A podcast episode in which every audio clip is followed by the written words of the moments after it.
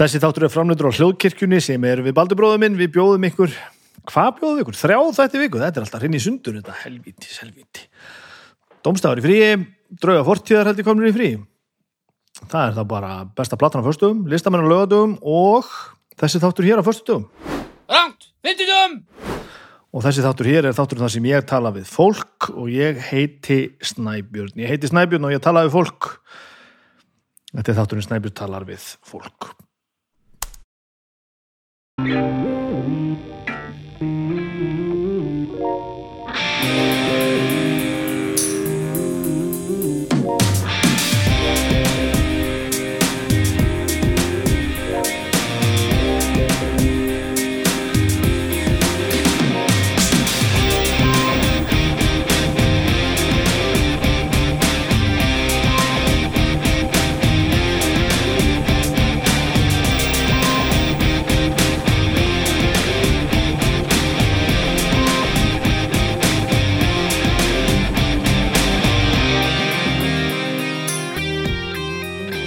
Já, komið sæl, velkomin í þáttur minn Snæbjörn talar við fólk. Já, það er, það finnist eitthvað í þessu? Við vissum þetta nú fyrir þetta er eitthvað svona og tilbaka. Þegar við byrjuðum með þetta hljóðkirkjumál það er ekki allir þættir alltaf. Við vorum mest held ég með átta þætti. Það er alls konar, alls konar hæringar og, og pælingar og núna er við þrýr einhverju leik í dvala og einhverju kannski hættir og þetta bara á eftir að gerast allt svona í rólega hittum sko ég ætla samt að minningur á það að með drauga fortíðar þeir, þeir fóru í pásu, verðskuldaða pásu eftir 90 og eitthvað vikur streyt. Eh, þið geti farið inn á patreon.com skástrík drauga fortíðar. Ég held að það sé urlega lénið. Patreon.com skástrík drauga fortíðar. Þar getið þið eh, gerst eh, beinistyrstaraðalar að, að drauga fortíðar og þá fáiði þeir eru ennþá að gera auka þætti, örþætti og reyndar sem er ekkert alltaf örþættir því að það er oft bara uh, langir auka þættir sem eru aðeins frjálsleiri því sjáu kannski aðeins, heyrið aðeins aðra hlið á, á, á þeim flosa og baldri þegar ég hlustið á það.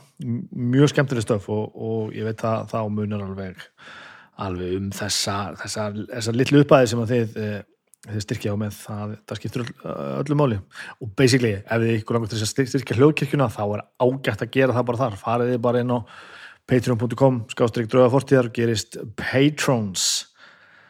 Það er nú þannig sko. Já, hljóðkirkjana er nú ekkert döið sko, þetta er nú svolítið langt frá því, við hættum þessu aldrei. Ég get ég er óvinnu, ég myndi segja að ég var í með að það eru ekki nema þrý þættir í gangi þessa vikuna þá er ég óvinni fyrirferða mikill að því að ég er gestalistamæður hjá listamönnum var það síðasta lögadag þar töluðu við lengi. Ég vakti á snemma morguns, fór með það í stúdíóðu til, ja, ég fór alltaf ekki með það heldur mætti ég í stúdíóðu hjá, hjá þeim félögum og við töluðum um drikki topp tíu listatnir okkar yfir drikki þetta þetta er uppáhals þetta er uppáhals hláðarpið mitt sko.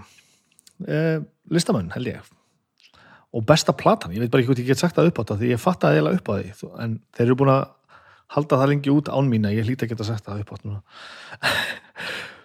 allavega, þáttu 45 af listamönnum síðasta lögadag drikkir, það er ég í heimsókn hjá Erni og Valdimar. Já, já, já, já já, já, já þetta mallar allt D og D, æfa, þungarokk, hafa gaman. Þetta er bara, það er mikið að gera en ég er óvennu slagur.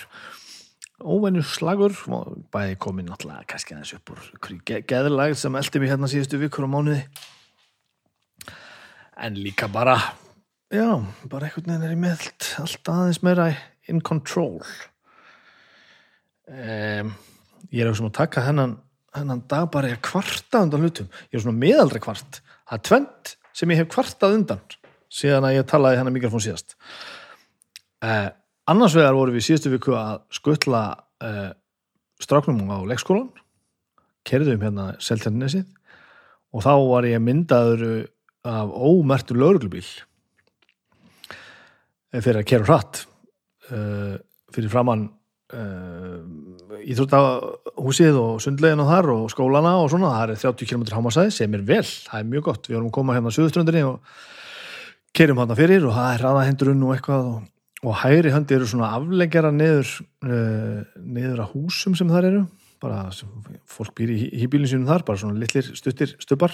Og ég sé að, að, að samsíða veginu sem þvert á af- afleggjaran einn afleggjaran er, er uh, parkeraður bíl með vinstri hliðina át á göttu og, og helviti nálat göttunni og bara svona eiginlega þétt upp við aksturstefnuna mína þannig að ég hleyp einu bíl framhjá og, og, og vind mér svona örlítið yfir á hinn vegar mikið til þess að, að vera ekki alveg uppið þennan bíl ef skekkinni myndi nú bara stíga bílstjóru út úr bílum með eitthvað, ég myndi strauja hann og hörðina niður hann og til þess að svona stytta þennan framúr akstustíma þá svona gef ég bílum að örlítið inn eins og maður gerir nú gætnan og þá sé ég flass myndaður á, á af, af þessum ómerta lörurbíl sem þetta var og fæ svo sektarbóði í, í kjölfarið að ég hef verið verið á 39 km hraða sem að, að hámarkið er 30 og ég gerði nú bara eitthvað sem ég gerði nú bara aldrei. Mér, var eiginlega bara misbóðið ég, við, við byrjaðum að strákunum við, sk- við strákunum á á leikskólan og svo bara kerðum við sem leið lág tilbaka og Agnes tók mynda þessu bíl og ég sendi nú bara ég sendi nú bara tölvupost og sagði að ég eiginlega mér væri nú bara ekki vel við að að borga sekt það sem lauruglubílinn sem, sem að myndar mig er staðsettur þannig að hann hreinlega hefur áhrif á það hvernig ég keiri ég hefði ekki verið að keira á frætt þarna ef að, að bílinn hefði ekki staðsett sig þannig að hann hefði hreinlega haft beina áhrif á það hvernig ég kerði bílinn minn. Þannig að ég eh, bráundi mig eh, stofnana tungumálinu og, og, og sendi ítalega greina gerða þessu máli með, með ljósmynd og sagði að ég færi fram á það eftir endur sko að ég er í sektaði fyrir þetta sem og allir aðri sem að hefur verið sektaði þennan morgunin að þessum bíl sem að stóð þarna á tröflaðu umferð. Við sjáum hvað kemur út úr því. Þetta er þetta er ég, miðaldra að kvarta mér finnst þetta ekki, ekki rétt ég er að kvarta. Ég hef, ég hef, hérna, ég, ég hef þannan rétt í samfélaginu. Þetta var pínu glórulust ég engum gekk sjálfsagt vilt til en þetta var ekki þetta var fjandinn hafið ekki til eftirbreytni. Og ég er búin að kvarta meira sko. já, já, já, já. Gaman þáttur kanari á rúf sem að ég undan vinnu bara viðkjöna ég hef nú bara lítið sem ekkert séð úr sem ég verði eiginlega að fara að laga. Ég stend sjálfum að því að ég horfi eiginlega ekkert á sjónvarp nema að sé bara á eh, hérna, streymisvitum og, og það erlendum. Þannig að ég missi af hlutum sem ég á að, á að horfa á. Til dæmis eins og þetta kanari bara innlend gaman uh, þáttagerð, dagskágerð og bara að sjálfsögðu. Það breyti því eins og var ekki að okkur var bent á það að skálmaldamönnum að í síðasta þætti í Kanari þá var eh, notað skálmalda lag sem heitir Kvaðning og, og það kannast engi við að, að það hefur beðið um leifu fyrir því og ég setti mig nú bara svona í samband við, við leikstjóran og sjálfsögur allir ekkert nema almennilega heitin, hann er glæsilegur sko og, ég held að þetta sé nú svona einhver einhver, einhver túlkunaratri ég, mig grunar ef ég skil rétt það sem fólk er að segja að, að að, að rúf, ef að rúf er framlegandin telli sig einhvern rétt, eigi sérst rétt á því að nota alla, alla músík sem minn dettur í hug og, og borga þá bara stefgjöld af því en ég, ég, nú- ég er bara ekki komið lengra en það og ég, þið fáið alveg að fylgjast með þessu þetta er áhugavert, ég ætla að tekka þessu bæði hjá rúf og hjá stefi hvort að, að það sé þetta að, að slengja uh, tónlistinni minni inn hvar sem er og, og á þess að ég veit að því og, og borga mér svo bara einhverjar, einhverjar að þetta eru svo lúsa lágar upphæði sem koma. Við höfum nú oftar en ekki verið beinir um að, að músík í, í sjónvarsætti og bíómyndir skálmöld, ég held að höfum alltaf fengið nei ég held að við höfum alltaf fengið nei ég held að fólk sé mjög oft að fisk eftir að fá þetta frýtt eða fyrir sam og engan penning en e, við höfum alltaf alltaf látið segja nei við okkur þetta snýst ekki alveg um upphæðinar sko Já, jú, þetta snýst um upphæðarnar. Þetta snýst ekki hins vegar alveg um upphæðarnar sem við fáum. Ég er til dæmis á móti því að ég semji eh, tónlistina mína niður í verði og gefi fordæmi fyrir því að aðrir eigi að gera slíkt því sama. Frekar að því við erum ekki að tala um neina anskotas upphæðir. Frekar vil ég setja bara einhverja tölu sem að ég man ekki hvort að ég, að ég man ekki hvað ég sagði síðast. Það, var bara þægileg tala sem deildist þægilega niður á okkur sex og það kom bara nei. Eins og nú vorum við með að segja hérna fekk ég símtal tilbaka sem já, við erum eiginlega búin að klippa myndina það er ekki eins og fjár ekki, fæst ekki fjármagni í þetta en fyrst þannig búið að klippa hvort það fyrir kannski fengjum leifi að láta þetta standa og ég segi nei, nei, þannig gott borgið eða þið fyrir að fáið ekki að nota draslið. Það er áhugavert ef Rúf getur gert þetta bara svona, þá er ekki myndi ég segja að sé ekki alveg sömu samlingar að ná yfir alla sem að kannski, að ég er ekki lögfræðingur.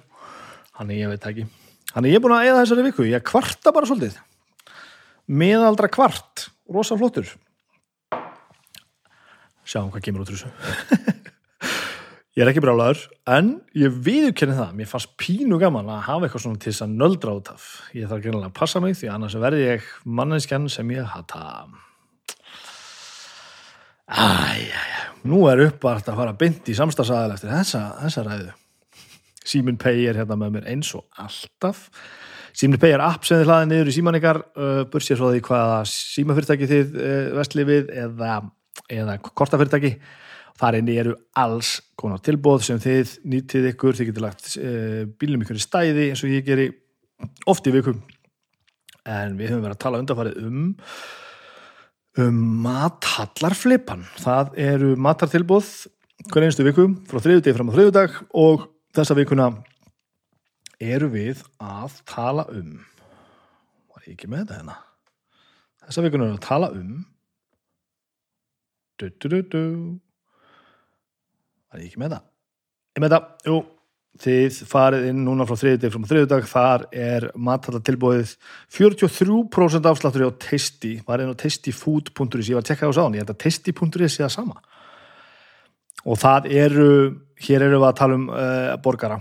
Stakur Slim Jim á þúsund kall sem áður kostaði 1750 1200 gramma nautaborgari, ostur, karmelega laukur, piklaða gúrkur, japansk mæja og tómatar og kál á þúsund kall í staðin fyrir 1750 og þetta fáið ef þið pantið í gegnum appið og uh, teisti er staðsett í skútuvegi 13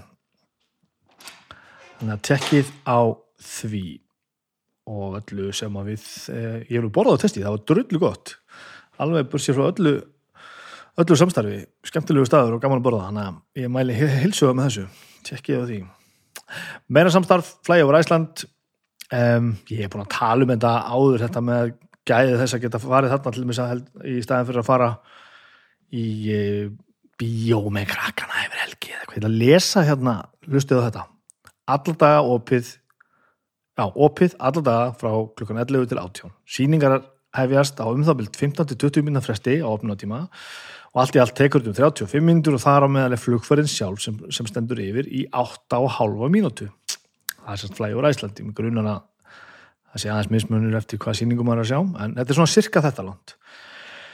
Þannig að þetta er nú ekki flóknar en það. Ég veit þetta hljóma sem, sem um, stuttu tími fyrir mikið penning en ég er að segja ykkur að þetta er mjög gott og gáðilegt fyrir alla það er tilbúð, það er alls konar tilbúð í gangi ég með langar sérstaklega að tala við ykkur um það að þið getur núna í mars í það minnst að nýtt ykkur svolítið sem heitir Ride Again og það þýðir að þið fáið 50% afslátt, afslátt á næsta miða, þið farið sérst á síningu og strax eftir síninguna getur þú farið og keft annan miða á 50% afslætti.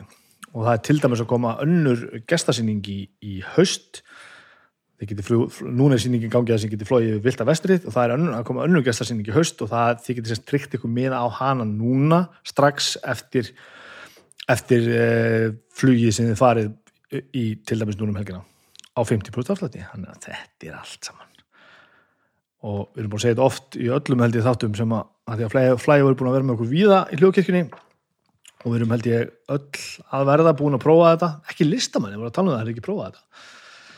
Og við komum öll út svona bara já ok, þetta er semst í alveg, alveg drullu drullu gaman, ekki bara svona eitthvað eitthvað hérna eitthvað, eitthvað svona stuð gimmick frábært, þetta er alveg mestrarlegt þannig að farið inn og flæði over Iceland.is og tjekki að öllu sem er í bóði þetta er gott. Já, svo er það bara þetta. Ég stjórnaði D&D um daginn þriðja sessjóni sem ég stjórnaði eh, og það var núna sem þetta small. Ég fann gamla stjórnadan í mér og ég, og ég var ægilega ánað með mig. Skemmtileg encounter hjá mér og þetta rann ægilega flúent og hlutinni fóru óvantar áttir og ég, sko, svitnaði ekki naut hverjar einustu mínútu þessu og, og spilar þetta sem ég er að spila með aðtikli sjúkir, atfinnu leikarar upp til hópa og, og, og sviðslista fólk sem því það að það er alltaf gaman og bestu mómentin er það sem ég hallaði mér aftur kannski bara tímundu kortir og það verður bara til heilt spunaverk fyrir frá mig, það er, það er ótrúlegt. Þetta eru ákveðin fóriðtindi að vera að spila í þessum hópi. Þetta er aðeins advansaður hópur með að við held ég margt annað Uh, en svo fór nú að, að við náðum ekki alveg að klára það sem ég hafði alltaf að klára. Þannig að við þurfum ekki fætliðu nú að gera þetta aftur í þessari viku? En nú er veiran skæða. Hún er aðeins lagt menn þannig að það er ekki vist að við náðum að spila. Sem er í annan fótinn gott og hérna hins fótinn arvaslæmt sko, en góði parturinn er sá að þessi vika er helvíti busy. Ég er búin að búa til besta gítarsand í heimi Hljómsveitin Bastardur stígur í fyrsta skipti á svið á Lemmi á 50. kvöldið klukkan 9 og annars skiptið á, á Dillon á första skvöldi klukkan 10. Þangasköldu þið koma, það er frýtt inn, þetta eru fimm menn á miðjum aldri að spila grótalegt og mjög skemmtilegt, ég veit ekki, þungarokspunk, kröst eitthvað. Bastardur á, á, á streymisveitum, þið getur nú bara að tekka hvernig það hljómar. Um, ég hlaka svo mikið til að spila ég bara veit ekki hvernig ég á að vera. Og það hefur mikið með það að gera að, að ég fór í ég, ég hef mjög gaman af gítagræðum ég er búin að horfa á effekta og græju myndbönd á YouTube síðustu svona tíu árin. Það er einhvern veginn axlast þannig að ég er lítið verið að beita mér í í græju kaupum og svona nótkunn undanfarið, þess að ég hef yfirleitt bara verið í skálmöld þar sem ég spila bara á bassan minn. Lungu búin að mastera allt sánd þar og er ekkert vesen sko en núna fekk ég upp í hendunar að spila þetta á ramaskítar. Og ég er búin að vera að raða saman brettin og rýfa fram gamlum marsjálstæðuna mínar. Og við æfðum tvísvar um helgina. Þetta er svo meðaldra, við æfðum klokka 10 á lögadagsmorgun og 10 á sundagsmorgun og ég mætti með brettið klárt á lögadagsmorgunum settaði samband. Aðeins tvíkaði nokkra takka og sló fyrsta hljóminn og það var bara eins og allir, við, allir viðstættir við, við vorum bara svo lítil börn. Þetta er besta gítarsánd sem ég hef nokkuð tíman hert og ég er ekki grínast. Og ég lakka svo til með að fara með til þess að fara með stóru magnarstæðuna mína nýra á, á Lemmi sem heldur Rúman og ég lekkit meira heldur mig og trómusetti og þessa magnarstæðu setja í samband og spila. Og þetta er svo barslega gaman. Og þetta er sérst Lemmi á 15. skvöldið Dillon á första skvöldið þetta er bara svona þryggja kortir að prógrama eða eitthvað, við erum enni gennu lögin og, og hafa gaman, hann er endilega komið og sjáið Bastard spila í fyrsta skipti. Að því að ég er nokkuð vissum það með stemningunni þessu bandi og, og, og það eru strax komin einhver einhverja þreyfingar að hvað við erum að gera næst og hvort það ekki var að semja meiri músík og svona, neða þetta er ekki búið. Grunar að þetta verði verði, verði alveg hljómsveit til, til eh, til framtíðar sko. Hvað meira, það er alltaf eitthvað að gerast maður. Ég síðustu viku talaði við GTRN í hljófarhásinu, farið á hljó, eh, Facebook síðu hljófarhásins það sem ég og Baldur hljókirkjan og hljófarhásið eh, sendum beint út þaðan. Uh, hún er hérna ótrúlega mannska ég hafði einu sinni held ég að tala við hann áður stutlega og náttúrulega fattaði strax að hún var náttúrulega hún er náttúrulega já, bara svona hún er með eitthvað meira heldur en, heldur en við flest og þetta klukkutíma spjallega hvað ég átti við hann í hljóðfærásinu bara undirstrykka það ótrúlega margt skemmtilegt sem hún saði og koma, koma framfæri og svo náttúrulega satt hún bara þarna á stól og söng bara eins og, eins og einhver englasveit. Þannig að tekja á því. Það er nú gott, gestur minn dag alla vinkonum minn alla ámynda, aðal hefur ámyndadóttir við, eins og það heyrir fljóðlega við, við kynntumst einhver tíman einhver tíman in the 80's ég held að ég sé ekki að ruggla með það. Við höfum fyrst kynst in the 80's við erum á svipuðum aldri og hún er búin að gera margt og við erum búin að gera margt og við þekkjumst bísnavel og þið hafið það í huga þegar þið hlustuðu þetta samtal. Þetta er ekki ókunnugt fólk að tala saman. Við höfum talað um allt. Við höfum talað um allt. Allt nema kannski þessi, svolítið það sem við vorum að tala um núna. Það voru margir svona, við höfum aðeins mist sambandi síðustu ár og við höfum að fylla inn í fullorðusárin en við tölum bæðið um þau og svo allt hitt. Eh, þetta var heispuslaust og mjög, mjög skemmtilegt. Njótiði vel og vonandi komið heil út á heinum endanum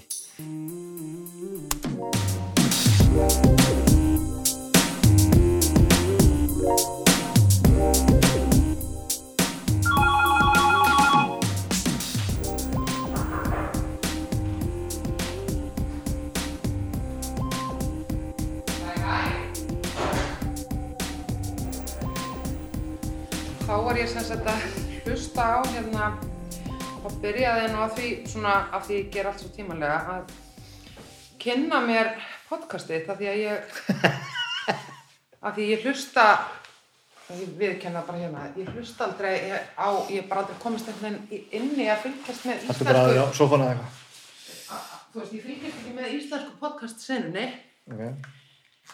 og ég þetta fekk neitt áfall þegar ég sá hérna podcastið Nú? Ég meina að þú tekur viðtölu fólki í sko fjóra klukkutíma Já, stundum. Erum við on, það eða? er- Já. Stundum. Þú má taka þetta náttúrulega þegar þú þórið, sko. Bara Sko- tróða, tróða þessu. Vatn, kaffi. Nei mitt. sko mín, mín hérna þú veist, mér hefur oft dreymt um að búa til podcast og er Já, ok. einhvers konar sérfræðingur í podcastum á þess að hafa nokkuð tíman Ertu einhvers konar sérfræðingur í podcast? Já, semst ég er búin að búa til vísindarlega ég er með vísindarlega tilgáttu um hvernig þið fullkomna podcast er það er ekki fimm tíma langt sko Nei, nei. Þa, það er alveg. Þetta er algjörð brjólaði, sko. sko, þú veist, svo veit maður ekki ég skil ekki alveg, ég veit ekki alltaf hvernig fólk þú veist, fólk auðvitað hlustar á podcast hvað ég segja við alls, alls konar yðju náttúrulega en í mínum heimi og sko, í haustum á mér og þú veist að því ég er svo sjálf með þá ímyndi ég mér að allir séu eins og ég og hugsi allt eins og ég að þá hlustar fólk, á podcast á leiðinni í vinnuna, á leiðinni úr vinnunni með það er að vaska upp, með það er í sturtu. Maður minn til dæmis hlustar alltaf reyndar á okkur útlenskt útvarp í sturtu þannig að heimilega er alltaf í standandi botni sko þegar hann er í, baði af því þá sérst, glimur út um alltaf því að hann þarf að heyra inn í sturtunum líka gefur nú svona styrtu headphone að til. Já, ég veit ekki, hann er búin að gefa mér svo leið, sko. Sé ekki fyrir mér að hann geti allavega, þú veist, fólk, ég ímynda mér að fólk hlusta podcast í strætó, með það út að hlaupa, með það á æfingu, með það vaskar upp, með það brýt sem að þvott, með það er að sopna og í þessum, þú veist, það er svona stór hluti af þeim verkefnum sem tökum okkur fyrir hendur. Taka korter, 20 myndur, hálftíma, veist, á Já, já. því er satt, sko.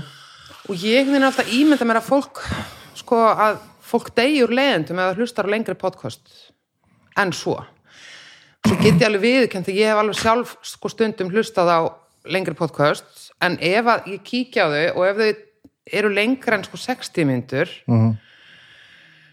þú veist, þá þarf ég að hafa fengið alveg meðmæli og allt Já, fyrst, skilur, ég, og, og, og ég er nefnilega þannig líka, sko. Uh, það, þú, þú, þú er samt að gleyma einum hópi sko, sem ég finn fyrir sem að, að þegar ég er stend svo mikið í miðinu á þessu. Það er fólk sem vinnur vinnu þar sem að getur hlustað. Já, bara ef þú ert að mála hús allan daginn Já. þá getur þú hlustað viðstöðlust sko. ég get það ekki Guð minn góður, ef ég hefði haft podcast þegar ég var að vinna í fristu svona í gamla það sko Ímynda þér, af því þá hafði maður sko rás 1, rás 2 og bylgjuna. Já.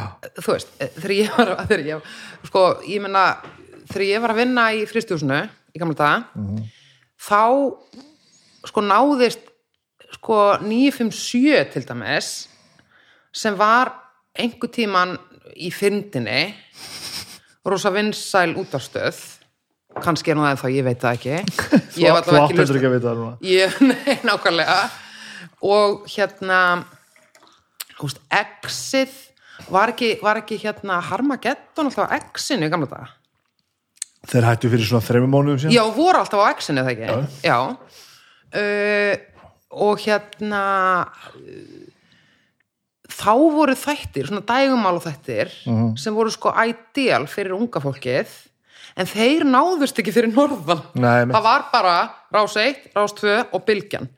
Og, og hérna fólk gæt maður að engan hátt stýrt í sjálfur hvað maður hlustað á, mann var bara algjörlega skamtað og þú veist, hún var ekki Spotify, það var ekki internet. Þetta er að gerast með Netflix og það þú sko. veist, og hérna og maður var bara einhvern veginn seldur undir það, þú veist, hver var á vaktinu á Rás 2, einhvern veginn. Já, með við- bara hvað tónlist maður hlusta á. Áratugum saman var þetta já, svo kostu bara heimil hlusta ára vínuplötun dæna sko. og svo var mann ég fristurinn, það var alltaf hérna það var alltaf bók þú veist, það var alltaf hérna hlusta á hljóðbók alltaf svona einn kapla á dag þú veist.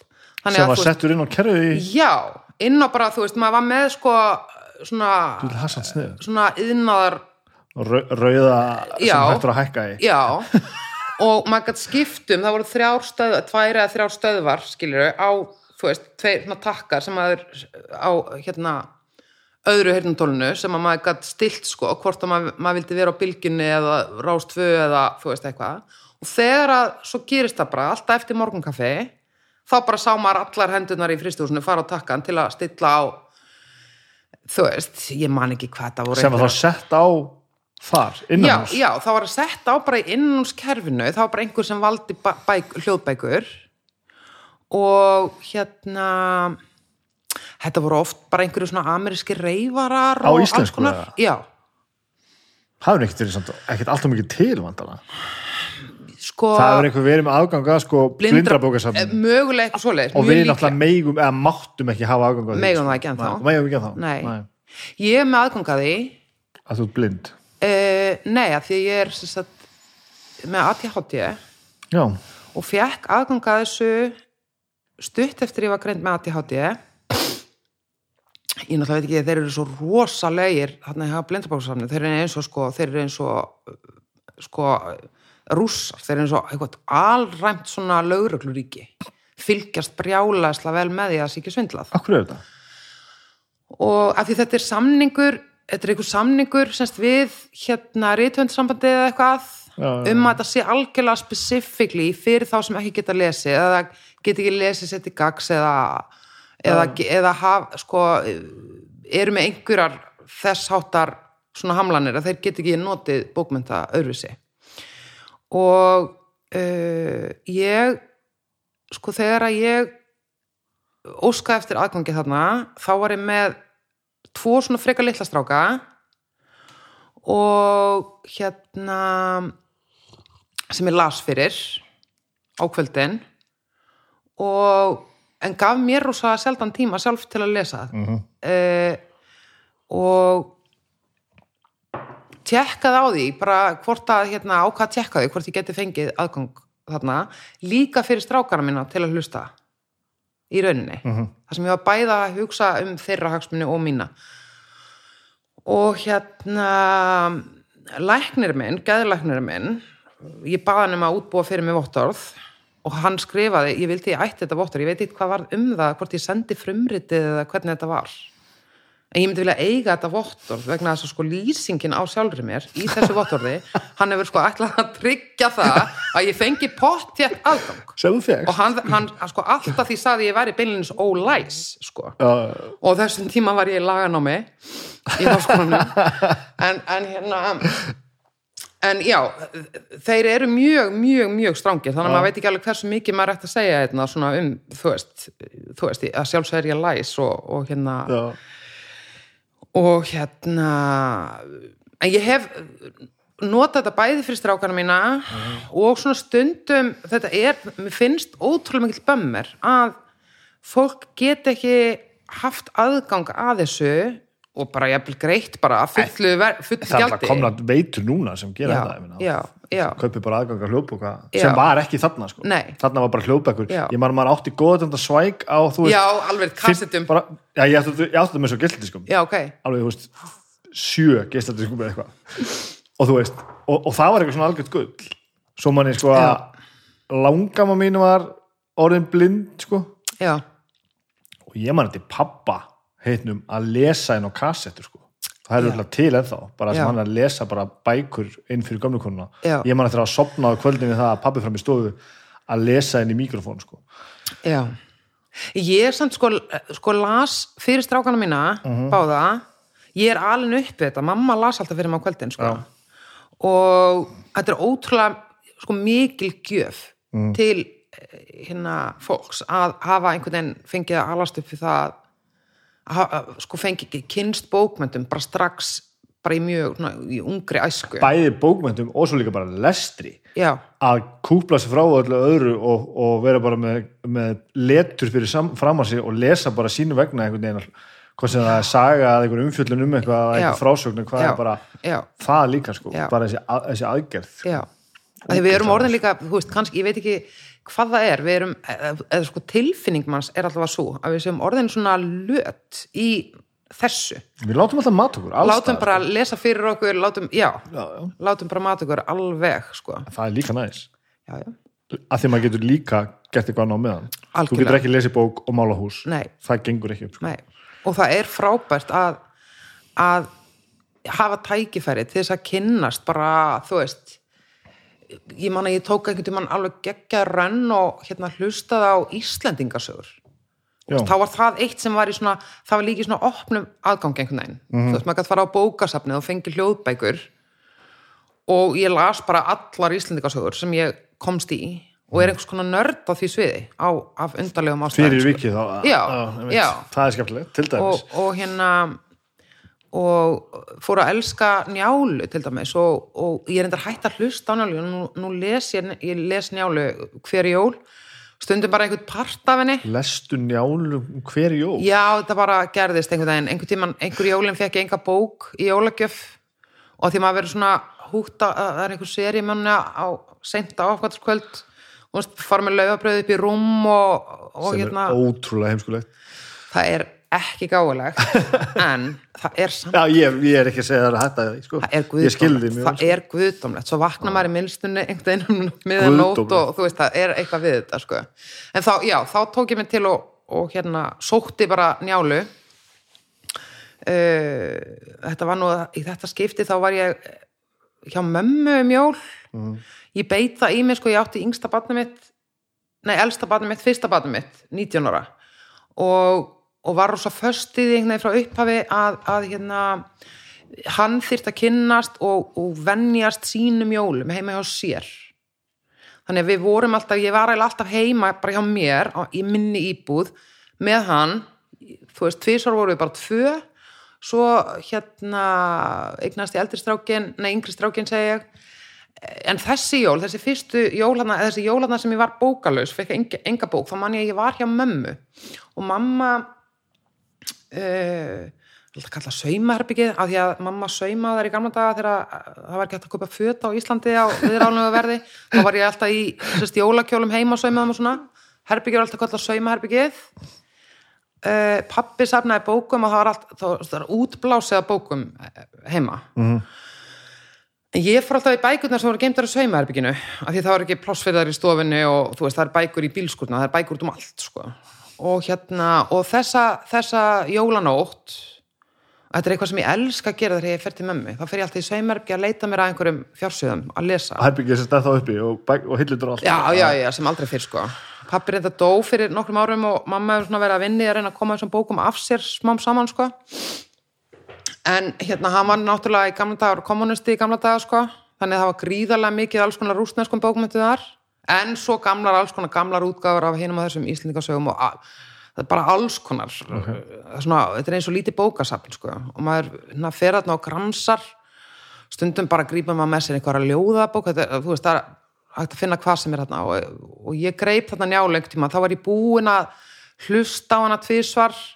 Og svona nót til þess að kunna svona sögu þráðin svona í megindráttum og svo er njála svo frábæra því að maður getur bara dottið inn í hana hvar sem er. Hún Já. er eins og margar bækur margar sögur. Er hún ekki líka margar sögur? Jú, og svo er svo marg ræð sko, þú veist, ég er búin að skipta alveg rosalega oft um skoðan um bara hvað mér finnst um Gunnar, hvað mér finnst um Hallgerði.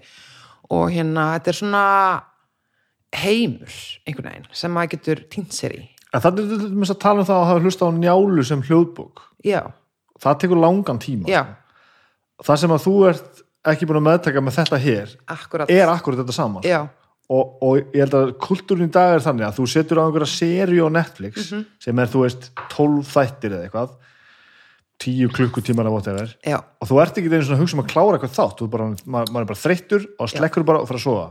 Og svo bara vagnaru og fyrir vinnuna, kemur heim og íti bara play það sem þú varst. Já. fólk gera sama með þetta sko. Já, þetta er bara svona, þetta kemur og, og meiri sér að sko hlaðvarps öppin er náttúrulega hann að þetta kemur bara sjálfkrafa. Það klárast bara einhver þáttur sem þú ert að hlusta á. Já, svo byrjar fólk bara á þess að vita hvað er koma næst. Allt inn að heyra það bara þér. Já, og svo hlustar það bara 50 dag og förstu dag já, og ef við tölum saman lengi bara fram, á fokking þriðu dag sko. já, og það verðist ekki verið hans mál. Nei, en ég var alveg, þú veist, að þetta nefnilega með lengdina ég laði alveg að stað með þetta og bara, já, það má ekkert fara mikið yfir klukktíma nei, af því það er bara fucked up svo tegðist einhver þáttur svona upp undir tvo tíma og ég var eitthvað svona ágætið langt sko, eitthvað engin kvartaði og bara mikið, alltaf meira og meira hlustun sko. já, svo tök ég við til að flossa.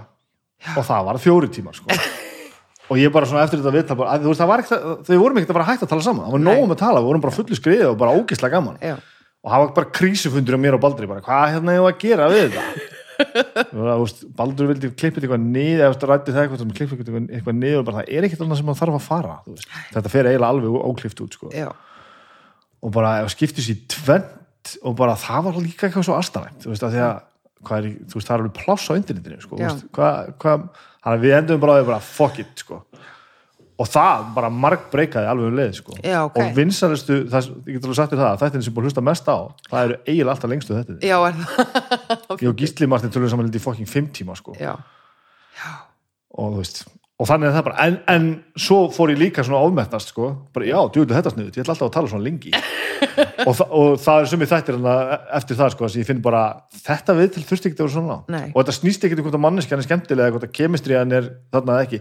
Sum við til eru bara einn og hálfu tími og þá er bara, Eru sá búin. kaffitími bara búinn. Já. og það var bara aðeinslegt sko. Já. en stundum bara fer maður eitthvað meira flug og stundum er þetta tveir tímar og stundum,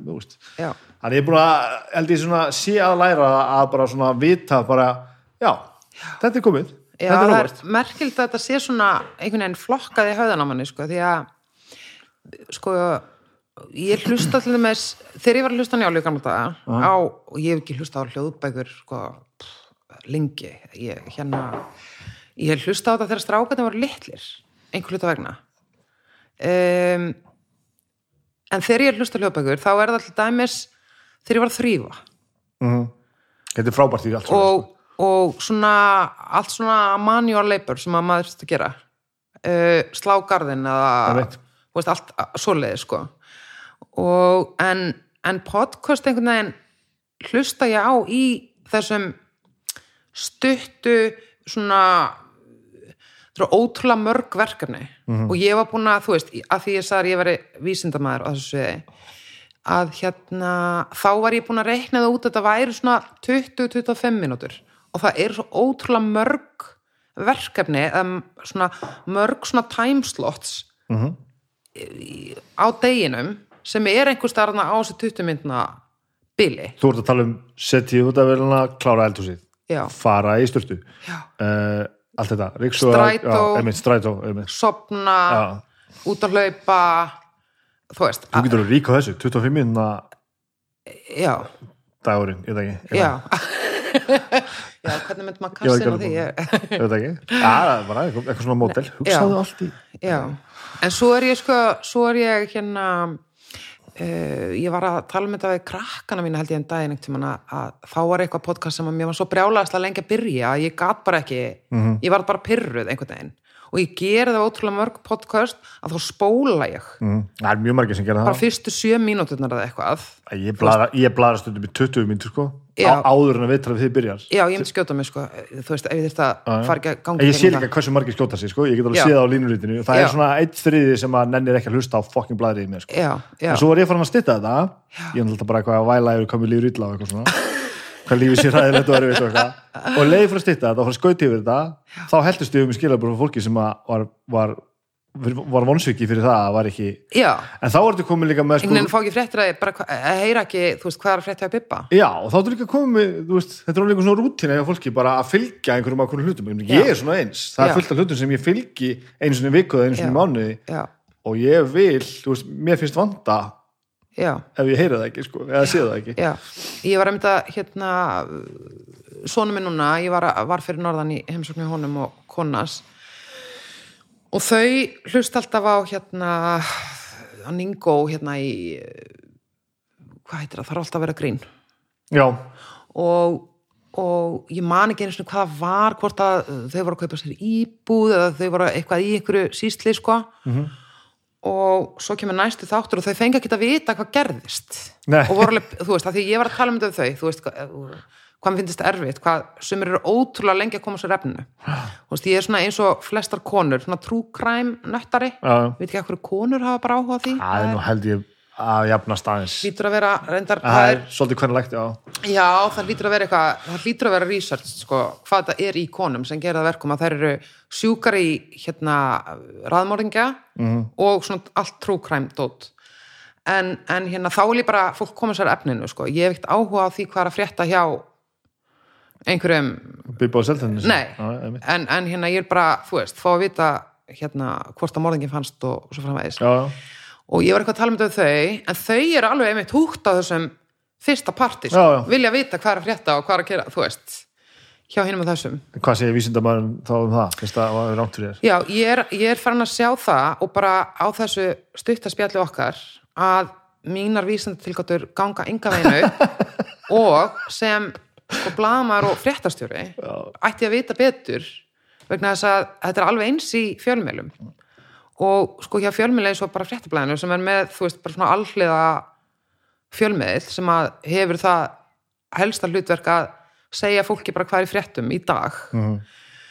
uh, sem gerir það verkum að við vitum eiginlega aldrei bara þegar við fyrir að fætur svona hvernig dagurinn hvað gerist eða hvernig dagurinn verður hjá okkur. Að sko þar eru við ekki fjalla bara um pólitík og ekki fjalla bara um uh, morðmál eða dómsmál heldur við líka að bara hérna við erum að sinna öllum okkar lesendahópum og það er svo ótrúlega misjant hvað fólk hefur áhuga á. Já, og hérna, þú veistu, hvað lífsfréttir sem eru bara aðeins léttari fréttir eða fréttir af fólki já, og örlögum fólks. Uh, eins og þetta basically. til dæmis uh, og hérna og þú veist, það eru, það eru svo ótrúlega þetta er svo, sko ég meina við erum með stuttar fréttir, við erum með langar fréttir við erum með stutt viðtöl, við erum með helga viðtöl sem eru veist, við erum með alla flórun í þessu mm. þannig að, að hérna mín ég hef komist að því sem sagt uh, eftir vísindilega aðtöðun núna á síðasta kortinu að, að hérna ég þarf að endur skoða mína tilgáttu og hún gengur hennilega ekki upp og hún er mótsögn við allt sem ég ætti að vita um, um hérna miðlun upplýsingar Það litla sem ég er búin að læra af þessu sem við erum að gera hér er það að maður ágjörðin að þvinga hlutinni að vera eitthvað annað en eru. Um og ég er líka búin að læra að mér, eins og bara því ég stofna hljómsveit eða whatever ég er að gera sko. Öll verkefni sem ég fyrir inn í vinnuna að vera vakandi fyrir því að verkefnin eiga eftir að skapa sér sjálf þegar eru farin að stað nefnilega ef þú ætlar að búa til hljómsveit sem er nákvæmlega svona og svo ertu með einhvern mannskap og svo ætlar að hittast fjóra mannskjöru eða fimm og fara að búa til þetta þú ert alveg með einhvern svona geðveikt vision sko, og ætlar svo að þröngva þess í þessa, þessa átt sko, þegar þetta augljóslega er á leiðin mjög effortlessli í einhver aðra átt Já. þá ert að skemma sko.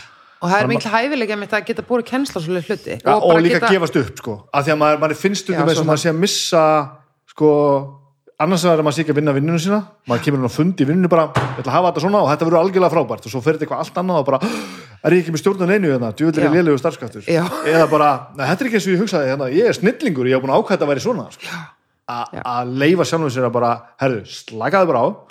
að að að að uh, þú ert ekkert að gera neitt verra þú ert eiginlega að gera betra með því að gera minna nákvæmlega lefðu þessu bara fara sko. já, nákvæmlega en það er, einmitt, það er alveg að sama í, í mínu bransa sko, að uh, maður leggur á stað með eitthvað mm. einhverja, úst, annarkvort eitthvað sem maður hefur heyrt, eitthvað fréttaskoti einhverja átt, eða bara þú veist, eins og ég meina, við tökum Úgrænu máli til dæmis að þá sko, þú veist, að fara allir morgunfundir í að diskutera, sko, þú veist, hvað er ókofverað hjá okkur, hvað ættum við að tjekka? Þurfum við að tjekka á einhverjum Úgrænumennum á Íslandi einhverjum rússum, hvað er þetta sendi herranum eða að hérna gákvort er einhverju Íslendingar í hjálparstarfið eða að sé einhverju búin að skrá sig í útlendingahersutina að þú veist, við erum bæði þú veist, fáum við til okkar auðvitað okkur berast fréttir eða hérna, hérna fréttaskot og svo erum við að hugsa sjálf hvernig við getum haldið áfram einhver mál og þá er emmitt að festa sig ekki í því sem maður sjálfur heldur að maður sé að fara að gera, þú veist, heldur að hérna að því að svo snýst starfið opbósla mikið um það að taka upp síman veist, að, þegar maður er búin að fundi þá bara fara allir í síman í rauninni eða annarkvort að fara að, þú veist, nýri þing eða nýri hérastóm eða eitthvað eða taka upp síman og ringi fólk og þá getur eitthvað allt annað þetta komið út síntalinu og þá þarf maður bæði að hafa svona humility til þess að geta sleppt tökunum að því sem maður sjálfur hugsaði um og insight til þess að geta sko til þess að heyra í raun og veru hvað fólkið er að segja sko. Mm. af því það er kannski að segja mann eitthvað allt annað og þá þarf maður að hafa insight til að bara átt að sjá að geta sagt ég að byrju, ha, segð mér frá því. Einmitt. þá er það bara eitthvað kannski eitthvað allt annað sem að hérna getur komið upp. Og uh, þetta er eins og fyrir byrjendur sko, sem þeir bara áttar sig ekki á því að þeir meiga einhvern veginn fara bara í einhver allt aðra Já, átt, ef það er ég, ég held að mann líði svolítið eins og maður sé að svindla eða svíkjast um eða ekki að standa sig. Því að þú varst með einhverja stefnu og svo fyrir allt inn eitthvað, allt annað. Mhm. og að leifa sér að treysta því að maður sé ekki að missa tökin sko. Þú ert ekki að missa tökin, þetta bara þarf að fá að fara sína leið. Akkurat, og það er eins og með þetta hérna sko. Ég var ekki að fara að stoppa þetta fjóri tíma viðtal sem ég var að taka sko. en það, at the time var þetta fucking glórulust já.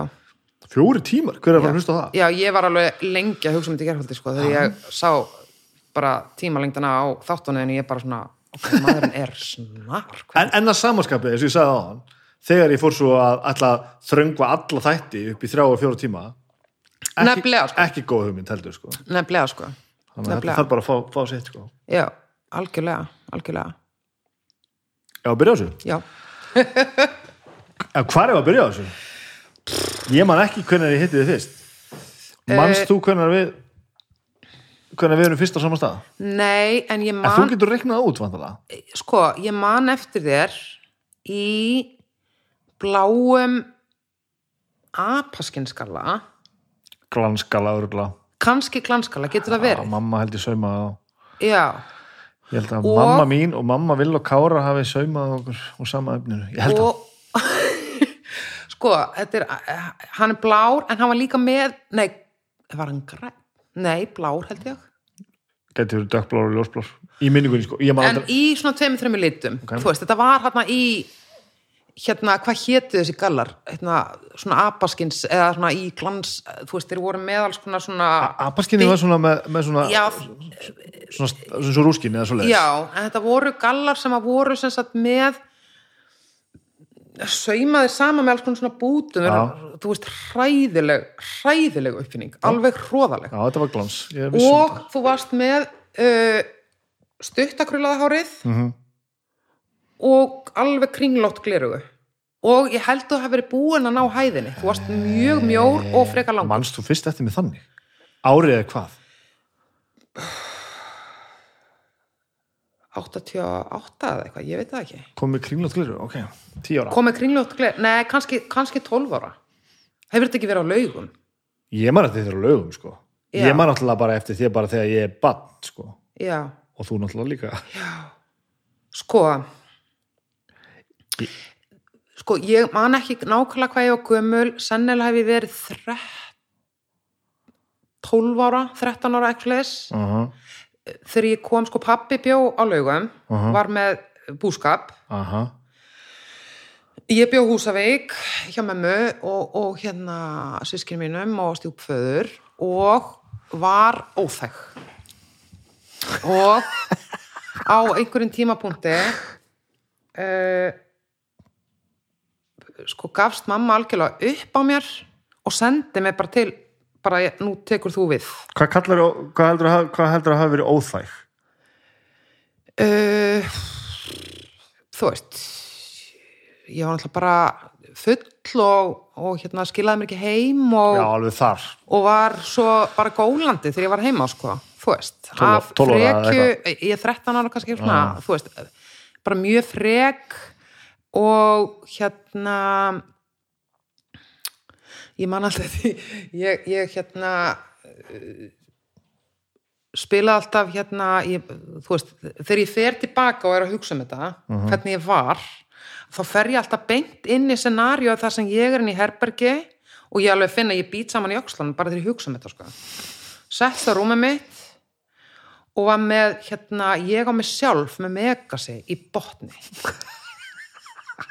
og og hérna sem ég setti á fónin í mótmálaskinni þegar þú veist, ég átt að gera þú veist, þegar okkur mömmu samtæki sko. þannig ég var senda lauga og þá var sko laugaskóli framhaldsskóli, en tíundi bekkur var í sko það var litlu laugaskóli sem var barnaskólin á laugum og svo var framhaldsskólan á laugum en tíundi bekkur einhver hluta vegna var í framhaldsskólanum. Sennilega út af því að það voru sem krakkar sem, sem komu ní, níundi bekkur já. já, sennilega því að það voru krakkar sem komu að annar starf sko frá Mývarsveit og eitthvað og voru í tíundabekk af því að það var engin tíundabekkur eða sem var níundabekkur þá eða eitthvað sem Mhm. að hérna og þau koma voru í heimavestinni sko þetta var allavega fyrir það. Ég var, fór í litlulega sko, Já, fyrst, ég, ég man sko, í ég er alltaf bjó í litlulega skóla sko. já, alveg rétt. Pappi var alltaf bara að kenna piano og mam, mamma var sko stundakennari og stundu tónlistakennari ég man, alveg sérst, sko. ég man alveg sérstaklega þarna eftir fyrsta deginum í eh, skólanum. Í hvaða bekk er þetta að koma það? um, 13, heldur það? Sko, þetta er svolítið rugglandi að þetta var akkurat á árunum þar sem að tíundi bekkur er tekin upp. Og þannig ég man aldrei alveg hvort var hvað. Er og ég held að sko sjöundi, áttundi og níundi bekkur voru kendir saman. Þú veist, þetta var náttúrulega allt sko, það var þannig sko. var, það voru samkendir þarna, það voru 43 nemyndur í skólanum þegar ég var, veit ég af hverju ég man þá. Ég tölun, man ég man hann, sko. ég man hann samt og, og áttundi, sjöundi, áttundi og níundi bekkur voru kendir saman í einni stofu. Ertu að tala um tíundan niður í lögaskóla? Að það hafi verið þannig? já, Já, já, nefnilega- alveg rétt tíundin lögskóla, já, Ég held að þetta hafi verið þannig, þetta voru þrjá stofur já, og þrýr bekkir, þrýr bekkir og þrýr bekkir fyrsti til þriði sem, sem var fyrst forskóli til annar já. Ef við segjum fyrsti til þriði, fjóruði til sjött fjóruði, fymti fjór, fjóruði, fymti, sjötti sjöndi, áttundi, níundi og svo tíundi niður í lögaskóla Mér minnir, minnir að ég hafi verið í sem sagt, mið bekknum Mhm. í elsta, elstu stofunni. Þannig ég hef verið í uh, áttunda bekk. Já, það passar sko. Eða sjönda, ég man það ekki alveg. Þetta er á þessu bíli ég hérna man alltaf alveg sérstaklega eftir fyrsta deginum sem að ég kom þarna þá byrjaði ég á því að fara á fund hjá skólastjórunum sem heitir Artgrimur minni mig. Já, hann, hann var að byrja svo Já. Og hann byrjaði á því að fara yfir það með mér að hann hefði sem sagt rætt við, það hefði verið kallaði saman einhver svona salur eða eitthvað og hann hefði sem sagt rætt það við nefnendur skólans uh, að ég væri að koma og eða sem sagt hvernig þeim litist á það og hann virðist að var raki þar allar mína æfi sögu fyrir öllum nefndum skólans. Uh, hún er enda að byrja að reykja og er, hefur verið að reykja í laumi og er mjög óþæg. Og hérna og nánast svona þú veist, þið verðið að passa ykkur all á henni hvernig líst ykkur annars á þetta og eitthvað svona, hann allavega sagðist hafa rætt þetta við nefnendur þegar ég kem þarna, 13 ára 12 ára, ég man ekki hvað ég gömul. Þá spyrjar hann sérst á að segja mér það hann hafi nú rætt þetta við, við nefnendur skólans og það veri ekki mikil stemning fyrir því að fá mig í skólan og hérna og með það sem sagt fer ég inn í mína skólastofu og er kynnt fyrir, fyrir mínum bekkjafélögum og hérna þannig að menn voru svona mis ánæður með þetta en eflaust margir sko frekar spenntir samt. Að fá svona alveg vandráling í, í skólan og hérna en ég var með frábæran kennara þarna, alveg frábæran kennara uh, og ég held að hann sé bara ég veit ekki hvort það var sko hvað það voru fáir í skólanum sem höfðu þessi áhrif eða hvort hann er bara svona frábær. Er? Haraldur Sverrisson. Já, og hann, Nei, Sverrir. Sverrir, Sverrir Haraldsson, Haraldsson já. fyrirgeði, Sverrir Haraldsson. Já, og hérna hann var svo áhugasamur og maður fekk áhuga á ótrúlustu hlutum af því að hann sko tók alltaf svo langan tími að bara tala við okkur Mhm. og ég man alltaf eftir því sko ég held að ég hefði ekkert munað eftir því þegar persaflóastriði braust út nema af því að ég var Já. hjá honum og ég man bara eftir deginum og hann rætti þetta allt í dítil við okkur og við vorum bara þú veist, sjálfa pæli í alls konar og, og veist, það var svona samtal. Og hérna uh, hann allavega let mig ekki finna, veist, hann var ekki hrættu við mig sem einhvers konar ófreskjöða neitt slíkt.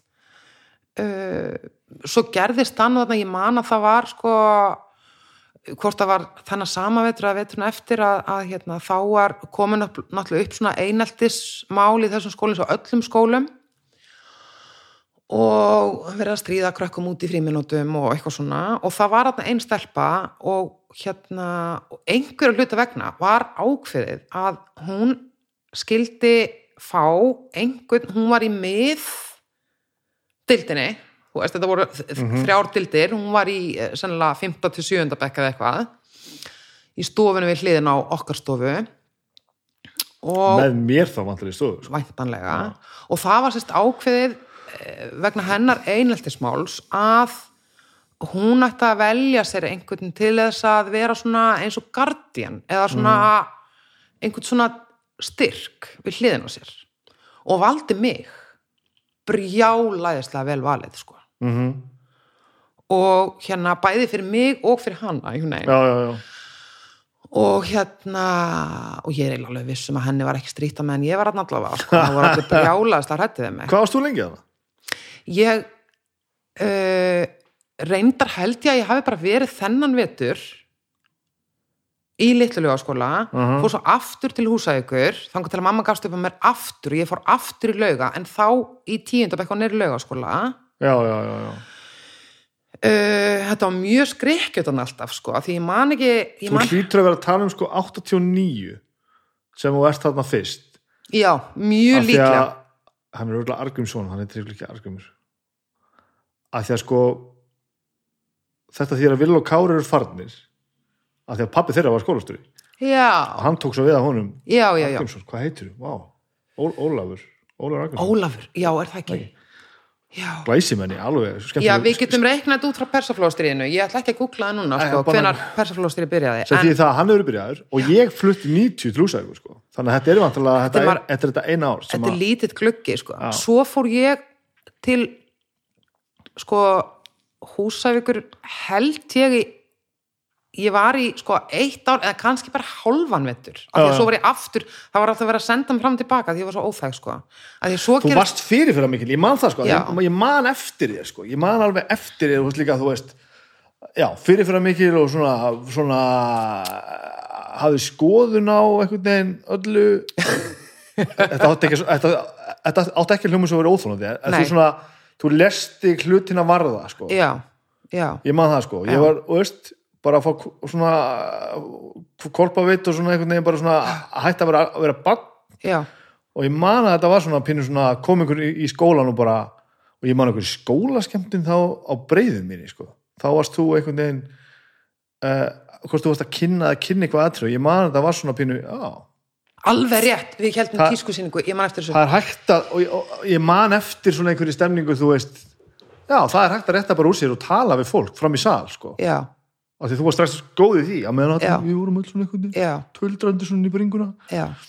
Við, ég man eftir þessu núna, ég, vá, ég var búin að svoleiðis gjörsanlega stengla með þessu. Það sem við gerðum er að við fórum á sveitabæina Mhm. hérna í eh, sveitinni, fórum bara á bæina í sveitinni og óskuðum eftir gömlum fötum ok, af fólkinu í sveitinni. Og nefndurnir töluðu við, þú veist, mömmur sínar og ömmur sínar og frængur sínar og frændur og eitthvað. Og við heldum sérst tískusýningu. Og þetta var, þú veist, hérna uh, þú veist, brúðarkjóll mattumennar á öndólfstöðum Já, og já, já. þú veist, hérna ég man þetta ekki, þetta er geðveikt. og ég man að við vorum með föt af sko glúmi í hólum og einhver svona fólki sem að maður bara svona, vó, hvernig gáttu þið fengið föt hjá þessum, eitthvað svona og ég var kynnir sem sagt og kynnti og sagði söguna á bakvið þessar örugglega- sko. bara mjög líklegast að tala um það sko. uh, þú veist, ég átti reyndar annað mjög gott kompak á breyðið mér einmitt þegar ég hérna tók þátt í söngkeppni framhaldsskólanum svo lögum Mhm. og sigraði já, ok, og söng hérna Janis Joplin og fór kjölfarið í sko söngjuminn Leave it or not, já. Já. Þetta sem betur fer ekki til á internetinu. Ekki að þá en hérna, já, ég var rosa mikið fram og tilbaka sko, Já. svo meira að segja einu sinni, mann nú ekki alveg ég held að það var reyndar endað vel. Þá er ég sko rekin úr framhaldsskólum á laugum fyrir fyllir í já, og það var reyndar fjölda hérna reynsanir þá sko, það, það voru einhverju bara 20 rassýr Já, það var sko, þá var sko, hafi verið bara allserjar fjöldafyllir í og flakka sko, þú veist, allavega þegar ég var á laugum þá voru sko, það voru margar heimavestir mm á gamli skóli, svo var húsó dvergasteinn, draugur og þetta allt saman. Og einhvern tímann duttu við það og það var svona bara flakk á milli vista sko, milli heimavesta. Og þú veist, þá varst að brjóta eitthvað rúður og eitthvað, það var við, það var samt ótrúlega sjaldan sem að maður þurfti að brjóta eitthvað, maður, maður var búin að finna sér leiðir, þú veist eh, hérna þessar byggingar maður, það er alltaf opið einhver stað og einhver gluggi og einhver við vorum, hleri búin að, og... við vorum búin að finna út hvernig var þetta að opna sko þvóttás gluggan í gamla skóla. Og hérna en það var á í hús og í húsmæriskólanum sko, það sem að ég datt inn um gluggan bara hjá raungum nemanda sko, þú veist, þá, Já, já. þú veist, þá voru gluggarnir beint fyrir á rúmið og ég held að ég væri í herbergi hjá einhverjum sem var með mér á djamminu. En þú veist, þá var það bara einhver virðulegu fjórða ásnemi, þú veist, sem að var að lesa yfir sig og, þú veist, og fekk mig bara í fangið, sko, í, bara, ég vaktan bara með því að detta bara í rúmið inn um gluggan en það var sem sagt það var allt vittlust eftir þessa helgi og hérna ég hef alltaf sko haft alveg sérstaka mætur á hann Bjössa Argrims íþróttafréttamanni og íþróttaprófessor í íþróttafræðin og nú verður þetta skólameistari í skólanum sem varst að tala um, sko. nefnilega, sko. hann er skólameistar á laugum sem ég finnst geggjað vegna þess að eftir þessa helgi og þetta er náttúrulega ekki eina svona helgin sko, þá stóð til að reka bara þú veist tíu manna úr skólanum fyrir þessa fyrir helgi þetta fyllir já. fyrir þessa hræðilegu hegðun ungmenna um, og Bjössi var þá formaða nefndafélagsæðins og hann bóðaði fund í þróttó. Þar sem hann lét alla, ef ég man þetta rétt kannski er, þetta, er ég að ígæta eitthvað í huganum? En ef ég Ég- man þetta rétt ég, ég trú, annað- trú honum mjög vel þá annarkvort stilt hann allum kennarunum upp einleins upp á svið eins og að gert hérna í háskóla bjóð eftir hrunið eða í fremsturöð svo las hann bara yfir þeim pistilinn sko.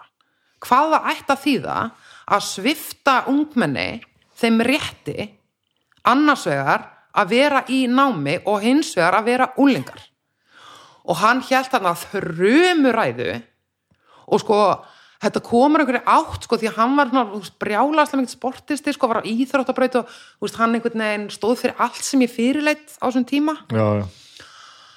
Og sko respektir sem ég fekk fyrir, það hefur aldrei horfið sem ég Nei, fekk fyrir þessu manni hann er svona þá, sko, og ég held mér að hann hafi bjargað okkur sko. ég held að það hafi enginn verið reikin sko. þeir bara, það, það bara þetta koðnaði einhvern veginn niður í kjölfarið mér minnir allavega að ég hef ekki verið reikin frá lögum ég þarf að fá þessa sögu frá honum sko. Já, það væri ótrúlega gaman eða ef einhver sem að myndi þetta betur geti sagt frá þessu. Tök- En mér finnst alveg frábært þegar hann sé akkurat sko skólamestar á lögum já, í dag. ha, þetta er bara svo líkt honum sko. Já, hann er alveg einstakur gaur sko. en varstu með eitthvað, þú veist varstu, varstu, varstu með eitthvað plan, varstu allavega í skóla Já, nei, ég held ég hef ekki verið með neitt plan sko, nema bara að hafa gaman af lífinu sko. og þið fannst þess gaman Já, uh, ég, þú veist, ég held samt sko svona, ég horfið tilbaka þá held ég að ég hafi strax sko mjög ung verið að dýra af alls svona kvíða og alls konar svona vanmáttarkend og kvíða og svona alls konar issues sem að kannski skýrðust aðeins síðar þegar, og náttúrulega ekki fyrir ég var orðin fullorinn sko þegar ég fekk þessa ADHD greiningu að það hafi ótrúlega mikil áhrif á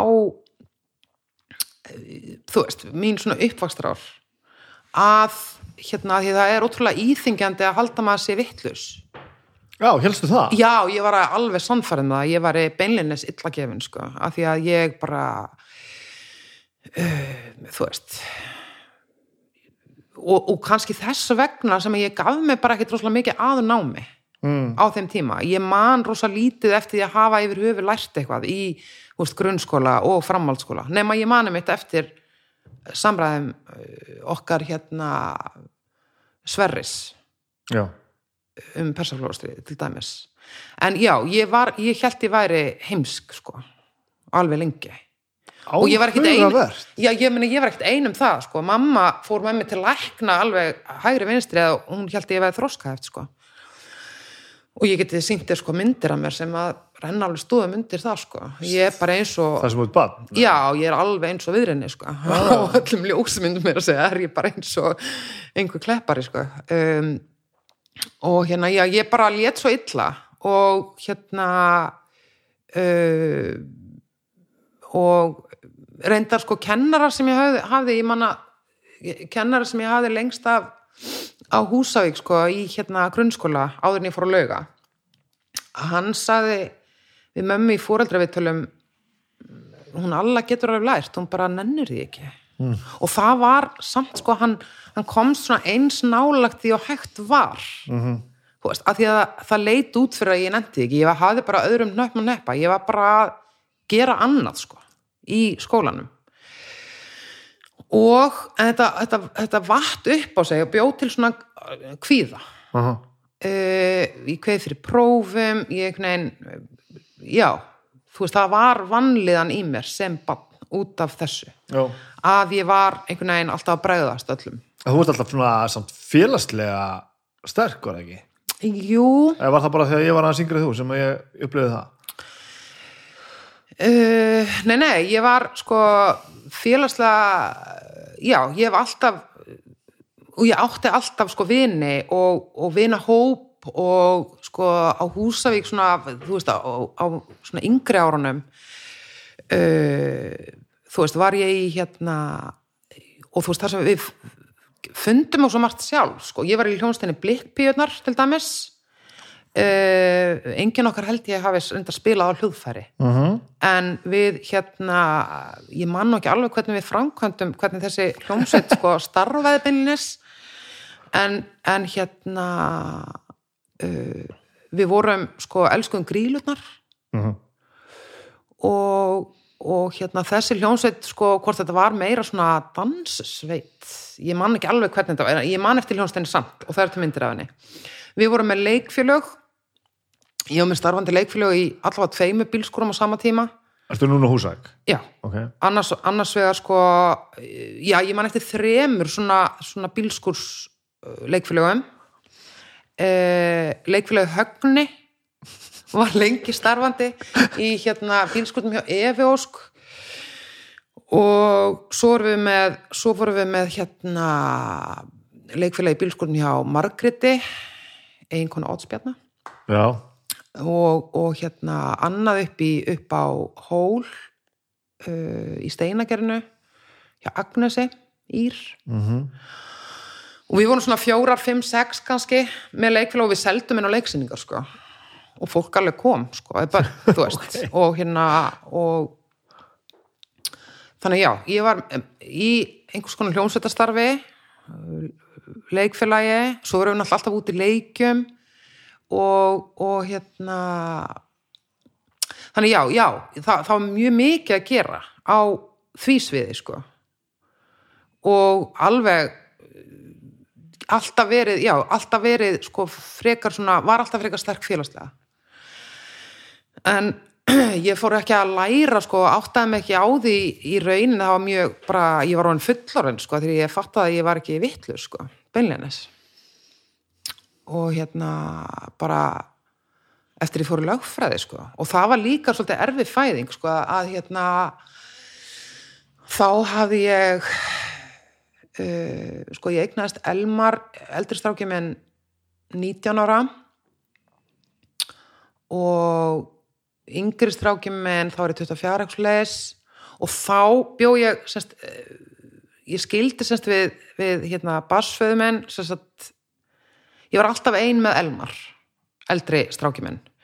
Uh, kynntist svo manni flutti söður með Elmar varð ófrísk og skildi við basföðu minn meðan ég var ófrísk. Þannig ég kom heim já, já, já, þannig ég kem heim til húsækur uh, með fimm ára bad ófrísk öðru badni og mamma var svo ósangjöld við mig þá að hún tók upp á því á gamals aldrei, þú veist, 50 að fara í háskólanum á Akureyri og flutti beinlis út af mínu æskuheimili skildi bara stjúpa menn einan eftir einhvern veginn á Húsavík leiði sér herbergi á Akureyri og fór í kennarunum þar. Og þetta var mér brjálasta ósangjant af henni þín vegna. Já, mín Já, vegna, sko. þannig að þegar að ég var svo hérna fætti ég batnið í ágúst og hausti þar á eftir þá ákvæðir henni að elda mömmu inn á Akureyri já. fluttin á Akureyri uh, vissi ekki hvað ég átt að gera. Ég var búin að skoða, sko ég er ekki með stúdinspróf en var búin að skoða í háskólum á Akureyri. Þar er verið að taka svona diplóminám í alls konar eitthvað sem að svona úst, húsmæður, gamlar, þú veist, uppgæfar húsmæðurinn kannski sem voru með, uppgæfum börn sem langaði að menta sig, fór í eitthvað sem heitir, heitir nútímafræði. Og maður gæti komist inn í það semst án þess að hafa stúdinspróf þannig ég á hvað að prófa það og þú veist, again, sannfærða mig að ég veri heimsk. Fer í skrái mig í það og gætt fengið námslán þannig ég gætt lifað af á Akureyri í þessu diplómanámi og svo er ég eitthvað að reyna að reyna að vera í þessu námi. Þetta var ógeðslega erfitt sko því að ég er sko, ég hafði reyndar aðeins haldið áfram í framhaldsskóla þú veist, framhaldsskólanámi mitt var bara einhverja rústir sko, þú veist, ég náttúrulega held bara áfram að vera vandræulingur í gegnum eiginlega öll úlingsárin þangað til ég eignast svo fyrsta batna mitt, þarna, batnaði aldrei sjálf. Þannig að, þú veist, alltaf nám af minni hálfu var algjört rugl sko, þú veist, það var hvorki fuggni fiskur, ég gæti ekki sagt til um það sjálf hvað ég kunni eða hvað ég hafði lært eða neitt. Mm. og þannig að það var svolítið áskorun að fara í þetta nám uh, og ég get ekki sagt þér eins og hvernig mér gekk í því, ég bara mann það hreinlega ekki. Nema að sko ég var alltaf út í smók í háskólanum með, uh, þú veist maður fór út í smók og það er alls konar fólk og þar á meðal uh, krakkar sem var að læra lögfræði og mér varst allt svo brjálaðislega spennandi sem að þau voru að tala um út í smók. Mm. Þú veist, voru einhverjum tíma koma svo út og er að diskutera eitthvað. Og ég man ekki því miður og mér finnst það mjög leðilegt þá man ég ekki nákvæmlega hvaða var sem þau voru að tala um. Það er eins og mér finnist samt eins og það hafi snúist um stríðskleipi og þegar verið að læra eitthvað um veist, stríðskleipadómstólinn eða eitthvað svona, ég var alveg heilluð. Ég sogaði allt að mér sem að þau voru að tala um og svo voru þau rökraðum eitthvað og trúðu mér, ég hafði skoðan á því. Sko, það sem ég langaði til að blanda mér í þessar umræður það gerir ekki það? Nei, við almáttu og þau voru á laganema sko. Þú veist, þau Já, voru sko já, mörgum þjóðfélagstegum fyrir ofan mig og ég hafði þannig mynd einhvern veginn að heiminum að mér, það bara kvartlaði ekki að mér að ég geti átt heima í sama heimi og þau. Þú veist, ég hafði þá þessa gamaldags sín einhvern veginn að bara fínt fólk læriði lögfræði bæði annars vegar gáðasta fólk landsins og hins vegar bara fólk af svona efri stigum. Þannig að það kunni hvar, hvarlaði alls ekki að mér að ég get átt heima einhvern veginn með þessu fólki sko. Ég hafði sjúkla mikla skoðanir á því sem þið voru að tala um. Og svo bara var ég einhvern veginn í rökraðin við sjálfa mig bara hálftíman á eftir bara, þú veist, um hvað ég hefði hvernig ég hefði svarað hinn og þessu sem að þau voru að segja. Gjöld hefur verið góði að feika þetta allt maður. Eins og, eins og ég man eftir frá upphafi þá, þá komstu alltaf fram eins og eftir erindi allstað en talaði alltaf þannig eins og þetta er alltaf input í allt sko. já, já, já. Alltaf bara upp á borðið með lambrúskaflöskuna Já, eða hvað sem er, hvað sem við, við vorum að gera eða hvort ég var að hlusta eða að tala við þig eða hvað það var, veist, það var aldrei eins og eitthvað væri óviðkomandi. Og nú er ég ekki að segja að það hefur alltaf verið að gamma einhverja þvælu um allt og ekki neitt heldur, þú veist, þú veist alltaf, alltaf viðræðu hæf um allt. Já, en þetta er, já, kannski meina, af því að, kannski af því að þá er ég stödd inn í einhvern veginn mínu já.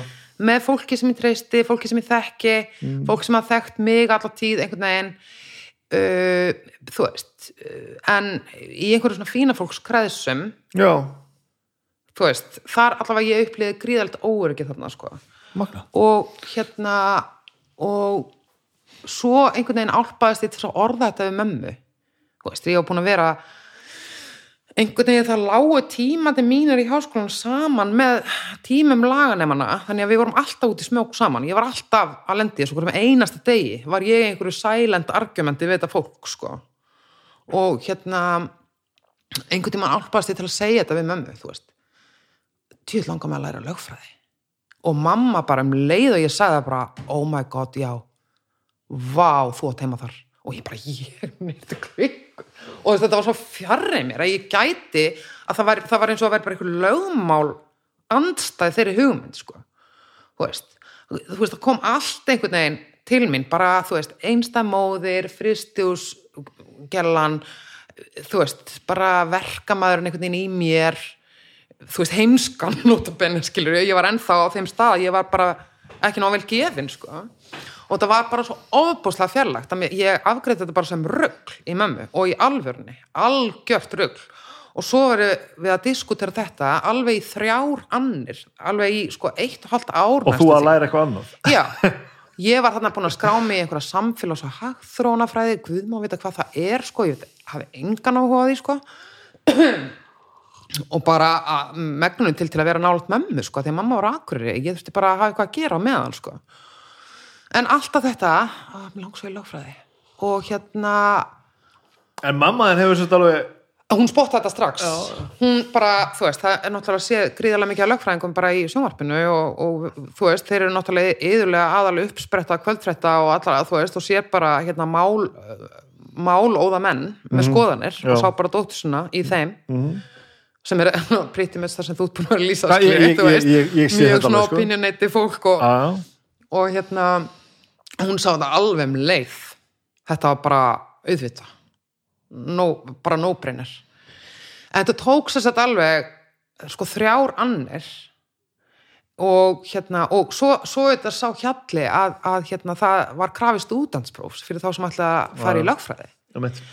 og mamma segir alltaf bara hérna, fáðu, fáðu fund með sviðstjórunum fáðu fund með hérna fórseta hugvísindasviðs eða hvað það var.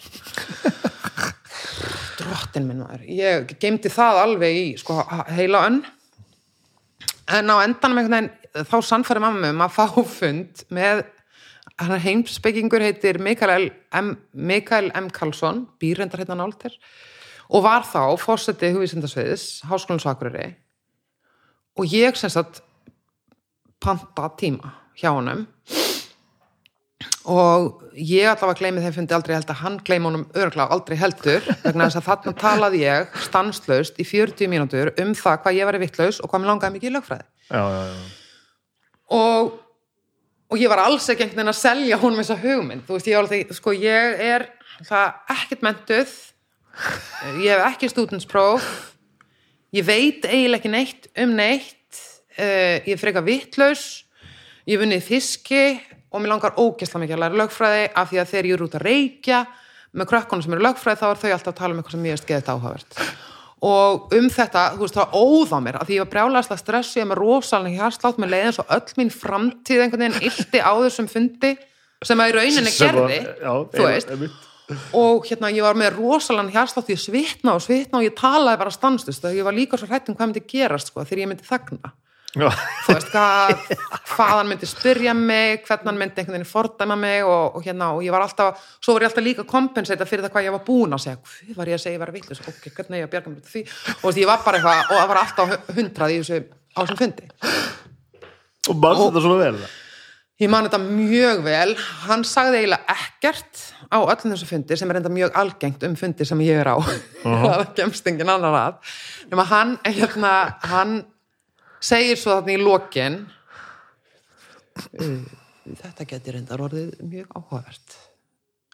Og hérna og fannst það áhugavert fannst, fannst þess að tilrunnarinnar virði að hann færi með það fyrir háskólaráð mm. að leifa mér að pröfa einn vetur í lögfræði þrátt fyrir að stúdinspróf væri krafa. Þannig að hann leiði mér að prófa og hérna Í rauninni bara byggt á þessu, þessu, þessu múfi að fara og tala við hann. já, þessu randi mínu sko, og Það segir manni svo margt, sko. Já, þannig að eftir að hafa safna kjarkið þarna í þrjár annir þá semst fekk ég að prófa að, að hérna, fara í lögfræði og ég veit ekki hvað það var hvort það var sko þetta big break sem ég upplýði að ég hefði fengið mm veist, ég þegar ég byrjaði í lögfræði þá var ég ólík öllum öðrum sem voru með mér í bekk af því að mér leiði eins og ég hefði fengið bara eitthvað gríðarlegt tækifæri.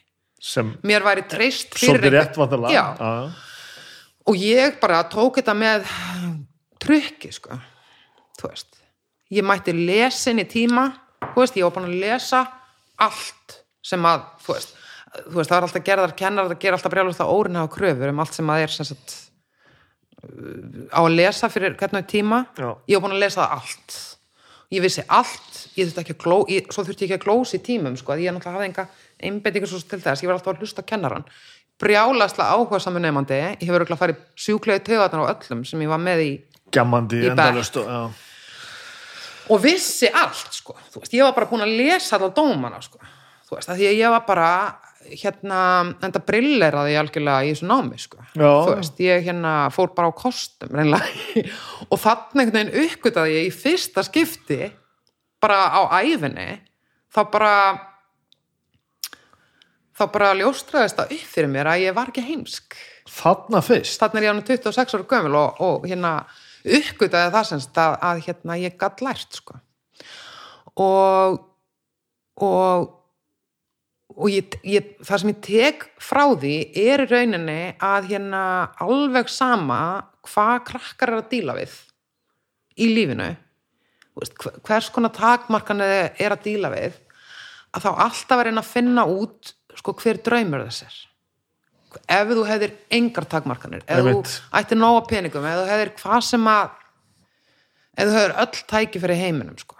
hvað myndur þú vilja verða eða gera reyna að finna sko draumin og, og hérna bara opna, þú veist, reyna bara þú veist, veit einhverja smá hjálp af því að, af því að fólk sem að fær tækifæri til þess að láta draumin sinn rætast og, og gera eitthvað sem það dreymir mest um að gera að það bara leysir og læðingi svo ótrúlega mikið power sko. ótrúlega mikið kraft og það er rosalega auðvelt að gera hluti sem manni finnst ógeðslega skemmtilegir. Það er bara, það breytir öllu. Eins og hitt er hillilega erfitt já, að það verður svo ótrúlega erfitt þegar maður þarf að gera eitthvað sem að er manni einhver pína sko. Eða er manni bara, þú veist. Og þess vegna finnst mér svo mikilvægt eins og í blaðamennskunni að hérna að því að uh, þú veist, og bara sem fréttastjóri að segja við hérna fólkið, þú veist hérna, þess vegna, þú veist, já, mér er svo mikilvægt að það komi frá fólkinu sjálfu hvað það vill gera, Já, þú veist þeim sem langar, þá sem langar mest til að fjalla um það sem er að gerast í þinginu eiga að vera þar. Emitt, emitt og bara til þess að hérna fólk njóti sín í starfi að því að það er bara lang líklegast að koma eitthvað frábært út úr því, sko Ég er alltaf að vinna auglýsingastofu og ég er aðeins í smá verkefni núna að- að að svona, að breyta þann struktúru á einhverju sem við erum að vinna og græða og gera og, og bara svona hagraða hlutum og maður svona eftir einhverja mánuði sér maður alltaf já, þetta virkar ekki eins vel og þetta að vera sko, þetta að gera og ég er alveg búin að sjá í sam, samengi við það sem þú ert að segja núna að ef þú horfir á þetta svona einstaklingsbasis bara hvernig er þessi mannskja og hvernig gengur og hvað er Já. hann eða hún að gera og hvað, hvað er í gangi að oftar en ekki þarf bara að fjarlæga eitthvað eitt já, úr, úr sko verkefnum dagsins. Já, þú ert með þetta alveg verkefni, þú gerir þetta, þetta, þetta og þetta hér. Oh, og svo er alltaf þetta eina sem hangir alltaf yfir fólki. Já. og ef maður svona lesa það síðan og bara, þú vilt ekki vera að gera þetta. Nei, tökum þetta hér og látum þennan gera þetta. Já. af því að þessari mannsku hér finnst þetta frábært. Já, og þá er þetta allt í einu með eiginlega yngri tilfæringu búin að fá sko kannski þrefald afkasti getur út úr einn mannsku já þetta er mjög merkilegt, Já. bara með því að fjarlæga eitthvað sem að hangir yfir þér sko. Já, það, það, er, það eru ótrúlega mikill sannleikur í þessu og fyrir mig, ég finna svo mikið að, að hérna, og ég þarf að reyna að, hérna, ég er alltaf að díla við ADHD mitt líka, sko, Mhm. að, og að því leiti er, það verður ótrúlega mikill svona challenge að hafa marga bolta Já, á lofti, það getur nú líkunni með þess ha, Vinnur það ekki stundum með þig líka? stundum, stundum ekki sko. uh, og þú veist, ég, að, ég berst við á hverjum einasta degi sko, hvernig gat ég láti mér detta til hugar? Það væri góð hugmynd að gera mega fréttastjóra. Já, já, uh, af því að ég er þú veist ef ég fæ frið til að vinna þá er ég frekar góður blaðamæður þú veist, ég get verið góður blaðamæður þegar ég bara fæ frið til að vera bara það. Mm -hmm. hitt djópi, það krefst svo mikil sko að maður þarf að vera stöðugt á veilabúlengnin fyrir alla. Ég er náttúrulega að svíkjast undan núna sko, það var eitt af því sem ég fekk bara svona sjokk þegar ég sá hérna fjagra tíma podcast hætti hjá þér, ég bara svona, ok, hvernig ég er því að vera ekki, þú veist eins og akkurat núna þá er ég sko með ég er semst með þrjá nýja blaðamenn í þjálfun sko, sem er að koma í annarskipti fyrstið annarskiptið árið stundina þeir eru núna bara as we speak.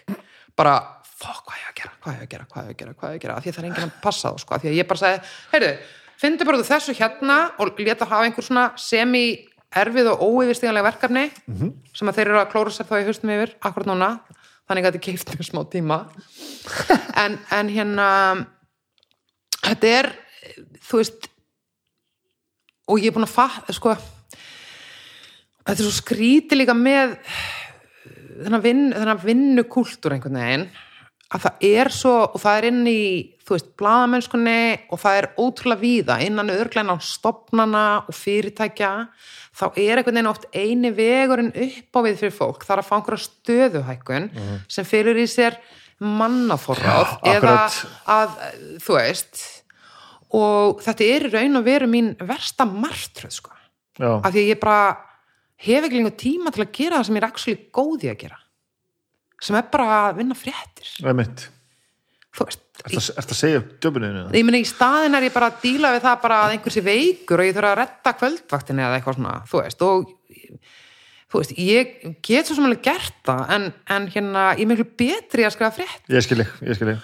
og ég, nei, ég er bara tala um kúltúrin almennt, sko.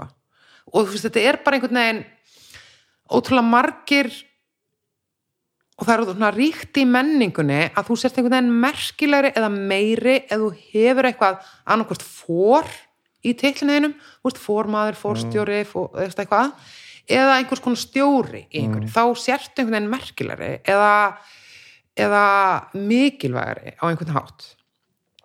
Og hérna, og ég er sko þú veist, ég vona reyðstöðun hlusti ekki á þetta podcast en, en hérna, þú veist, ég er alveg oft búin að íhuga hvernig get ég farið að því að þú veist, get ég farið inn á þú veist, get ég beðið um fund og sagt bara hérna má ég ekki bara vera fréttamaður, þú veist uh, á, en, á, en að öðru leiti er þetta líka, það er alveg margt í þessu sem að er líka gefandi og skemmtilegt sko.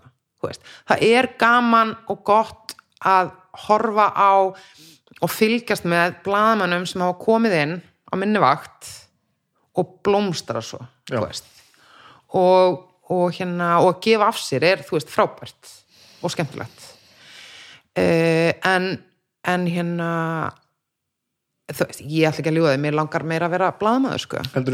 Og bara hafa tíma til þess sko, þú veist, af því að auðvitað er það þannig að þú veist, í fréttastjóri, þá er ég sem starfandi ég. og bara, þú veist en, en hérna þetta er svo nefndir á þann, þú veist ef það er eitthvað bara eitt eða tvent tekið út á dagskráni þá getur maður blómstrað, þú veist, ég er alltaf einhvern veginn Og sett sko fjögur önnur atrið inn á Já, staðin. Sko. þú veist, ég set alltaf svona, alls konar svona administrati verkefni alltaf fremst einhvern veginn svo kannski komast þau einhvern veginn aldrei almennilega úr vör af því að einhver annar sem ég er að býða eftir að segja af eða á eða þú veist og dagat mínir fara svolítið í eitthvað bara svona þú veist og ég fer heim og einhvern veginn ekki að ég hafi gert neitt sko. Nei, og hérna e, þú veist, á meðan þegar ég var bara blaðamaður að þá gæti ég sko skrifa heilan burð í blaðið svona, burður er semst svona burðar frétt hverjar síðu í rauninni, það er ein stór kannski frétt á hverjar síðu og svo eru nokkra litlar eða eina forsíði frétt og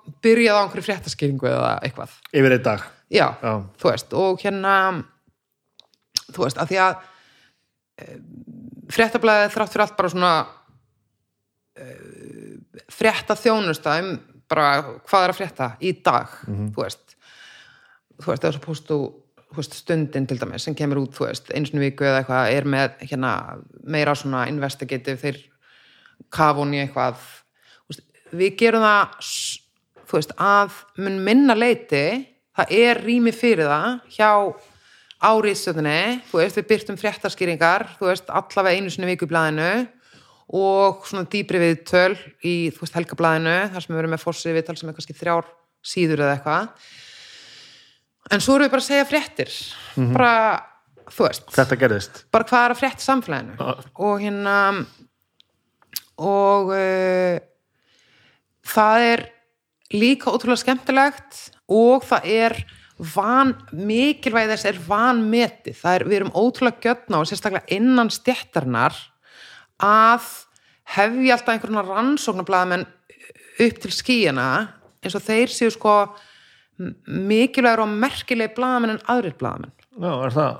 Svolítið þannig en það er líka sko þeir eru uh, kannski bara með eitt projekt í gangi í einu og eru að vinna í því uh, þú veist ég og mínir samstagsmenn erum að vinna því að sko skrifa fréttir um eitthvað sem gerist í dag byrtaði plana morgun, þú veist setja það á síðu, prentaði í 70.000 eintökum og byrja það út sko. Og hérna og það er ótrúlega mikilvægt að þetta sé vel gert. Já, að bara fréttir að þú veist að þær séu balanseraðar að þær séu auðvitað réttar uh, þú veist við sjáum það, ég menna ekki síst þú sér bara, ef maður horfir á hvað er að gerast í Rúslandi til dæmis núna það er alltaf búið að slekka á upplýsingafrelsinu. Já, já. og hérna rúsneskir fjölmiðlar með ekki fjallum raunverulega það sem raunverulega gerast í Úkrænu í rúsneskum miðlum. Við hér fáum eflaust sko betri upplýsingar um hvað er að gerast heldur en rússar. Og, og það er bara ég var svolítið þannig að þar sjálf áður en ég fór í þetta starf að þá fannst mér alltaf sko rannsóknarbladamenn í rauninni merkileg bladamenn en aðri bladamenn svo við einhvern veginn séð bara hvað þessi dagstælega fréttaþjónust er ótrúlega mikilvæg og hvað er mikilvægt að hún sé vel gerð og vel unnin þannig að fólk fái úst, góðar upplýsingar góðar fréttir mm -hmm. á hverjum degi og við sjáum þetta eins og í COVID til dæmis hvað hérna og það sem tal, var talið lengi vel að hefði þú veist, af því okkur gekk ótrúlega vel að fástöðina faraldir trátt fyrir að við höfum, þú veist, stundum voru við sko efst, við vorum degst rauðasta landjabel bara í heimi á tímili, en þá er það sko okkur gekk ótrúlega vel að fást við hann og það eru margir þættir sem að koma þar saman, bæði var, þú veist, rakning ótrúlega góð, það var ótrúlega góð mæting í, þú veist, skemun við vorum ótrúlega góðan kontorli rauninni á því hversu útbreytt veiran var í samfélaginu og það er bara, þú veist, Þórólfur og Kó og þetta. En það er líka upplýsingar fólk er vel upplýst. Það veit hvar veiran er í samfélagina því það fær fréttur um hana. Það er, það er hérna það er vel unnið úr þú veist upplýsingafundum úr, þú veist íslenskir fjölmiðlar bara, bara unnu vinnuna sína. Vel. Og það er alveg jafn mikilvægt eins og að upplýsa um uh, starfsemi samherja í Nambíu, þú veist, það er bara á annan hátt. Já, ég skilji skilur það er bara þú veist, þetta er svolítið þú veist, annars eðlisvinna en hún er eh, hérna ekkert síður mikilvæg. Mér finnst einhvern veginn, ég veit, ég veit held ég ekkert rosalega mikið um blaðamenn sko. uh, mér finnst þetta alltaf vera á einhverju rófi á milli þess að vera ok blaðamenn sko sitt hverju mendanum finnst mér annars, annars vegar að vera sko einhver sem að segir bara frá einhverju og hinn endin vera einhver sem að leitar að upplýsingum til þess að segja frá. Já, þú veist, ef við förum alveg hérna niður á, þú veist, lægsta þrepið Já. þá finnst mér stundum eins og sko blaðamennska sé eiginlega bara að vera rittari skilju hvað er að fara? Já, og svo alveg hinum einn, þá ertu eiginlega bara orðin leynilegurla, sko. Já. Já, er ég einhvers staðar á réttum slóðum með þetta? já, en þetta er og flestir þarna einhvers staðar í miðunni Já, já, og svo upplifum maður það þú veist, þú þetta svona spyrjast fyrir og leita ykkur upplýsinga og miðla þeim, sko. Já, en stundum les maður fréttir sem er bara þetta er bara einhvað, einhver Einhver sem settist niður við tölvu og skrifaði bara eitthvað ég hefði alveg getað skrifað þetta, sko Já. það er ekkert hérna já, einmitt það er nefnilega sko eh, það má segja sko eins og á minni rítstjóð þá eru við með annars vegar dagblað sem að hérna gefur út fimm daga vikunar og hins vegar veð, bara hefðbundin fréttavef mm. -hmm. og og uh, og það er aðeins ólíkt eðli, það er aðeins ólíkt sko starfið er aðeins ólíkt þú veist dagblöðan alltaf hafa breyst ótrúlega mikið með tilkomi internetsins og með tilkomi bara eh, flæðis upplýsinga. Þú Veist, ef maður skoða mokkan til dæmis, bara frá þú veist 1970 eða eitthvað, þá forsið hann alltaf fulla erlendum fréttum já. sem við erum ekkert búin að fá upplýsingar um. Það sem er raunverulega að flytja frettir frá útlöndum til fólks. Já, Já, sem, Að, sem að við höfum bara ekkert heyrt af fyrr, sko. Þú veist, við þetta fréttum allt strax einhvern veginn núna. Og, og dagblöðin þurfa að hérna þú veist, aðlagast þessum breyta raunveruleika. Þú veist, hvernig ætlum við að flytja einhverja fréttir sem eru körrent frettir gerða sér alltaf. Já, ég meina, þú veist, þá erum við annarkvort að díla við það, við erum að taka einhvern sérstakann vingil á fréttir gerdagsins e, finnum einhverja aðra viðmælendu, finnum einhverja, einhverja, einhvern annan fréttavingil að þetta er rauninni búið að flytja frettir að þessu? Já, eða við erum að afla frétta sjálf, afla upplýsingar sjálf e, innan úr stjórnkerfinu hvaðan sem er. Uh, meðan sko vef hefðbundin vefmiðl, frétta vefmiðl er að flytja fréttir af því sem er að gerast bara as it goes. Já, já. Og við erum með sko fréttapóst, við fáum sérst fréttatilkynningar í fréttapósti sem koma bara á, þú veist, kortisfresti bara alltaf nýja og nýja fréttatilkynningar frá hinum og þessum. Mhm. og við, svo siktum við bara úr, þú veist, hvað er frétt og hvað er ekki frétt? Já, ég skilji. Þú veist, stundum er þetta bara fréttatilkynning um þú veist, einhverja fílharmoníu tónleika sem við höfum bara engan áhuga að flytja fréttir af. Eða sk- skilju e, og hérna og þú veist, það er þetta endalaust einhver, einhver, einhver plögg í við erum alltaf ekki einu sinni komin að því sko. Frettir versus plögg. En, en sko það er hérna uh, en þá, en þetta er ótrúlega sko mikil blanda af þessu tvennu. Og sérstaklega ef maður er á bara að veita almenna fréttaþjónustu Mhm. að þá er maður sko að því það sem kemur líka í fréttatilkringum er bara, þú veist ríkistjórnin hefur ákveðið að taka á móti 15 úkrænumönnum sem er að koma. Þeir fá hús og skjóla á uh, suðurfyrði og þú veist, þess og hinn, og þá er það frétt. Já, já. og greinum við frá því. Stundum greinum við bara beint frá því bara beint á vefin, stundum ákveðið að ringja einhvern, já, þú veist, frá rauðakrossunum bara, til að fá eitthvað take bara. Já, bara hvernig verður framkvæmdin á þessu, þú veist, er þetta konur, er þetta börn, er þetta, þú veist, þú veist, hvaða fólk er þetta og hérna, og hvað getur við gert til að hjálpa því, eitthvað, þú veist, og hérna, og svo erum við náttúrulega líka bara að, hérna, grafa í alls konar málum sem við erum áhuga á, sko, veist, sem hvern- er, sem er það bara, uh, þú veist, við að, hérna, senda fyrirspurnir á, þú veist, fangelsmálastofnunum, hérna, þú veist,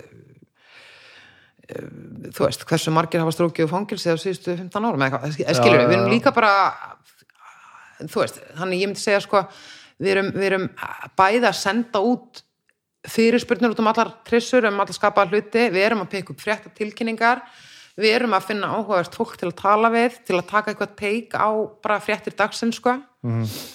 Og hérna og í rauninni sko, þú veist, það eru það eru bara, það er engin endir á því hvaða bara hugmyndaflug blaðamenn geta haft til þess að til þess að hérna upplýsa lesendur sínar um hvað eina sko?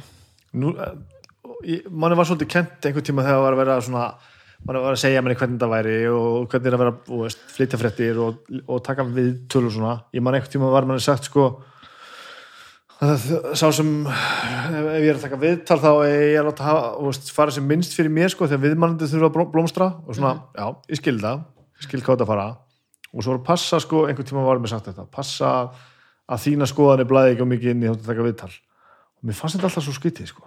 Já, af því að ég skil alveg að ég ekki dóminir hérna allan tíma þegar við erum að tala saman. Ég, ég, er að tala við þig hérna og ég vil fá að vita hvernig, hvernig þú hugsa um hvað að hugsa. Já, en ég fæ ekkert út úr viðtölum þar sem að ég er bara þar sem að spyrillin er bara svona einhvern veginn að búa til eitthvað plattform til þess að eitthvað svona hlutlust spjall. Já, og það er bara eina stóra ástæðan fyrir ég byrjaði með þetta hér. Já, ég nenn ekkert að hlusta á enn eitt viðtali við hvern sem er sko, Gísla Martin. Bara, um, bara sömu spurningar með sömu svörin þú veist, Eh, ég er ekki að segja að ég er að koma henni með einhverjum grjótarðar pólitíska skoðan, það, er ekki það sem þetta er. Þetta er, þetta er dæjumóla efni og, og þannig, já, en þetta lítur líka smittjóru fréttamennskuna algjörlega. hversu langt á maður að tegja sig til þess að fá eitthvað teika á það sem maður er verið að, verið að tala um? Já, og það er sko, og það er þú veist það er alls ekki hægt að ætlast til þess og væri fáránlegt í rauninni og ég myndi aldrei ráða einhvern sem blaðamann ef hann hefði ekki skoðan á hlutum akkurat, Þú veist, að þá er bara, þú veist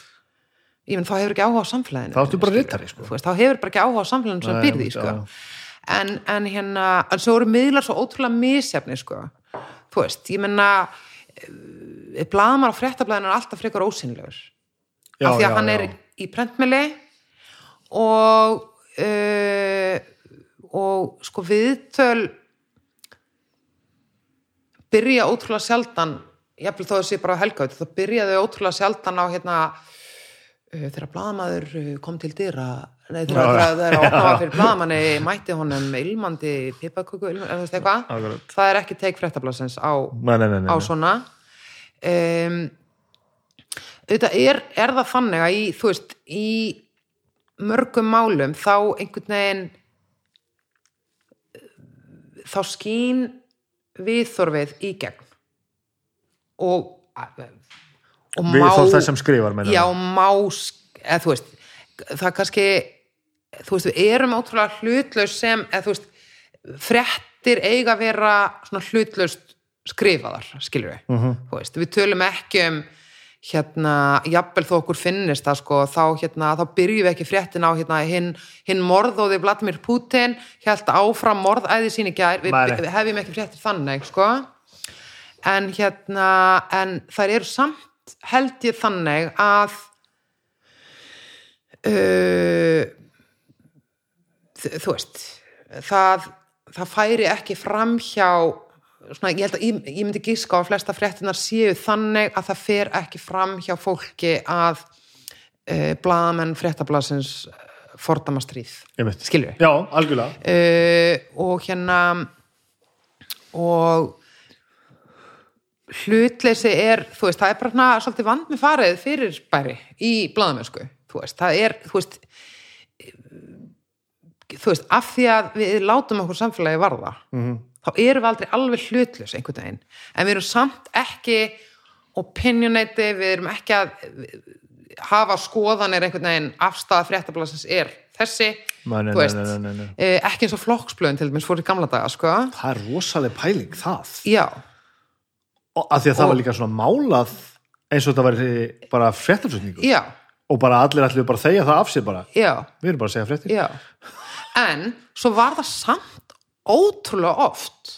Bara, ef, ef þú skoðar bara eld gamla þjóðvilja þá er þetta oft drullu gott sko. já, já, já, einmitt. Já, og kannski að því að þar erum hennar bara ekkert að Nei, með þetta.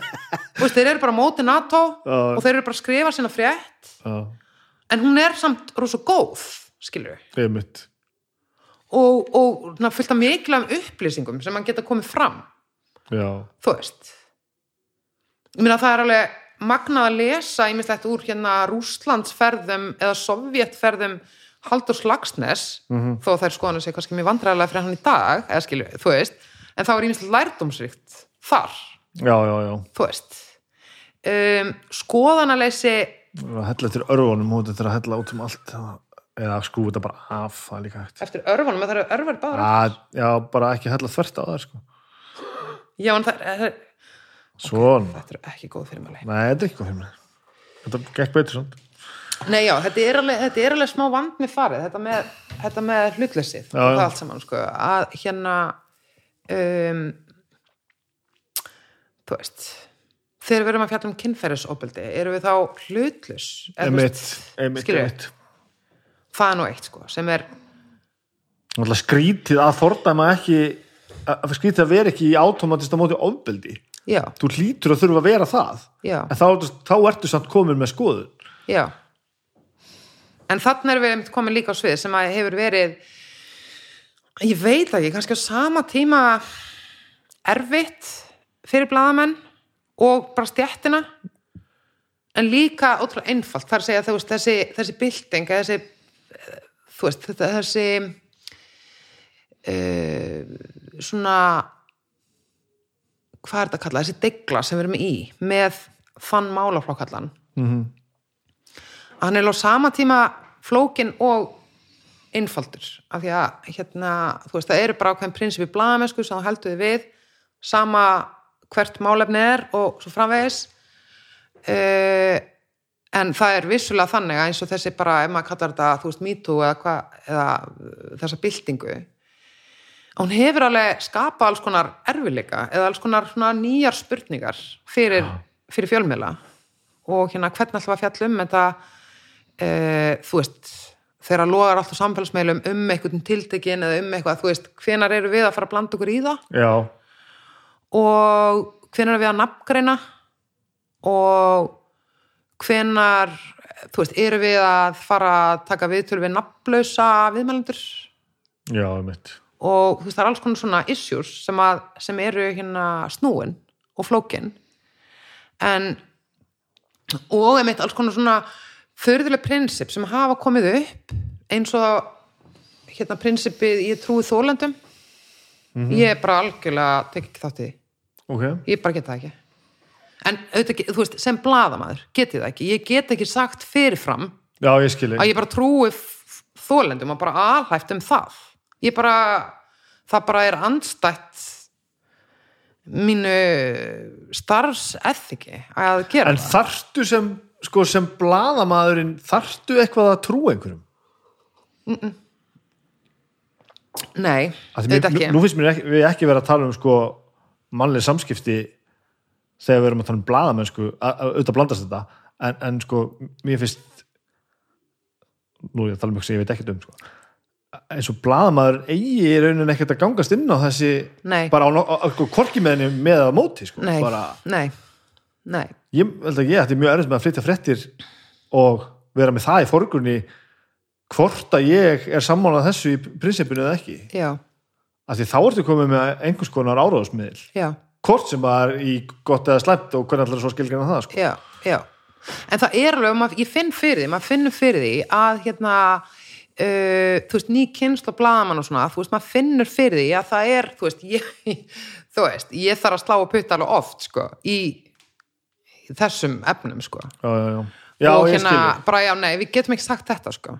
Þú varst ekki inn í herbygginu, þú veist ekki hvort að nauðga henni þú getur ekki fullist að hann að nauðga henni þó hún segir það. Einmitt. þú veist, við getum að eiga þessi samtöl, sko. En þetta gerist á fréttastofinni það er svolítið annað heldur en það sem gerist inn í eldhúsi. Já, já, nefnilega og svo getum við diskuterað sko. Við getum talað saman þú veist um inn á, inn á, reistöðinu, inn á reistöðafundum þú veist, hvað hérna hvort eitthvað gerðist, hvort við teljum að það hafi gerst teljum að það ekki gerst, þú veist. Og, og hérna um tiltekna menn til dæmis sem að, þú veist, hafa komið upp í umræðan og, og, og verið sérstætt og verið kanseleraðir að hérna þá kemur upp á fréttunni jú maður, ég mann eftir honum bara þegar ég var í mentó skilur, það var allir að lendi í honum og þetta er alveg frækt dæmi og... en svo, dílu, svo þurfum við að díla við það. Við getum ekki skrifa það bara eins og það kemur að koma ég man hvernig hann var Nei, í mentó nú var hann, nú var hann alveg óður á mentaskóla árum hérna, veist, þess og hér á Rítsundinni, Einmitt, einmitt. þú veist, heldur, þur- þar maður einhvern veginn að finna vinklana til þess að díla við þetta. Og við þurfum líka að veita bara þá þjónustu að díla við þetta. Við getum heldur ekki sleppt í að díla við þetta. Nei, við þurfum einhvern veginn að þú veist, eða, ég meina og við þurfum að hugsa svo hvert á hlutverk okkar að vera í þessar byltingu. En eru, eru við ekki þarna að tala um bara fjölmjölum versus aktivisma? Eða, sem að getur náttúrulega auðvitað vantarlega skarast líka. Já, ekki endilega samt sko. þú veist, við þurfum að hugsa hvert er hlutverk aktivistana, hvert er hlutverk fjölmjöluna uh, ég get nefnt bara sem dæmi þá skrifaði ég ég held að það hafi verið bara mjög snemma í fyrra fyrrum ári þá hafði komið upp og þá voru, var verið að kvartenda því að hafði komið upp sko að landsréttur var alltaf eitthvað að fokka upp. Eða þú veist, hann var alltaf hérna menn voru dæmdi fyrir nöðgunni hér og þeir voru svo síknaðir í landsrétti. Og það var alltaf landsréttur einhvern veginn var alltaf að ber allt tilbaka eða milda dóma eitthvað svona. Þannig ég fór bara að tekka það á þessu. Ég las bara alla dóma landsréttar í kynferðisbrotamálum yfir heilt ár allt árið 2020 ég held, að, ég held að þetta, var fréttaskýri sem byrst held ég í janúari fyrra í 21 og þá hafði ég lesið alla nöðgunadóma landsréttar árið 2020 og bara flokka þá niður og gatt sagt svo frétt af því hvað raunverulega var gerast í landsrétti. Og þetta er eitthvað sem, bla, er eitthvað sem fjölmilar geta eh, geta hérna varpa ljós á já, aktivistatinn kannski segja hérna að það er, það er nöðgunar bylgja í samfélagi, það er nöðgunar hérna faraldur í samfélaginu. Og þá er það, heyrið upp á mig að fara að tjekka á því, er það svo? já. Þá en, þá, ég, en þá þarfstu náttúrulega að vera tilbúin að fá hvora útkomuna sem já, er eða, algjörlega. eða eina af þessum þremur. Já, Já. já, já, úst, mink, mink, minna meira eða jafn ja, mikið og hefur þetta verið já. já, og svo er við svo er maður að láta henn heyra það sko, jafnvel, ef að fréttin er ekki fólk að skapi, ég man eftir því að það var allir mikið talað um hérna byrlunar faraldur Já. og þú veist, ég verða veikina, ég átti svo pínu erfitt með þetta. Að það væri bara svona, þú veist, hópur manna allt einu núna út í samfélaginu að eitra fyrir konu ég bara oh, þú veist, ég bara náði bara ekki utan um það í huganum, mér varst það eitthvað svo steikt. Og hérna, en það voru þú veist, alltaf einhver svona ný report um þetta, að hérna stelpur voru að rinja niður meðutundarlausar eða ofur ölvi hér og þar að hans hafa ekki drukkið og, og um þetta, þú veist, þetta samfélagsmiðlar alveg frá þess að drukni þessu.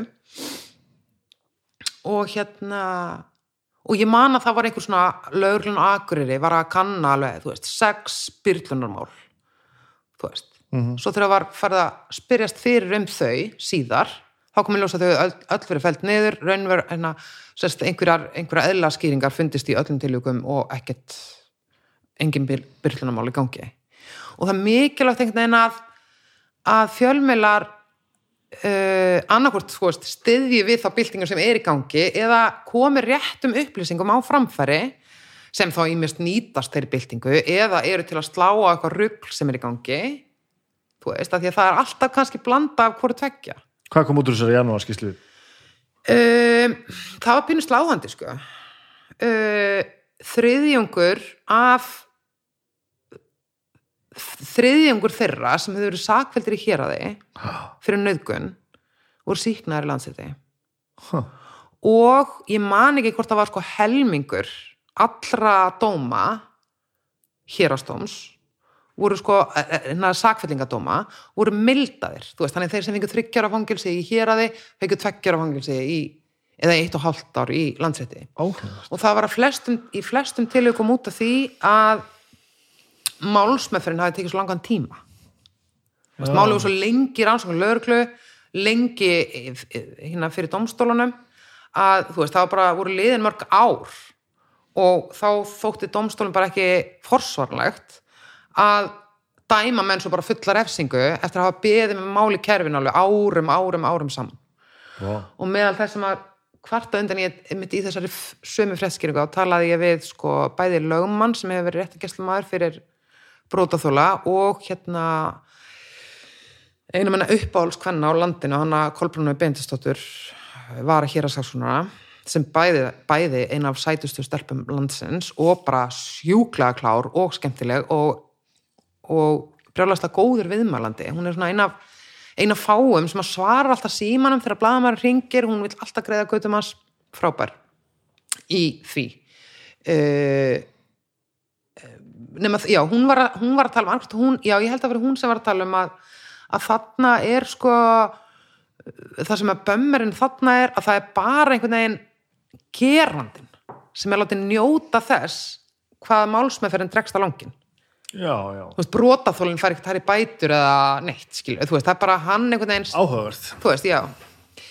Þannig að, já, ég meina þú veist, verkefni fjölmila varðandi svona mál, eins og þessa byltingu eru hérna, fjölmörg og mikilvæg, þú veist, af því að þú veist fjölmiðl má ekki breyta sér í samfélagsmiðl og vera bara sá sem er að bera út sögur sem að, veist, við, það má ekki verða okkar hlutverk bara að flytja fréttir af því sem er verið að tala um á samfélagsmeilum heldur nei, þurfum nei. að fara dýpra og við þurfum að gefa umræðin eitthvað. Við þurfum að styðja við hana. Alveg sama í hvaða átt hún fer. Þá þurfum við að hérna, hafa henni eitthvað færa henni eitthvað til að standa á. Eitthvað fast land veist, einhverja staðirendir þú veist, af því að þú veist, það er ekki allir aktivistar á landinu sem geta bara sendt, þú veist kollu ben fyrirspurn. Veist, hversu margar nöðganir, hversu margar, þú veist, og allt þetta. Heldur hérna er það okkar hlutverk að afla þeirra upplýsinga að vinna úr þeim og og hérna flytja fréttir af stöðu mála? Og á því, og ég meina það var eins með þessa fréttskýri sem ég skrifaði þarna um landsrétt að, að sko hún var notuð í byltingunni áfram já, þú veist, þarna höfðu aktivistar eitthvað til að standa á og gátu sagt. Akkurat, akkurat, akkurat. Það kemur niður á okkur svona að málsmeðferðin sé svona ótrúlega löng og hún er að meðaltali þetta og þetta löng og, og úr þessu þarf að bæta, það þarf að laga þetta og þarf að laga þetta og þarf að laga þetta og það er einhver tæki sem að aktivistar eða hverjir sem er fá svo til þess að vinna áfram með sinn málflutning. En að þú tala um hinn áttina eins og með þessi byrlunumál sem komið svo ljós kannski að voru ekkit endilega fleiri heldur en það alltaf verið. En auðvitað fáum við á tilfinninguna þessi faraldur þegar að aktivistandir eru loksins bara fattar að tala, tala upp átt og segja bara, herru, herru, veitir hvað er í fokking gangi hérna, akkur segir aldrei neitt neitt? Já, og þá fyrir maður að upplifa þetta sig ykkur bylgja þá er verið að fara, fara að flytja fleiri fréttir að þessu. Mhm. -hmm. Og það lítur náttúrulega við longrunna að gera gott já, það lítur að slá á ólifnaðin þegar það er búið að setja upp á yfirbúr og segja, herru, herru, herru já, jafnvel þó að rannsóknarblæðamaðurinn komist að þetta er ekki meira en það var nei við erum bara að tala meira um það sko. En þá þurfum við bara að segja það sko. En þá þarf að segja það, já, já. Og bara að hérna útskýra sko.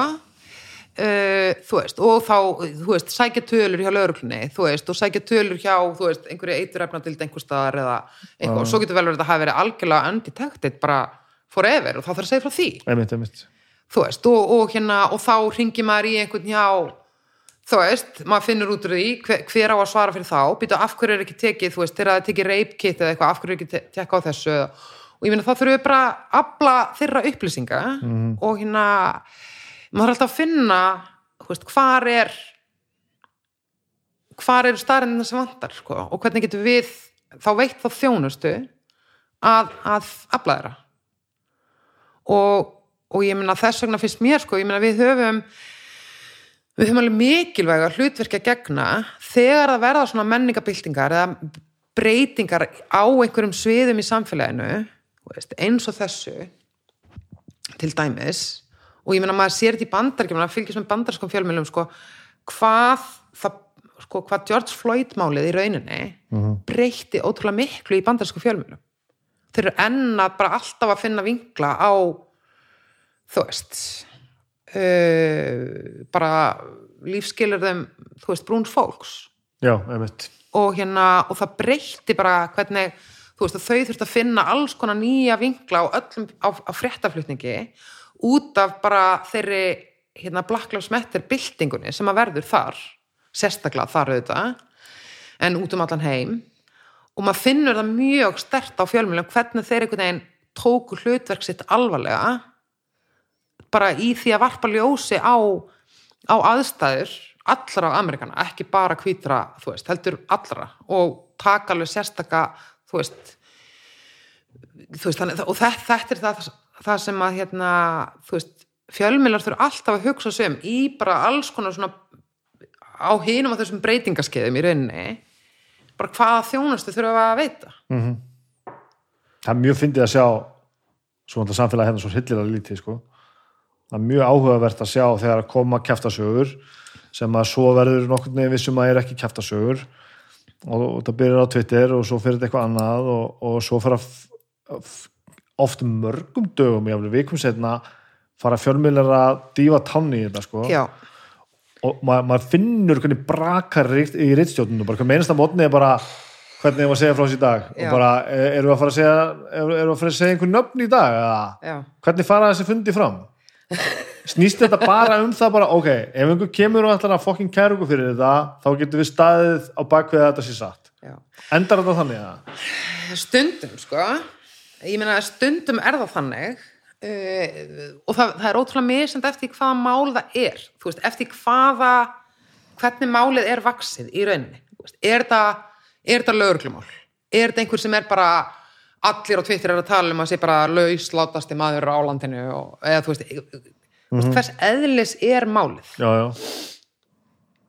uh, og annað, annað sko, til dæmis frækt svona mál er, þú veist, er, er, er ákveðin ástarmál uh, ættuður einmitt okkar hér að þið já, já, einmitt. já, já, nákvæmlega. Og það var einhvern veginn bara að þvælast fyrir okkur reysandina ótrúlega lengi. Og, og við vissum alltaf að sko fréttablaði sem er borgarlegu miðill væri aldrei að fara að breyka einhverju svona sögu úr engalífi fólks í raun og veru. Já, nema tiltekni stjórnmálan fara að segja af sér út af því eða eitthvað Einmitt, einmitt, annars ekki, en við vissum alltaf að mannlíf myndi kannski gera það. Og mannlíf í rauninni gerði það kannski aldrei alveg en skrifaði fréttinnar en, en alltaf einhvern veginn undir rós.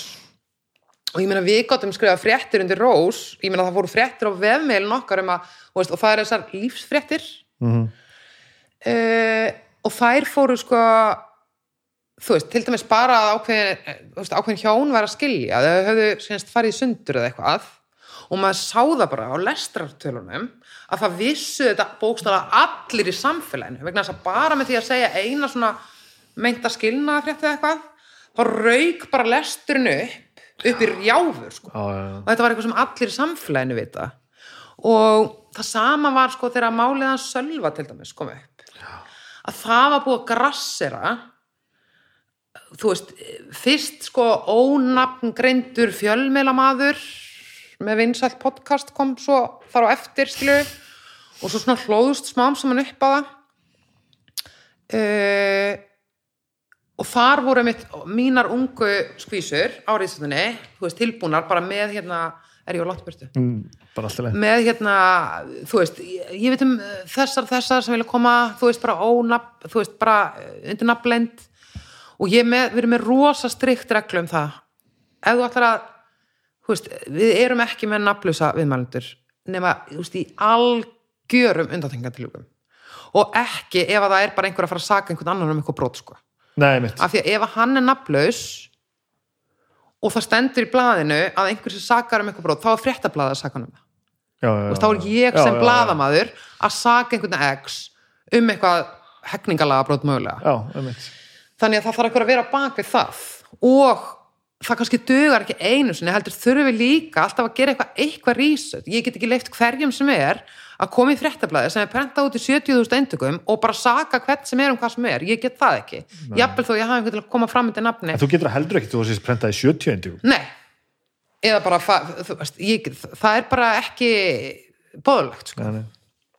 en hérna en þú veist, maður þarf alltaf að finna sér leið inn í svona mál en þarftu ekki annarkvort að flytja fréttina eða sleppa því þessar hálf þessar eru hálffréttir eru- því þá Já. er bara svona, nú ertu bara veða mig til að smetla á eitthvað sko. en þá þarf maður að líka að setja standardin og ákveða hvenar er þú veist, hvar er mín mörk hvar, hvar seti mörk dreg ég mörkin um það hvað ég get sem fjölmiðill fjallaðum ég þarf þá í fyrsta lega að hafa einhverja frétt. Ég þarf að hafa einhvern sors ég þarf að hafa einhverja heimild. Ég þarf að hafa staðfesting á einhverju. Ég þarf að, ég get ekki, sko fréttablaði má ekki verða samfélagsmiðill. Nei, þú veist, fréttablaði er fréttamiðl og á að segja fréttir, ekki kjaftasögur, ekki, þú veist. Og, og ég get ekki dæmi eins og með sölvamáli, þá ef ég man rétt, höfðum við ekki sagt orð um það mál fyrir en ég komst að því hver var lögmaður kvenna sem að höfðu kærtan fekk hana til að tala við mig on the record og segja mér að hennar skjólstæðingar hefðu kært hann til lögreglu. Þá sagði ég þá frétt þá bara segja frá málaflutningi bara. Þá er það frétt já, ég Þú skil, veist. ég skil, ég skil. Eh, tvær konur hafa kært sölva til lögreglu fyrir abjósi og lögmaður þeirra segir hitt og þetta, málið er komið í rannsók lögreglan segir þetta, þetta þú veist, þá er ég komin með bara frétt. Og þá er það uh, þú veist, það er ekkit endilega alltaf frétt að einhver hafi verið kærið til lögreglu. En þannig er annars vegar sko þjóðþektumadur og hins vegar mál sem er búið að vera grassera í samfélaginu og allir einhvern veginn að spyrja sig hvað er, þú veist, þú veist hvað er með þetta mál, hvað er það, hvernig, þú veist hvernig liggur það, hvað er rétt og hvað er logið? Þú veist, og, og hérna og þá er það líka þjónusta. Að finna brútur í, hvar er málið? Þú veist. Og svo er þetta bara blaðamennsku grettan í manni, að þú veist. Bara það var næsta sem ég ætla að tala um ná það, veist. fréttinni, skilur. auðvitað hlýtur þetta svo að því maður skynja það oft veist, þetta er náttúrulega kapplaupið maður. Kapplaupið um það líka hver getur sagt veist hver getur sagt fréttina og svo þetta standoff sem er oft í gangi já, veist, það vita allir, það vita allir af einhverju x-máli, af einhverjum x-manni af einhverju x, þú veist af einhverju sem að gerðist. Og það eru allir að reyna að finna vingilin til þess að geta sagt frá því. Ég bara frá því hver er hver skilur já, já, já, veist, einhver sem í frægur er hérna, grunaður um morð skilur og hver ætlar að fá hver ætlar að sækja sem í frægur, þetta er svo ógæslegt sko það er það, þú veist. Morður er ekkert, ekkert öðruvísi hvort sem að er einhver sem að, að fleiri að færri veit hver er sko. Meina það var það í frettunum þú veist, það var Íslandingur uh, lengi í haldi vegna uh, morsins í rauðagerði. -hmm. og það er maður sem margir vita hver er. -hmm. og það var alveg, þú veist, ok, hvenar getur einhver vitað með vissu að þetta er hann? Mitt. Og það var verið að, gra- það var verið að það var framinn hús, húsleiti í einhverjum húsgrunni í Garðabæ við vitum í hvers húsgrunni það var, veist, og, skilur og þá er maður að keppa við, þú veist, Vísi, MBL og alla hinna einhvern veginn, um hver, hver nær besta skúpinu í morðmálinu, já, þú veist, þá er það auðvitað líka bara eitthvað svona keppnis og það er, þú veist, það tegur kannski engin annar eftir því hver var fyrstu með einhverja nei, en ég mun muna það for ever, sko. Já, já, já. ég mun alltaf muna hvort að ég var fyrst með einhverja frétt. Það, það er nú bara að hafa metna fyrir sem maður að gera sko. en við erum samt komin hérna á slóðunar sko, að fréttinnar eru merkilegri ef að það er þekkt fólk í umræðinni já, það er rosa brenglað sko. morð er alveg jafn mikið morð þó að sé ekki einhver sem að, sem að er frægur sem að var á öðrum, öndanum sko. einhverju hluta vegna þá, þá hérna, er það þetta familiarity sem að lesendur hafa áhuga á, þeir eru bara og ég held að þetta hljóta á fyllt mannkyninu alltaf, alltaf sko, en maður sér fréttaflutningin stundum já, eh, beglast út af þessu. já. maður sér br- brenglun í gangi. Já. þú ert ekki að segja eins frá núna eins og hefur gert ef þetta væri einhver nobody í hafnafyrði sko. nei það getur vel verið sko, það getur vel verið er ekki og það eru hafnafyrði það kemur þessu mál ekkert við Nei, nei, það eru öðruvissi vinklar á því, vissulega. Morð er kannski ekki gott dæmi með það, út af, Nei, að, er fullt, út af því að það var allir áhuga morðum alltaf, sko. Einhverjum fyrirlegum ástæðum, konur aðalega. Kom, komum við á saman stað með það bara, Nei, ég minna, þú veist, morð er alltaf, þú veist, vekja óhug og áhuga. Margt sem vekur óhug, vekur áhuga líka. Og þannig að morð eru kannski ekkit endilega, þú veist, en manni líður, e- eigum að segja eins og það sé meira effort sett í að reyna að ég ætla að nota orðið hanga Já. einhvern af því að fréttin verður stærri vegna þess að við vitum hver hann eða hún er. Já, og það er pínu rugglað sko. Já, það og nú er, ég, nú er ég ekki í þessu til að að berja þá sem eru í, í sjóbis sko. Nei, nei, að auðvitað þurfa bara allir að drulla til þess að haga sér. En það er einhvern veginn þannig að einhver luta vegna þá hefur fólk eh, sko sett einhvern veginn aðra standarta á fólk sem að er í sviðs, sviðslösunu Já, þú veist uh, og fréttin er önnur frétt út af því að það er einhver þú veist, já, já, frægur sem kúka á sér mitt skilur við já, meina það, þetta er bara, bara önnur frétt. Já, það er bara annars eðlis, einhvern veginn. Uh, þú veist, maður sem bera sig í sundlög er auðvitað alltaf fréttaefni, þú veist, af því að það er sjokking og allt það, Já, og hefur svona sjokka effekt. Þú veist, ef að, hvað ég segja, Ásmundur Friðriksson bera sig í sundlög, þá er það pínu önnur frétt og þá þá maður að ringi Bjarnar Ben og spyrja hann býtu, hann var þetta þingmaður í þínu flokki, hvernig, þú veist, ég tek það fram strax, ég veit ekki til þess að Ásmundur Friðriksson hafi gert það, ég hann bara svona datt upp í kollin á mér. alls ekki ætla ég að fara að áfellast hann fyrir einhverja strípinheið, alls ekki. Ég ætla ekki að gefa þetta kynna á neitt hátt. Þetta dattu upp úr mér, sko, svona að ég ég, ég- en við erum að tala um saman hlutin, já. Já, og þá allt í hennu er, er flutningur norðin og, og sko og ég er kannski aðalega að tala um þorsta fjölmiðlana til þess að ganga máli lengra sko. já en það er líka út af því að þeir vita að það er stærri frétt. Já, og ég meina að þú mátt alveg reyna að rökraði við mig að svo sé ekki jú, það er það, jú, jú, en það jú. er stærri ég er algjörlega sammála því. Og uh, og ég meina það, þú veist og það er jafnvel líka líklega að við fáum upplýsingar um hana, já, já, þú veist. Já, já. þú veist, ég fæ ekkit endilega fréttir af öllum reyfröldum á húsfundum sko, þú veist. Nei. en þú veist, ef að Stefán Hilmar skýlir einhvern að kjaftina húsfundi þá, mjög þá ánægð er með einhver líklega til þess að kannski vilja skúpa því í mig sko. þessi neymdroppur er góð sko. nei, ég bara, þú veist já, ég skilji, það að hvað sjálfsög það væri samt geggi frétt, pældi því það maður er frábær frétt, já Nei, því að hann vir, virka líka svo brjálæðist það svona prúður. ég sé hann ekki alveg fyrir mér í þessu sko. Nei, ég meina kannski er hann bara ekki húsum hæfur á húsfundum, ég veit það ekki, skilur, en ef hann, ég meina það væri frétt, ef svo væri. já, það væri frétt Og ég er ekki að gefa til kynna, þetta er ekki eitthvað sem við erum með í skoðun. á fréttablæðinu, ég bara teka það fram, skilur, en ég meina sjálfsög tekka á þessu núna, fyrst að við ræðum þetta, skilur, en, en ég, ég stóri efast um að sé til vandræða á húsfundum. Já, ég er held ekki sko. En þetta hlýtur, allt sem við erum að tala um núna hlýtur að vera eitthvað sem að þarf að ræða algjörlega viðstöðlust er að reyka fjölmiðl Já, já, ég meina við erum alltaf að pæli hvernig við ég, sko, að- annars vegar, sko, við náttúrulega fundum alltaf á mótana klokkan hálf tíu. Tökum svona hálftíma fund þar sem við fyrir við daginn sem við svona alltaf fokkast allt upp strax og fundurinn er búinn. Ef við byrjum með eitthvað plan á mótni sko, sem að gengur svo upp að einhverju leiti en, en að mörgur leiti ferða bara út um gluggana þegar svo gerist eitthvað annað. En þú veist, við svona grúpum saman á mótnana og svo rígrúpum við einhvern eftir háttegið og, og hérna, þú veist, ég þarf að rígrúpa þegar ég fer aftur í vinna því ég veit ekkert hvað er búið að vera að gerast, menn ég er að tala um þig. en, en hérna, þá erum við sérst, annars vegar erum við bara að tala um, þú veist, hvernig líklegt er að dagurinn fari, veist, hver ætlar að dekka þingfundin, hver ætlar að vera hérna að fylgjast með Úkrænu og hérna hver er að gera hvað, basically, og, og hvað við þurfum að dekka og hvernig?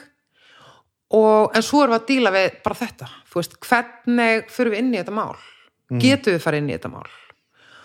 Og við hverja þurfum að tala til þess að geta farið inn í þetta mál? Já, já, já. Veist, stundum leggum við að línun og segir nei, við greinum ekki frá þessu máli en við staðfist ykkur löggunni. Þannig þú ert að ringi lögguna, spyrja og vera svona nægilega persuasive við lögguna og segja bara ég veit að þetta er svona ég er það frá áránlegum heimildum þetta gerist og þetta gerist, þetta gerist svona getur þú staðfest þetta?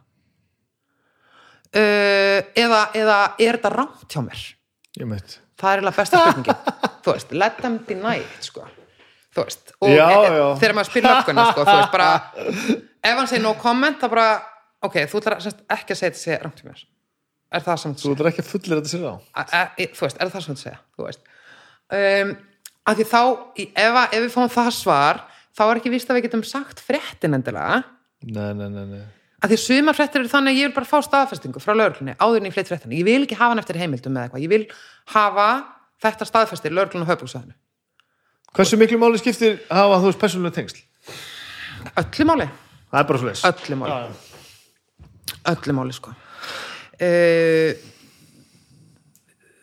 bæði í þú veist og allstar í pólitík, innan löggunar eh, sko, eh, með lögmanna eh, og svo er þetta svo misand eftir hver á í hlut sko. ég meina þú veist, þú sér hvað ég nefni. Ég nefni pólitíkina, lögguna, lögmennina. Mhm. þú veist eh, næsti maður á Íslandinni er veit sko allt um flugheimin. Já, já, já, og þannig að það er flugslis eða eitthvað fokkast í fluginu þá er hann með heimildamenn út um allt einhverja flugstjóra og einhverja, þú veist, hinn á þessa Því nú hljóta hansi margir að upplifa þetta bara sem svona bögg að bara, æ, fucking frettablaði er að ringi mig, þú veist já, það er sem er náttúrulega svolítið skökk afstæða Já. en, en ég skil þetta sömu leiti bara, þú veist, það er ótrúlega misjamt hvernig fólk tekur því sko.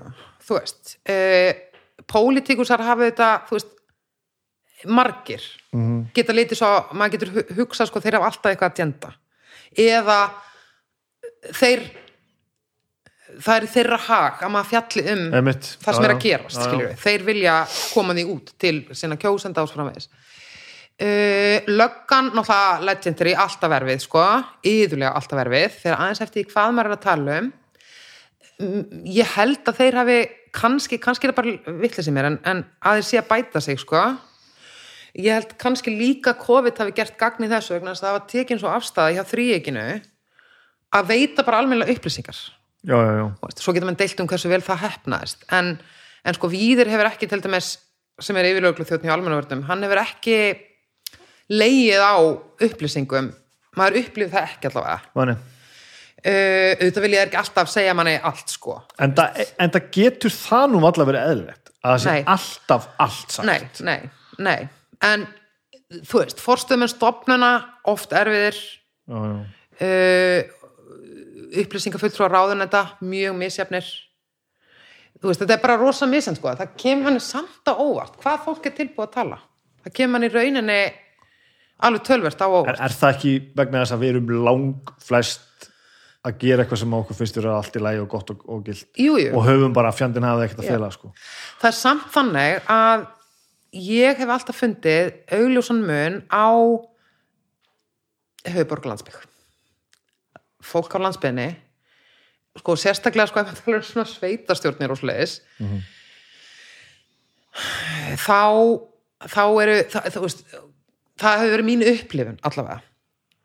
Að margir út á landi líta bara niður á fjölmjöla eins og þeir bara fatt ekki alveg hlutverk þeirra. Líti á þá sem einhvers konar blaða snápa bara og einhverja, einhvers konar hrækamað eitthvað, þú veist bara og, lið að skipta sér af já, og selja smelli með auðlýsingum já. Já, og ég man alltaf eftir að ég talaði um dengstar áður og ég man alltaf eftir ég hef nú kannski ekki sagt upp átt áður en, en ég man alltaf eftir hérna sveitarstjórunum í Mývasveit hvort það er í skútustar, ég man ekki alveg í hvaða reppi og ég veit eitthvað hvort hann er ennþá, ég man ekki alveg hver þetta var.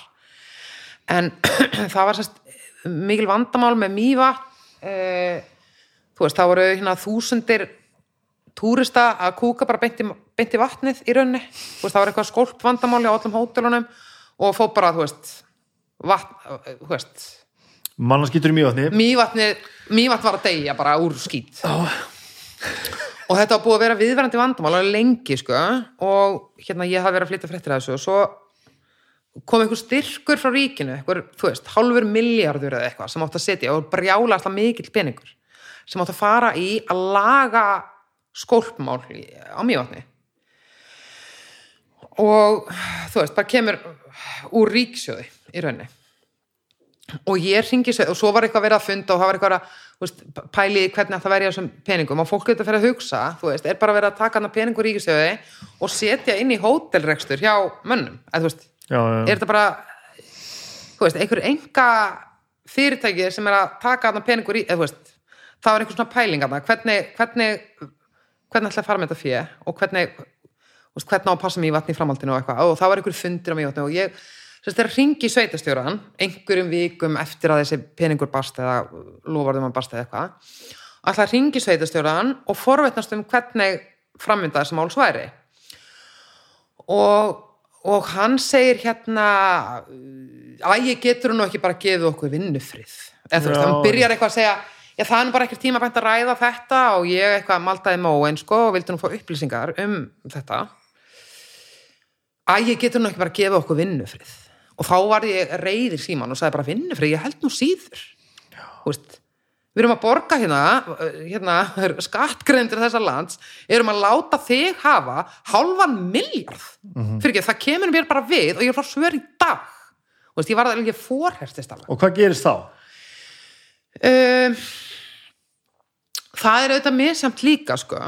Veist, stundum hrökkva menn við og allt í henni fatta bara hvað menn voru að segja sko. já, og, og hérna og maður þarf stundum einhvern veginn að minna fólk á að, að þú veist, ég er líka bara sinna mikilvæg hlutverki í samfélaginu sko. þú veist ég, mitt hlutverk skiptir líka máli. Jafn miklu máli og hlutverk hann að sveitastjóran skilur Mhm. og hérna og ef ég sinni því ekki þá erum við bara eins og Rússland skilur við, og borgarinn það fá bara engar upplýsingar. Og stundum er ég að ringja og spyrja óþægilega spurninga, stundum er ég að ringja og spyrja um eitthvað sem þér finnst ekki vera en frétt en mér finnst vera frétt og þú veist en frétta matið er ultimately mitt samt sem áður, þú veist, það er ég sem vinn á fjölmjölunum og hérna, já, já, já, já, skilur við já. svo er allur gangur á því hvort menn vilji láta hafa eitthvað eftir sér eða vilji svari síman eða veist, blokki númerið mitt eða eitthvað. En þegar þetta eru sko ekki engamál og engin augljós ástæða fyrir að þú ættir ekki að tala af hverju talar fólk þá ekki? það þá er, hlýtur að vera, vera annarkost að fel eitthvað eða í prinsipinu á móti einhver ákveðnu sko. já, sko það er ekki það er ekki algilt sko. Sumum, það er líka þannig stundum að að hérna sumi fólki og, og sérstaklega fólki sem vinnur í stjórnsýslun og svona því finnst genuinely einhvern veginn, engum koma við hvað það er að gera. Alveg sama þó að hafa ekkert að fela?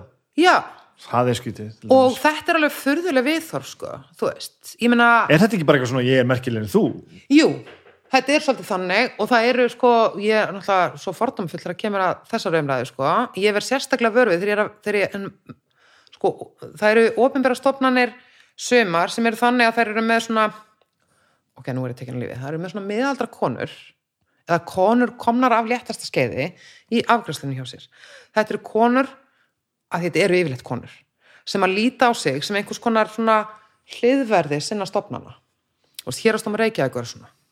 Það er bara hostile sko. Og líta á mig sem algjöran sem sko bara, ég veit ekki svona aðskota hlut veist, sem að á ekkert erindi einhvern veginn. Og ef ég byðum eitthvað, ef ég byðum hérna að var að falla úrskur, ég geti fengið afrið á honum uh, byrju, hefur þú lögmætra hagsmun að gæta, þú veist ertu aðileg málsins, eða ertu þú veist, og, og reyna bara allt sem þær geta til þess að losna við mig. Uh, og þetta er þannig, þetta er svona í fleiri stofnunum sko, og það, það ég veit að það eru örgla hleypidómar í mér, en tilfinningin er svo, að þetta eru konur þetta eru svona eldri konur sem líta á sig sem einhvern veginn verði sinna stofnana og það er að passa að það leki ekkert út. Mm. En einhvern veginn gleyma því á sama tíma að það er að vinna í þáu samfélagsins sko. og þú veist, það er öllum bara í, það er í þáu allra að sem mest sé bara upp á auðbornu og það sem fólk hefur áhuga að vita er það er í eðlisinu jákvætt að fólk hafi áhuga á því sem er á, því sem samfélagi gerir og stjórnsýslan gerir skilur við já, ég á bótt með að skilja að okkur ættir ekki að sko að, að vilja tala um það sem að þú engi þarf að skamma sig fyrir það er að- furðulega, það er furðulega mikil træða í, í því og oft bara skilur maður ekki og þá, þá einmitt það sem gerist er að maður forherðist út af því að um leiðum að finnur fyrirstöðu þá, þá fyrir maður býtu hvert djúlert að fela? Akkurat, nákvæmlega Veist, hvað er þetta bakvið? Af hverju viltu ekki láta mig hafa þessar upplýsingar? Það er eitthvað þarna og þá fyrir ég að grafa og grafa og grafa. Þá fyrir ég, þá fyrir mig að gruna einhvern um græsku. Þú veist, þá var ég ennþá ákafur ég að fá fréttina sem ég er búin að ákveði höfðuna mér að hljóta vera þarna. Af því að Já, þarna það er er einhver að reyna bú- eiginlega búið að búa til. Já En það er ekkert endilega gefið, sko Nei, nei, nei. Það eru líka Sem bara bara þeir- að vera að setja sig yfir því einhvern veginn Já, og bara, hvað var að þig um það hvað við erum að gera hér, sko einhvern veginn Nú hef ég alveg verið stöðu þar sem fjölmiðlar hafa þó nokkuð oft haft samband við mig út af einhverju lutum, sko. Já. Bara hinn og þessu, sko. Bara, bara einhverju dægumálum og, og einhverju vinnumálum og, og, og engamálum, sko. Já. Og ég held að það sé bara eitt mál sem ég hef ekki viljað tala um. Já, Það var bara, ég vildi ekki fara í fórum, þú veist, það var erfið fæðing, semst þegar að dóttur okkur fættist. og ég, ég tjáði alveg um þetta við alla og oft gert það og, en, en ég hafði engan svona einhvern veginn mér langaði ekki rétt eftir þetta einhvern veginn að tala við fjölmila og búa til einhverja já, og hringdur örgulega ætla ekki að skapa fjóri-fimm fjölmilar eitthvað og ég sagði bara þvert nei á alla. Og það var hvergi vandamál. Nei.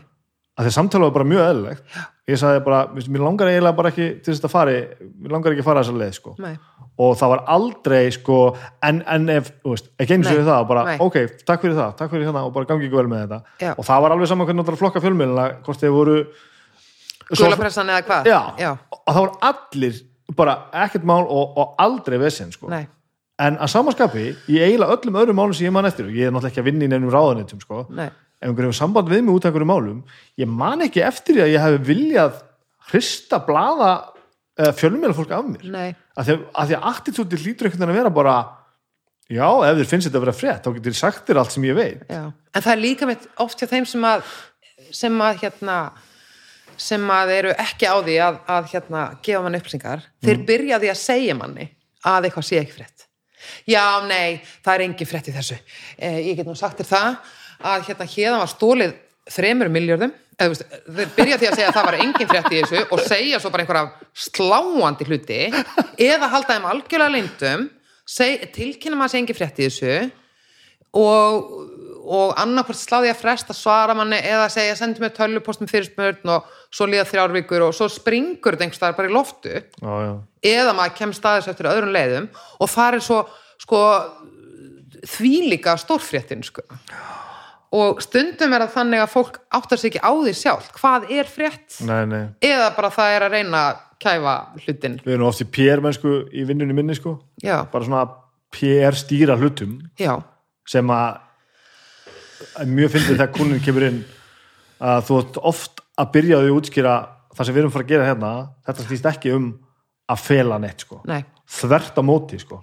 að þegar sko, kunin heldur oftar en ekki að sé að koma inn til þess að geta komið sér hjá því að tala um eitthvað. Já, já, heldur bara hjálpa honum hvernig förum aðeins lengra með það hérna, þegar þú ert að klára það hvað hérna útskrifaðist á eða? Já. Uh, Ég kláraði fyrst B-próf um, Hann er miður þú veist, hrunið kom bara alveg illa ofan í eða þú veist, þegar ég er og það breytti það breytti einhvern veginn lífið mínu. Hrunni Já. Uh, Ég kann ekki alveg í dag að útskýra hvernig það gerðist. Uh, veist, það, það, það er ekki bara út af því að fólk fór að pæli hvernig einhverjir útrásarvíkingar höfðu nýtt sér eh, þú veist, kerfið og og jari jari, heldur bara fólk fór að hugsa um alls konar hluti öðru sem það hafi áður gert. Þú veist, það fór að hugsa um stjórnarskrána það fór að hugsa um alls konar hluti alls konar mannréttindi og hitt og þetta. Og hérna og það hefði áhrif á mig líka. Þá er ég, þú veist það var eins og það var eins og hausnum sko, þegar, þegar ég byrjaði í laganum það var eins og það er kveikt á höfðin á mér á einhvern annan hátt en áður. Veist, er náttúrulega að ég er nýbúin að fatta að ég sé ekki heimsk á þessum tíma. Og þú veist og fer þar þú veist, að uppgöta gildi hugsunar. Já, ég skilja af því ég held að öll mín hugsun hefði verið bull fram að þeim tíma.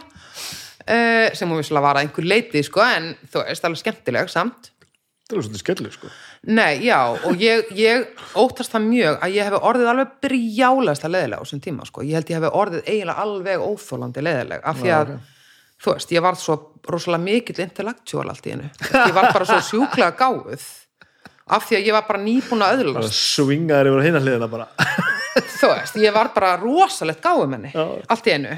Og uh, eflust alveg brjálast að leiðileg. Og hérna, Uh, já, þannig ég fór að var partur af alls konar svona þú veist, hinum að þessum kreðsum tengdum í rauninu sem að urðu til í rauninu eftir efnaðsunnið stjórnarskrar, kreðsan og alls konar svona, þú veist.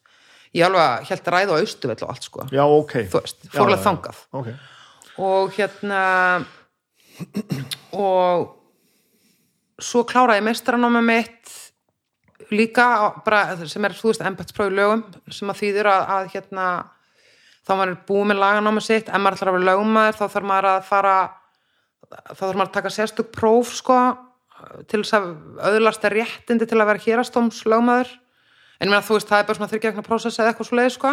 Og það er eitthvað sem langa, þið langar að gera? Að, langaði að, vinna við það? Já, það var eitthvað sem ég hafði hugsað mér eh, ég hafði líka hugsað mér að fara í frekara nám og ég var ótrúlega einhvern veginn eh, sko á þessum tíma þá held ég að mér hafi staðið eiginlega allar dyr opnar upp á gátt.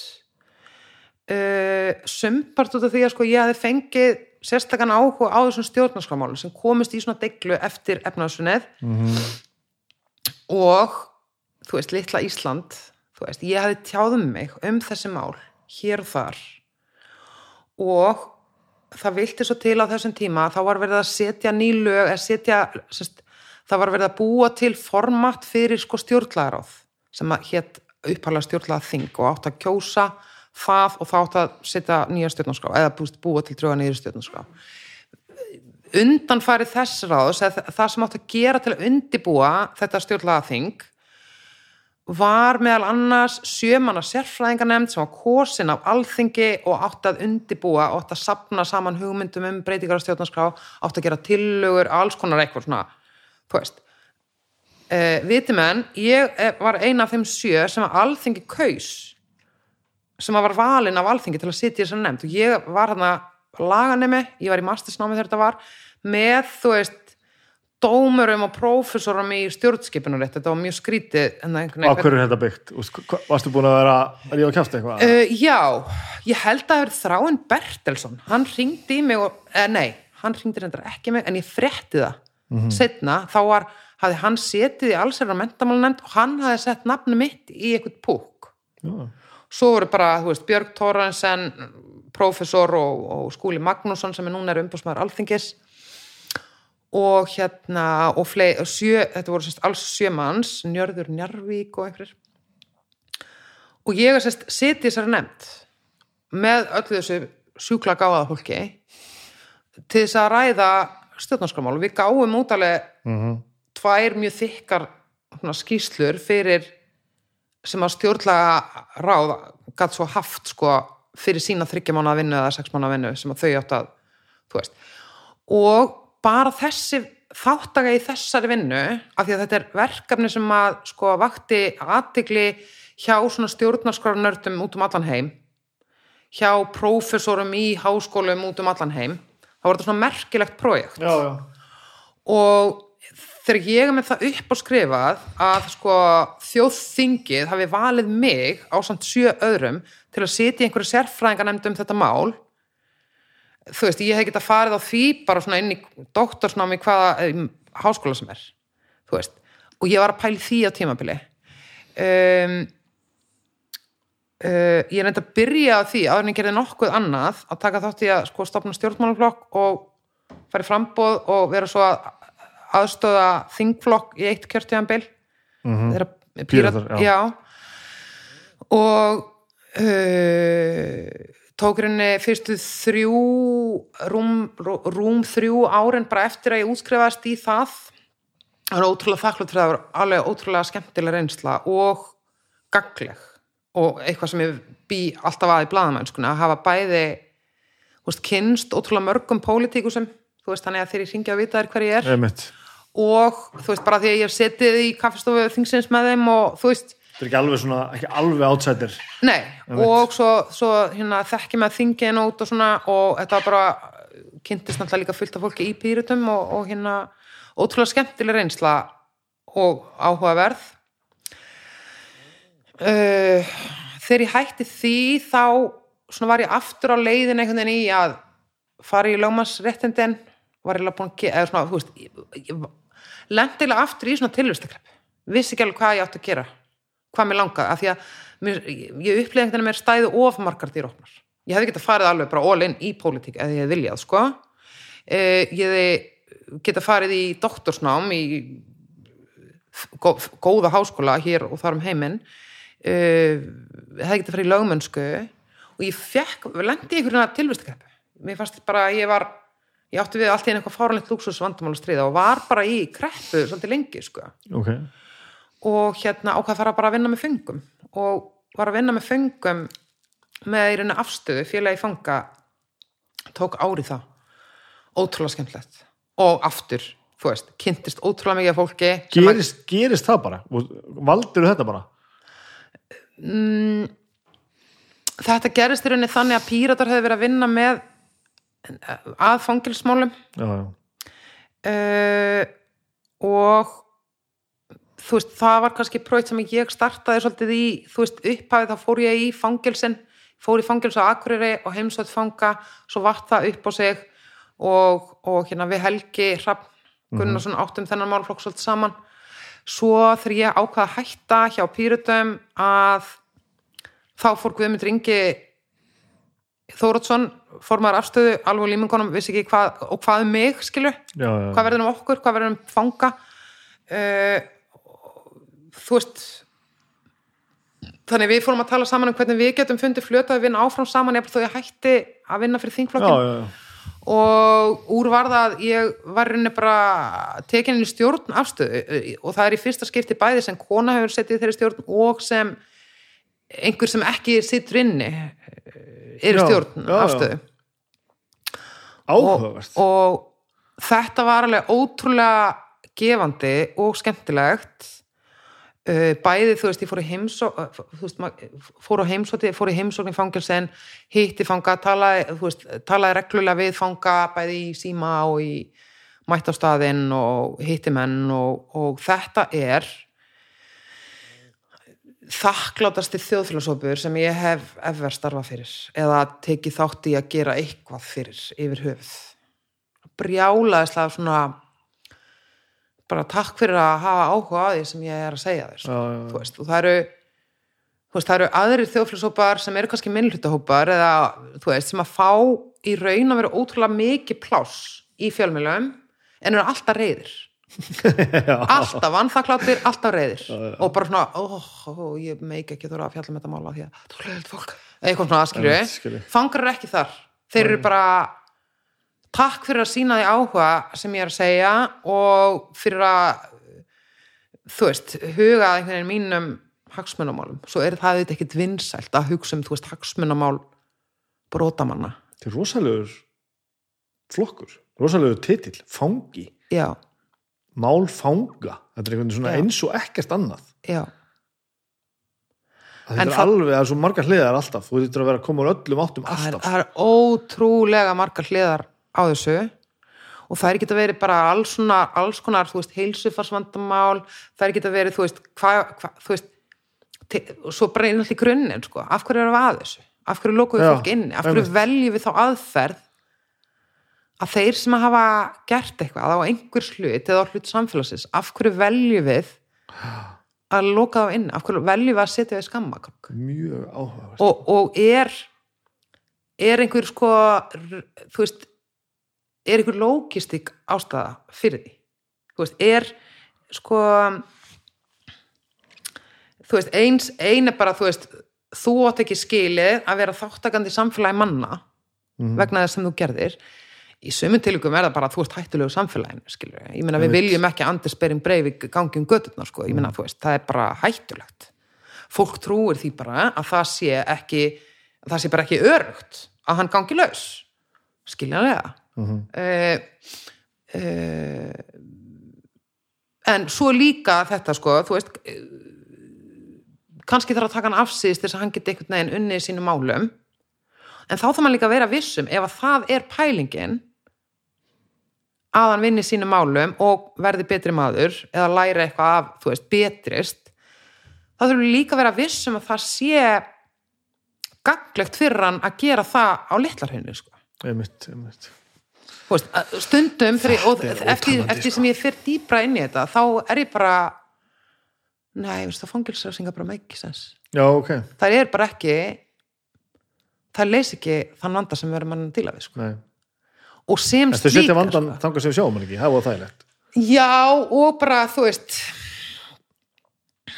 ég menna, þú veist ég menna átti að loka sko útrúsavíkingana inni eða átti að láta að borga bara alveg brjálaðislega háa sektir Einmitt. um, þú veist á að láta þann sem skemmir eitthvað í skammakrókin á læsaninni eða á að láta hann laga það Reglan var alltaf, alltaf svo að það er alltaf að gubb í partíinu en þá eru að þrýfa, sko. já, já Það er alveg góð regla. og hvað, þú veist, svo veltir maður fyrir bara hvað er það sem að breytir, þú veist veldur hugafarsbreytingu, sko mm. En ég þekki fullt af föngun sem hafa verið inn og út, inn og út, inn og út bara fóra efer, sko, og er ennþá bara þar Mhm. þú veist, og það gerir ekkit, sko þú veist, Það er engin endir í sjónmáli. Nei, og þetta er eitthvað sem að ég, þú veist, en ég minna þetta er eitthvað sem að ég, ég sé ekki við sem fara að leysa þetta alveg núna, sko. Ég minna við erum ekki, ég minna þetta er það form sem er einhvern veginn bara yfgað mjög víðum lönd, þar að segja frelsisvifta fólk, Já. en við getum gert það, við getum náð raunverulegum árangri með fólk ef við gerum þetta, ef við hugsum þetta aðeins öðru sig, sko, ef við hugsum þetta lausna með það, sko þar kemur aftur á móti uh, pólitíkinin sem er erfið út af því að þetta er ekki vinsælt Já, já, já. það er ekki vinsælt kostningamál að sína morðingjum einhverja blíðu, sko. Nei, og það er ekki litið á því að að þegar þau eru upp í stað þá er þetta ekki, það er ekki hugsa fyrir fyrir sko morðingjan sjálfan eða nöðgaran heldur fyrir samfélagið sko. Já, rosa erfitt að útskýra það. nöðgarinn fær ekki meira en 2-3 ári í fangelsi sko. Hvað ætlum að gera við hann eftir það fyrir hann svo bara aftur út á nöðga Já, já. Hvað hva hérna er þetta í þið sem að gera þið svona brjála eða svona svona einbeitta í svolítið saman? Þú veist, þú veist, Guðmund, Guðmundur og Gersfjörnsmáli, sko, það, það, það, það var eins og að vera eina sem hefði gest í veröldinni. já, ég tek alveg skorpri því sko uh, og er reyndar sko, óendarlega stolt af því að að þegar ég var búin að vera hvað er rúmlega ár held ég á fréttablaðinu að þá fekk ég blaðmannavelun fyrir Já. umfyllunum gerðsmáli og það, mér, það er mér alveg bara brjálæðislega mikilvægt að hafa, þú veist. Já, þú veist varðandi fangelsmálun og allt það þann part og þar held ég að sé bara hérna mín prívatreynsla sko. Þú veist, að, að því að það er einhvers konar hefni að ég er ekki sjálfur í fangelsi sko, ég meina það er bara einhvers konar hundahefni held ég að hafa ekki drepin eitt eða skilur veist, ég hefði svo auðvelt að geta verið þar. Þetta er bara En samt sagður á hann að þú hefur verið eh, þetta, þessi, þessi brjálæðingur að þú orðar einhvern veginn þannig þangar til að vegna spad. já. Ég var samt alveg smá óþæg eftir það líka sko, en ég, ég reyndi, þú veist, þar fann ég ég fann alveg opbáslega þörfa að fullornast þar. Mhm. Og hérna, og hagaði mér mjög furðulega sko, ég man eftir, ég var að skoða myndir af mér þar sem ég með hann lítinn sko, strákin sem ég eignast þarna, 19 ára. Og hérna, ég kom með kettlingaklippingu Ég- Já, bara fullornast. Já, ég lit klippa með þessu kettling Nei, bara því að, bara já, ok, nú er ég orðin móðir og nú þarf ég að verða miðaldra strax, bara 19 ára og fara að hérna setja kjöt í pækil eða eitthvað, þú veist, ég fór- bara að hugsa eins og, þú veist, og ég hef vel alltaf verið smá svona, Ok. þú veist, ég hef alltaf verið einhvern veginn konfliktill á milli þess að vera einhvern veginn svona ofur skinnsendar, einhvern veginn svona þú veist, þetta er líka svona í heimilsverkunum mínum, sko. Þú veist, menn eða kannski ekki reyna nær, ég bý bara með kallmönnum, sko. Menn eða kannski reyna nærbuxur bara, veist, dögum og vikum saman, en það borða allir með strauiðar tauservittur á hverju einastu kvöldi líka þriðdum og mándum þú veist, ég er öll, þú veist, það er mjög furðulegt heimilshald ég, þú veist, ég hef alltaf verið þannig, sko, þú veist. Ég var þetta bón í gær eins og, hérna, eins og komið þau fram bóna gólfin ég bóna, var bóna heim í Ég gær þekki held ég bara engan sem bónar. Nei, þetta gerist semst þannig, við erum búin að vera að losna við píanó á heimilinu sem hefur eiginlega eðilagt alla einhvern veginn symmetri í stofunni hjá okkur einhvern veginn það hefur ekki verið hægt að reyfa neitt úr stað út af því að píanó þarf alltaf að vera einhvern veginn svo losnaði við lóksins við það. Og við það fór í gang atbyrrós sem ég gat ekki stöðvað. Og hún endaði með því sérst að ég hérna tók allt haugið utan af sófanum og þóði það, svo ertu að býðast til þóttavelni, svo ertu að býðast til að þotnaði og meðan var ég að bó, þú veist, svona svona er aðtíð hátíðið mér svolítið á heimilinu, sko, að þú veist, bara eitt leiðir af öðru og á- en að áður en að við litir ég bara að byrja að mála húsið utan kannski eða eitthvað, af því að, þú Já, veist, það bara þú veist, ég fór ekki svo fyrir sex í morgun, sko. Bara því að ég þurfti að, þú veist, svona þurfti ég að fara að kynna mér þetta, þetta, þetta podcast þitt og áttaði með að það er bara fimm tíma langt og þá þurfti ég að byrja að hlusta á eitt þátt og svo er ég andvakað við því og e, nú man ég ekkert af hverju ég er komin út í Þetta passion sem að er Já, er, þetta, þessi, er þetta þessi, þessi þú þetta misfitt að upplifa þig speklaði í einhverjum öðru? Já, sko, í Já, en svo er það, kannski er þetta ADHD, sko. Það Já, er já. öfgar í svoleiðis fólki oft. Og og hérna, og það gaman að sjá sko, þá sem að hafa fengið þá, og ég meina það er auðvitað þannig með fangana þeir eru allir með ADHD sko það er allir með ómeðhandla ADHD í fangilsunum ofta self-medicata sig og fá kannski refsingu fyrir það, flytja inn sitt eigið amfetamín eða eitthvað, skiljið, þú veist menn ég fæ bara mitt amfetamín hér á lækni og, og lifi bara virðulegu fréttstóra lifi, sko Já. en það eru, það er útrúlega gaman að horfa á uh, ADHD fólk sem hefur einhvern veginn náð árangri og það fer bara alla fokkin leið sko. já, já, já. Mikael Phelps, skýrasta dæmi tekur bara 12 gullvelun og olbílugum eða hvað það var og, og hérna veist, Björgvin Páll hérna markmaður. Já. og ég meina fullt af fólki þetta í veist, listasenunni og þetta já. þú veist og þetta er fólk sem að er í öfgum. Þú veist, eins og þegar ég byrjaði lögfræðinni þá bara komst ekkert annað að, ég var bara með það á heilanum og ég las bara fram á nætur þú veist, svo, svo hérna gerist eitthvað í geirfismálunum sem gerir það verkum að ég kynni mér það fyrst það er nú það var nú allra fyrst einhvern löngu áður en ég byrjaði lögfræðin bara þegar ég var mjög ung, bara um tvítust Ég man eftir þér að tala um þetta þegar við erum að drekka kaffi og eitthvað annað. Já, gamla já.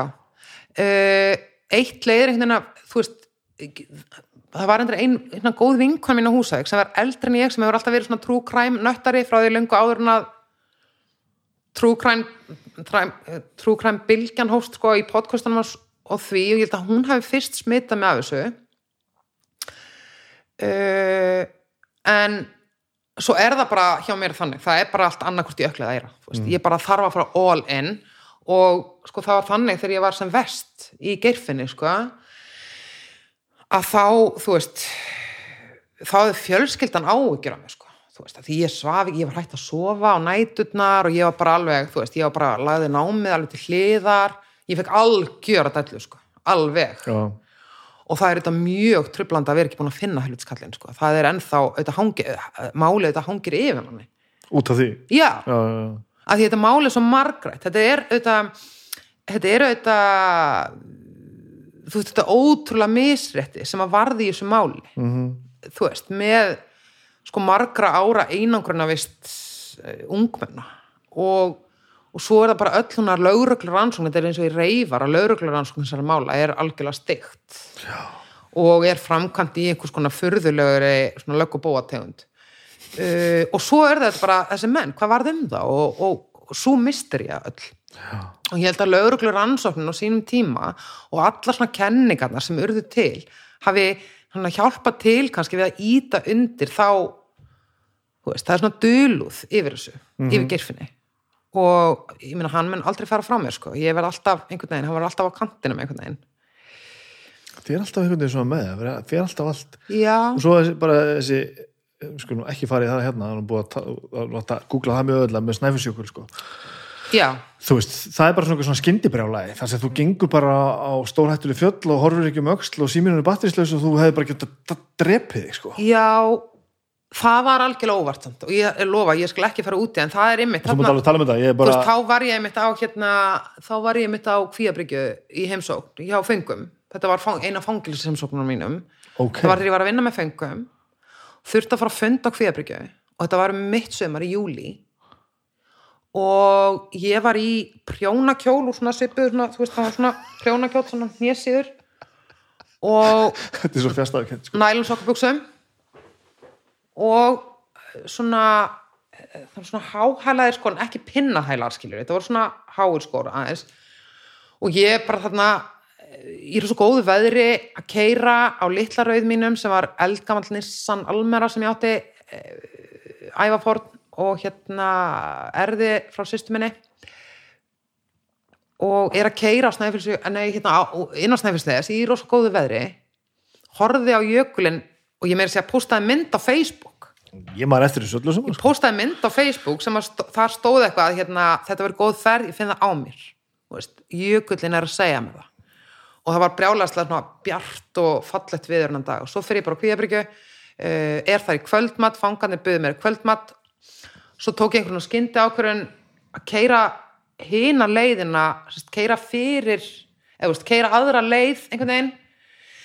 Eða þú veist, mér langa allt í svo upp að jöklin þegar ég er að koma og klukkan þú veist, hálf tíu um kvöldið eitthvað. Og hérna, og ég keiri þarna upp á svo stendur þarna, þú veist, Snæfellsjökull, þrýr kilometrar og það er bara einhver malavegur og sem endar svo bara á einhverju svona malar sennilega einhvers svona malarstæði eða eitthvað, ég veit ekki alveg, þetta var alltaf svona pláss þarna sem ég gætt lagt bílnum og ég ætla ekkert upp á jökulinn þá. Þú veist, ég ætlaði bara aðeins út, fá mér eina rettu þú veist, uh, svo var ég með ég var með hlaupæði á þessum tíma. Ég var alltaf að hlaupa, út að hlaupa sem líka mjög skrítið af því að ég bara byrja allan mótan bara að kaffa sík og er svona kýrsetum manneskja algjör er ekki sportisti sko. ég æfði sund í gamla daga en annars bara finnst mér reyfing yfirleitt óþægileg. Og hérna, en ég fekk eitthvað svona dellu þetta sömar og var alltaf eitthvað að reyfa mig. Rosa sportisti, gefti mér fína hlaupaskó sem ég var mitt með í bílnum. Uh, og ég var með svona flýsvesti líka í bílnum þannig ég fór semst, í hlaupaskóna, bara var bara í nælonsokka buksunum og kjólnum en fór úr þarna hælaskónum í hlaupaskóna í flýsvestið og ætlaði bara að taka eitt svona ring þarna bara á svæðinu, mér varst bara eitthvað svo gaman að vera upp fyrir snæfellsjökul og það var líka svo geggja veður. Og hérna, og þannig að þú veist, klukkan var um tíum kvöld en það var alveg bjart úti, þetta var í júli, það var alveg um hásumar. Þannig ég er bara eitthvað að rölda þarna og byrja svona eitthvað smá skokk eftir einhverjum einmynduðum stígum og sé svo að það er svona komin skíðalifta eða ég, ég vissi ekki hvað það var, ég sá bara einhvern, einhvern skúr. Og ég hugsaði með mér að því að það var svo fattilt veður að ég geti kannski ná mynd, þú veist, yfir flóan eða eitthvað ef ég, ég kæmist upp að þessum skúr. Og svo er ég komin upp að þessum skúr en það var, svona, það var svona erfitt að labba því að hérna, það er ótrúlega laust í þetta er ótrúlega, það er fyrirlegt að það fjalls ekki hrun því það er ótrúlega laus öll mölin í því. Og hérna eh, en ég komst samt, þegar þú veist, þetta var samt þannig að ég er svona, þú veist, þurfti alveg að hafa fyrir því svolítið að komast upp að þessum skúr.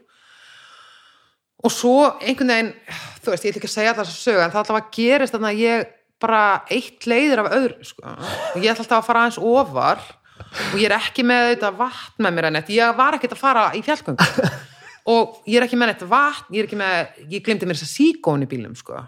Sem var auðvitað aðalbömmerinn og ég er auðvitað með óhlaðin síma. Og áður en ég veit það, svo er ég komin svona upp undir mið, mitt fjallið. Ég get ekki kallað jökula því að veist, ég var reyna ekki komin í snjóin strax. En, en hérna það er aðna svona ég veit ekki hvað þú veist, það er aðna á ákveðin tíðanpunkti sem ég átta mig á því að ég er að fara eins langt og ég kemst sko veist, ég ætla að lappa þanga til ég kemst ekki lengra sko og ég fór bara upp á topp sko.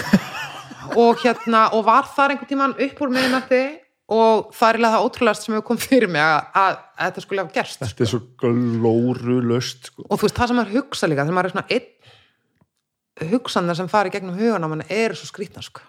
þetta er svo furðulegt að vera, maður kemst í alveg furðulegt og ég skildi fyrst þarna hvað er að komast í einhver svona yfirnáttúrulegt samband við náttúruna. Mm. þú veist, af því að, að það gerðist. Og ég hef aldrei, þú veist að fólk svona náttúru nötturar hafa haft talaði með eitthvað svona, vera samband manns og náttúru eitthvað, þú veist, sem er bara eitthvað þú veist, en ég alltaf að ég allt einu rann upp fyrir mig hvað það þýtti Snæfellsjöngin er alltaf ekki alveg eðlilegur að þessu leiti, hann er eitthvað, hann er í alveg eitthvað dölufell, hann er skrítin sko. Hann, hann, það heyrast hljóð í honum. Og svo förðuleg hljóð. Einhver svona hljóð sem eru svona hólað innan og svolítið skrítin og svona skeri hljóð, ég var skítrætt sko. Ég heyrði alltaf þessu hljóð í honum og ég var alveg vissum hann alltaf að henda mér af sér hann alltaf að gera mér eitthvað. Mér finnst hann ekki vera vinnveitur en hann var samt samt var hann það einhvern veginn. Og ég var alltaf rosa hrætt við hann þegar ég var að fara upp og ekki síðan alltaf leiðin niður en, en hérna, svo var ég líka með móral út af því að ég var alveg vissum að ég var að gera eitthvað sem ég, ég held ég mætti ekki vera það var engin göngustíð, ég var bara að fara beint á augum sko. og ég veist ekki hvar fólk lappar. Ég veit ekki ennþá hvar fólk lappar upp snæfellsíkul, ég bara hef hugmyndið það. Ég fór bara upp. um, og stundum var þetta valla hægt sko, svo var ég alltaf að reyna að finna út sko ámarlappa þegar ég var komin yfir á ísbreðina sko, eða þú veist þar sem ísbreðin er. Það var, og ef þú sko að myndir á snæfellsíkul getur þú séð það, það er svona rendur í honum. Þannig að maður getur áður en maður er komin upp á hettuna sjálfa, getur maður valið hvort maður er í grjóti eða, eða ís. Já, já. og ég var alltaf að reyna að finna út í hvora megin ég ætti að vera. Ég vissi ekki, fyrst vissi ekki hvora megin maður mætti vera eða hvort maður ætti að vera, hvort það var eitthvað reglur í þessu. Ég veit ekkert um fjallgöngu, sko ekki neitt. Og hérna, en það var ennþá vera svo að leiðinu niður sko, þegar, þegar ég var konu þá þetta langaði mér svo sjúklega í sík og ég hafði enga tíma til að stoppa upp og ég var agalega fúl út í sjálfum mig fyrir að geta ekki fengið mér rétt upp á toppið. Það var þetta, er- þetta, þú veist, mesti bömmir ever og allir reykingamenn skilja mig, skilja, ég segi þetta. Veist, það er ömulegt, það verður búin að lappa upp á heilan fokkin jökul og get ekki kvitt sér í, það er ömulegt en, en ég, mér lág svolítið ákomast niður og, en þá er þetta bara "Fuck, hvernig ég að fara niður? Mm. að ég fattaði það þegar ég byrja að lappa niður að veist, það er bara hefi erfitt sko. Og sérstaklega niður snjóin sko, þú veist. Þannig að á ákveðin tíma på segja, ok, það hlýtur að vera örgast bara að setjast. Þú veist, það því að ég var sætt með við rinni þá bara myndi ég fljúa hausin sko. þannig ég bara sett það rassin og þá er dettur yfir mig. Og allt í einu sá ég að því ég bjóði hérna á Snæfellsnesinu, nei, nei, hérna á Seltjarnarnesinu, ég bjóði út á byggörðum í byrjaðverstaði sem er búið að uppgera sem hús. Já, já. og hérna og þannig ég horfði á Snæfellsjökul. Og þegar ég fór á jökulinn þá horfði ég á hann út um gluggan bara heima, mm -hmm. hann var bara beint af augum sko. Og þar sem ég sat þarna á rassinu um að renna mér niður jökulinn þá, þá horfði ég á mig þá, þá, þá fór ég úr huganum og aftur inn í eldursklugan heima hjá mér og sá sjálfa mig fyrir mér út um eldursklugan vera að renna mig niður snæfellsjökul á rassinu þetta var algjörlega fáránlegt en þessi reynsla öll er bara þetta er, eh, þetta er hérna ótrúlega lífsreynsla. Og var það og auðvitað þú veist, get ég sagt, þú veist, ég mæli með því fyrir alla að fara og gera eitthvað skrítið út í náttúrunni fara að gera eitthvað spontaneous og furðulegt. En á saman tíma get ég þetta ekki því þetta gerist óvart. Þannig að Já. svona reynsla þarf vel að gerast óvart til þess að verða alvöru genuine. Skora fólk að fara að gera eitthvað óvart? Já, en það kannski bara að að, hver, að þú veist, fólk þú veist, láti vaða á hluti sem það er að, þú veist ég meina þegar það er einhvers staðar bara, þú veist, leiði þeir að hérna finna fyrir náttúrunni, sko. En svo er ég algjör innipúki, sko. Ég nenn aldrei að vera úti, þú veist. Ég meina ég er örgulega eina af hérna 5% sem fór aldrei á eldgósið, að ég líka, þú veist, ég bara nendi því ekki það er saman hér sko. Þú veist, ég, ég fór ekki á snæfellsvík að því að ég nefndi því svo rosalega mikið þú veist, ég var ekki á leiðin í fjallgöngu sko. en stundum bara gera svona ótrúlega furðulega hlutir og, og þessi þessi klukkutímar sem fóru þetta verða alltaf með mér á rosa skrítin hátt og, og rosa persónulega af því að svona líka þetta hefði ekki verið svona ef ég hefði verið með einhverjum öðrum sko. en bara því ég var ein einhvern veginn með sjálfum mér og var hrætt þú veist, ég var alvörinu hrætt og ég var bara lífhrætt sko. og veist, hvað er ég að labba hérna með ekkert númer á, ekkert hérna þú veist, ekkert hérna batteri á símanum. Ég er þetta hringdi í vinkunum mína, lillu vinkunu og sagði bara, hérna, láta þið vita sko, þú veist, ef ég týnist þá er ég á snæðfylsjökli þú veist, ég náði því áður en að sími var batterist, þú veist, þá hringdi ég sérst í lillu og leta hann vita. Ég er að labba á, ég er í jökulgöngu. Þú veist bara af því, skilur ég og hérna þannig hún hefði getað sem sagt, ég hef ekki, ekki þurft að enda sem gerfinur sjálf en, en hefði svo vissulega, hefði svo sannlega geta, geta hérna enda þannig. Náður að hrista að þér brjálæðingin og, og, og hérna þú veist, bara eignast tvö börningur í misjöfnum sambundum og helst þú verið heimsk og varst algjör brjálæðingur. Náður að hrista þetta, þú veist að þér svona í, svona í prívatlífinu líka? Og auðvitað bara búin að koma einhverja gráðu og farin að vinna einhverja flotta vinnur og eitthvað gerist það samlega bara einhvern veginn að Já og nei, sko. Uh, Já, ég meina ég er þú veist, ég er búin að kynast mannunum sem ég ætla að þú veist, ég veit ekki hvort okkar grefur hitt, hann er tíur meldri en ég þannig að hann er svona líklega skilju mm Mhm. og þú veist, við erum búin að vera kærustupar og sambúða fólk í þú veist, 5-6 ár sannlega er það fyrsta svona alveg sambandi það var? Uh, Nei, nei. Þú veist, ég er alveg búin að eiga sambönd fyrir, sko. Uh, er bara veist, líka sjálfrósa seinþróska og gamaldags einhvern veginn. En þú veist, ég er líka kannski, ég held reyndar að sko lengi hafi ég sko miskilið svolítið mikið ástina. Þú veist, hvað hann er. Af því að ég held að sko ég held að haft einhverja svo óraunhafi væntingar um hana og og ekki fatta að þú veist ég þyrfti líka að leggja eitthvað á mig átti þetta bara að koma til já, eða þú veist að þú veist, og það er kannski svolítið það sem ég fattaði líka, þú veist, þetta, snæfilsjökuls æfntri mm. það gerðist á tíma í mín lífi þar sem að ég var sko kærast minna að dömpa mér uh, ef við hægt saman uh, ég var að missa íbúðuna hérna, ég legði íbúðuna hérna á snæfilsjökuls, hérna á seltinni sem segja ég uh, bílskurinn fekk hann bara í tvö árið eitthvað sles hérna bílskurinn, bifræðverstaðið sem ég legði það var raunist skeið, ég var nýhætt að vinna í þingunni á Pírutum og ég var einhvern veginn svona á núlpunkti allstaðar og, og þetta var ég að hugsa þegar ég var að lappa á hérna jökulegin og og ég var einhvern veginn og, þetta er alls ekki ætlað til að vera einhvern svona leksi og þetta er það ekki. Og þetta kom ekki þannig til mín. Heldur var ég að hugsa um allan tíma mína eina ábyrða mínu lífi. Veist, mína eina ábyrða því að vera enn að leia eins og grúlingur og, og hérna og hvað ætla ég að gera þess að laga veist, lögfræði, ég minna af hverju er ég bara eitthvað búin að segja vinnunni og er ekki meina vinnu? Hvað byrja á ég ekki vera að koma með einhvern karriér hérna og og hvað er málið með þessi, þú veist, ástarmál? Ég meina, ég er hún 40 eitthvað ára gömul, sko, þú veist, come on. Börnum minn bara á hún fullarinn og ég er bara eitthvað hafa mér alltaf eins og krakki, sko. Hvernig ætla ég að taka ábyrð því sjálf? Og ástin er þú veist, svo ótrúlega hverstaslega í rauninni. Mhm. og þú veist og þegar ég fatt að ást er bara ákverðin í rauninni. Já, stórpartur, já. Þú veist þú hrýfst að einhverjum, þú heitlast að honum verður svo skotin í honum ástfengin á honum, svo ákveður að elska hann og þú ákveður bara að gera á hverjum einasta fokkin degi þeir eftir sko. Mikið og er það er oft challenging ákverðun en þú er samt búin að ákveða það.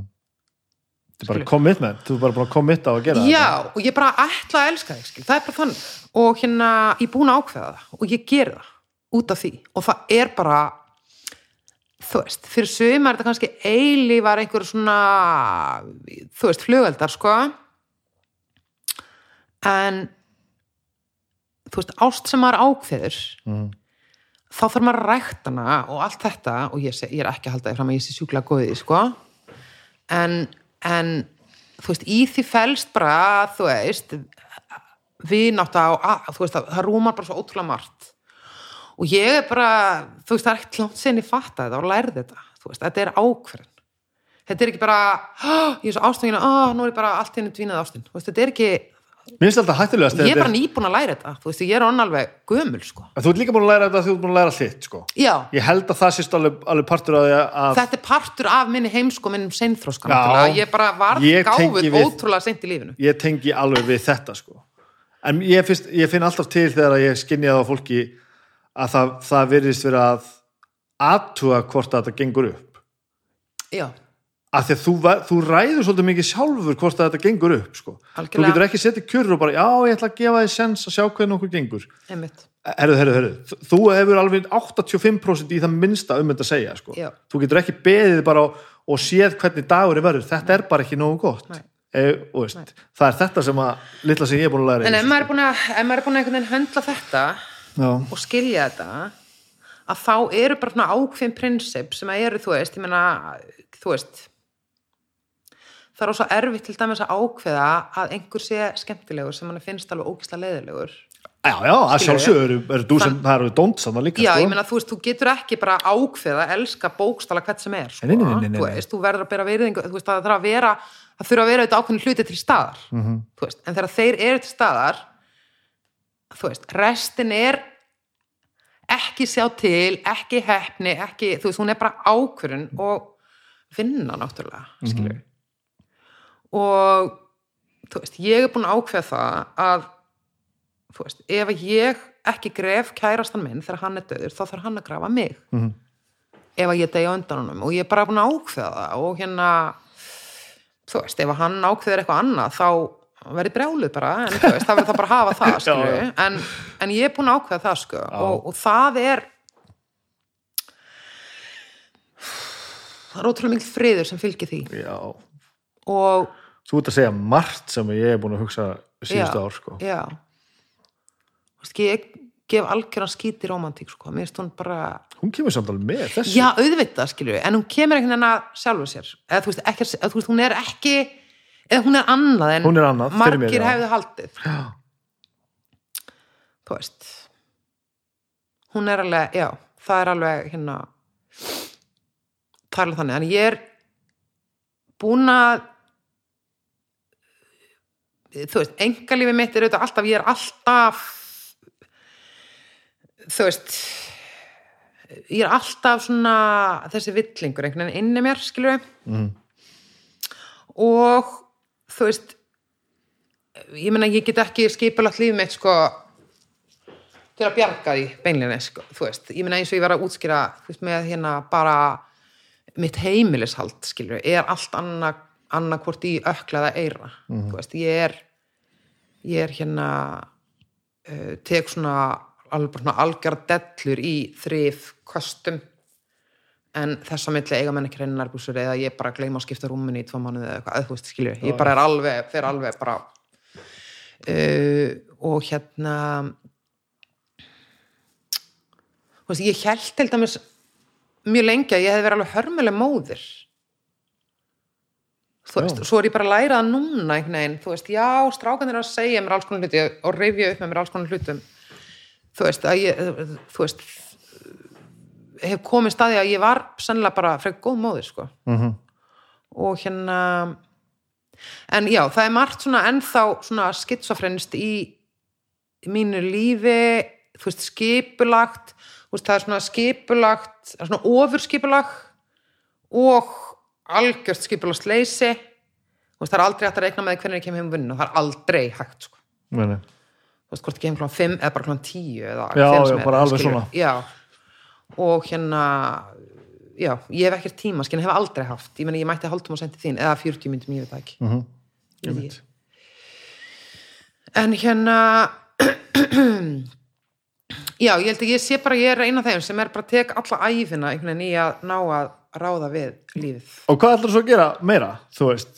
Hvert, hvert ferður svo með þetta? Ertu, ertu með eitthvað plan? nei ég En þú ert alveg klálega ekki komin út að enda. Man finnur bara að tala við þig að nú ertu bara eitthvað staðar... Já, sko ég ákvað það að því að það hefur verið, þú veist, ég fekk á tímabili, fekk ég bara, varði ég smá þreytt á fréttablæðinu og það er svolítið síðan, sko, það eru, þú veist, tvö, þrjá ár síðan eitthvað, var ég, og þú veist, þá var ég bara búin að vera þarna í, þú veist, þrjú orðið eitthvað og var bara en þá tók ég alveg svona formlega ákvörðun um að ég ætla að vera blaðamaður svo lengi sem ég þarf til þess að verða góður blaðamaður Ok. og ég menn það tekur alveg tíma þú veist, mér veist ég ekki geta eða til þess að geta sagt á resamiðinu mínu að ég hafi í raun og veru verið blaðamar og mér veist það taka Marg, taka tíu ár? já, Ok. Margir hafa nú logið með minna í bakpókum en þú ert með núna. en þú veist, ég veit það ekki, ég veit það ekki eh, sko, ég, eh, ég er ekki mér veist ekki endilega líklegt að ég verið blaðamar eitthvað forever, sko Nei, nei. Uh, ég er, mér veist ólíklegt að ég fari út í lögumenn sko hérðan af Ok. ég nenni bara ekki að vera þú veist, eitthvað 50 að opna lögmanstofu eða eitthvað sko. en maður veit aldrei, ég veit aldrei það er aldrei að vita og svo eru þetta margar aðra hliðar á blaðamennsku líka ég meina það er, það er, það er podcastin, það eru heimildamyndagerð og það eru alls konar hlutir sko, sem er bara í alls konar svona meðlun sem ég finnst spennandi og mér finnst spennandi líka ég meina fólk eins og á minni rýtstöðin er fólk með alls konar mentun Mhm. Mjög fjölbreytt fjölbreytt ment þú veist, þannig að eh, lögfræðingar geta gert ótrúlega margt og líka í miðlun upp, þú veist, í hvort sem er heimilt átt að gerð, podcast, fréttamennska hvað sem er, sko, er ótrúlega margt að gera kannski fyrir bara að skrifa skáldsögur, ég veit það ekki ég, Já, já. Já, hérna er. Þetta er gaman. Djúlega þetta gaman, maður. en við tölum ekkert um okkar gamla djam eða neitt, Nei, við gerum ekki það því. fengsennuna ekkert, en við gerum það bara veist, við, viss, við vissum það líka allt, sko. auðvitað, auðvitað, það er eitthvað sem er Og skýtið að við séum að tala saman um eitthvað sem að... já, En það var gaman, sko. það var mjög skemmtilegt sko og hérna, og ég vildi ég minnst það alltaf svo gaman, ég sé stundum pop-up eða gamla myndir eða eitthvað af einhverjum sem að, þú veist, er að fara í gegnum gömul myndasöfn og finna eitthvað frá sem förðulega þarna, tveimur, þreimur árum á húsa sem, allt var, mikið lengri tími, sko. Sem alltaf klikka sko, þú veist, þeirra rótþróun og, og exit frá Akureyri voru og, og hérna Hrafnar og þessi hérna hvað hétið þið, bara, þú veist, endalust það var endalust hreina nólar og ræsið og, já, og og, og, og skurk og allt þetta jésús minn. Og þetta var svo skemmtilegt, þetta var svo ótrúlega skemmtilegt þetta var nefnilega gaman sko. Þetta var alveg raunverulega gaman. Já, maður er náttúrulega bara fyllt þér eitthvað í burtu sem var ekki alveg af gaman en þetta alltaf bara þetta var svo mikið afl þetta var svo stert sko. þetta var bara Ég hef oft rætt um þetta, við vorum að hérna vinna bæði eh, þegar ég var í þinginu, þá var hann hérna, þá var hann þingmaði Bjartur Framtíðar, hann Óttar Proppi mm og þegar við segjum frá húsæk þá, þá er- upp og komi ljósa við hefum verið í sumi partíunum og verið í staðabrekku að balla og verið hér og þar og þú veist, í kjallanum í Esbyggi og allt þetta og hérna, oh my god þú hlýtur nú að hafa einhvers konar bann þegar að sko stæsta partíið sem var þar þegar við vorum bara, æða ég var ekki þar, ég veit alveg hvað ég er búin að Þú veist hvaða ég partí veit alveg hvað partí ég var að tala um. já, Og hérna En við vorum að tala um þetta við óttar Sko Og ég meina hverjum finnst kannski sinn fugl fagur eða eitthvað en, en hérna við vorum að tala um þetta og við vorum að tala um stelpur og ofurelvi stelpur skilur við ég bara, og, kannski er rangt sem er en í þessari senu sem ég þekkti þrátt fyrir allt eiginlega öll mín úlingsár eiginlega alveg bara frá ég er, þú veist, 12 ára og allir nefnendur barnaskónus og lögum vildi ekki fá mig að því ég var svo mikið vandræða barn og þangar til ég var bara tvítu eða eitthvað, þá var ég loða, viðlóðandi einhverja svona senu sem ung kona. Mhm. úlingstúlka í rauninni. Oft að djamma með mér mun eldri mönnum. Uh, og auðvitað, þú veist, mín kynnslóð er þannig að sko stelpur stelpur af minni kynnslóð sko, það sem það eru ekki fyrir sko. Mhm. og, ha- og og hafa aldrei talað um það. Og líti ekkert endilega svo á að það er þyrft að tala um það, mm -hmm. skilur við það var bara, þú veist shit happened, skilur við á öllum fylliríum hjá öllum stelpum ég man ekki eftir því að það hafi neitt svoleiðis gerst inn í þessari svona punk þungaroks kreðsu. Ég, ég ætla ekki að halda því fram að hafi ekki gerst en við vorum að tala um þetta við, við hérna óttar og að þess að að það var einhver alveg sérstu kemmestri að það Já. þú veist og það var alltaf bara þú veist, nei, hún, hún, hún Lilja er bara hérna sopnaði, hún er dauð og ég loka hann í herbyggi og hérna Maggi stendur vörð við hurðina að passa hana, þú veist, það var bara einhvern veginn, það var bara alveg, það var í alveg, alveg spes fílingur. Mhm. -hmm. Ég allavega upplýði það þannig og sko ég var, þú veist ég meni ég hefði geta verið hýð sko fullkomna nöðgunar fórtanlamp á hverju einasta kvöldi öll þessi ár, skilur við alltaf aðeins og full, alltaf aðeins of illa klætt, alltaf aðeins of tröst trösting einhvern veginn, þú veist, ég var að hýð fullkomna nöðgunar fórtanlamp á hverjum einasta degi, öll mm. mín úlingsár e, í þessum félagskap þú veist, þurfti ég aldrei að hafa ágjör og hafður það samanbörður ykkur öðru? Ég meina, og, Já, alls konar, ég menna, þú veist, bara sveitabóla stemningin, þú veist, svo menning, sko, sem var þar, ég menna, og fannst alveg svona bara já, bara öðruvísi fílingur, þá var einhvern veginn bara meiri svona, þú veist, svona kamratship, einhvern veginn, þú veist, það er skemmtilega við þetta og jáðarinn sko. þetta eru við á móti þeim sko. það er, já, það er einhvern veginn þannig, sko, og þá þurfum við að vera saman í þessu sko. já, ég er að fara að spila tónleikum á Lemmi á fimmtudaginn og Dillon á föstudaginn Já. bara þungarokk Já. og það er frítt inn sko. Já, ok, og ég er ekki í 40 og 4 ára og búin að gera allt sem ég er búin að gera í, heim, í, í músík og listum og þessu og öllu saman.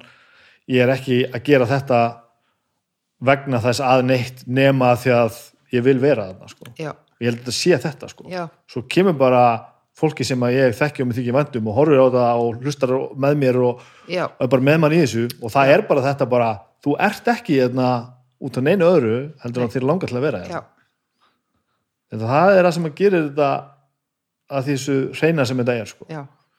og það er bara, ef þú vilt vera hérna þá þarftu líka að vera til frið sko.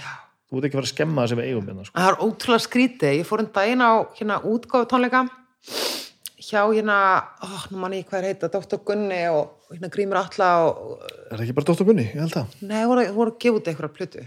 Já, Allavega. Er það ekki bara Dr. Gunni? Ég held að heiti bara, bandið sé bara Dr. Gunni, sko. Er það? Held það. Getur verið.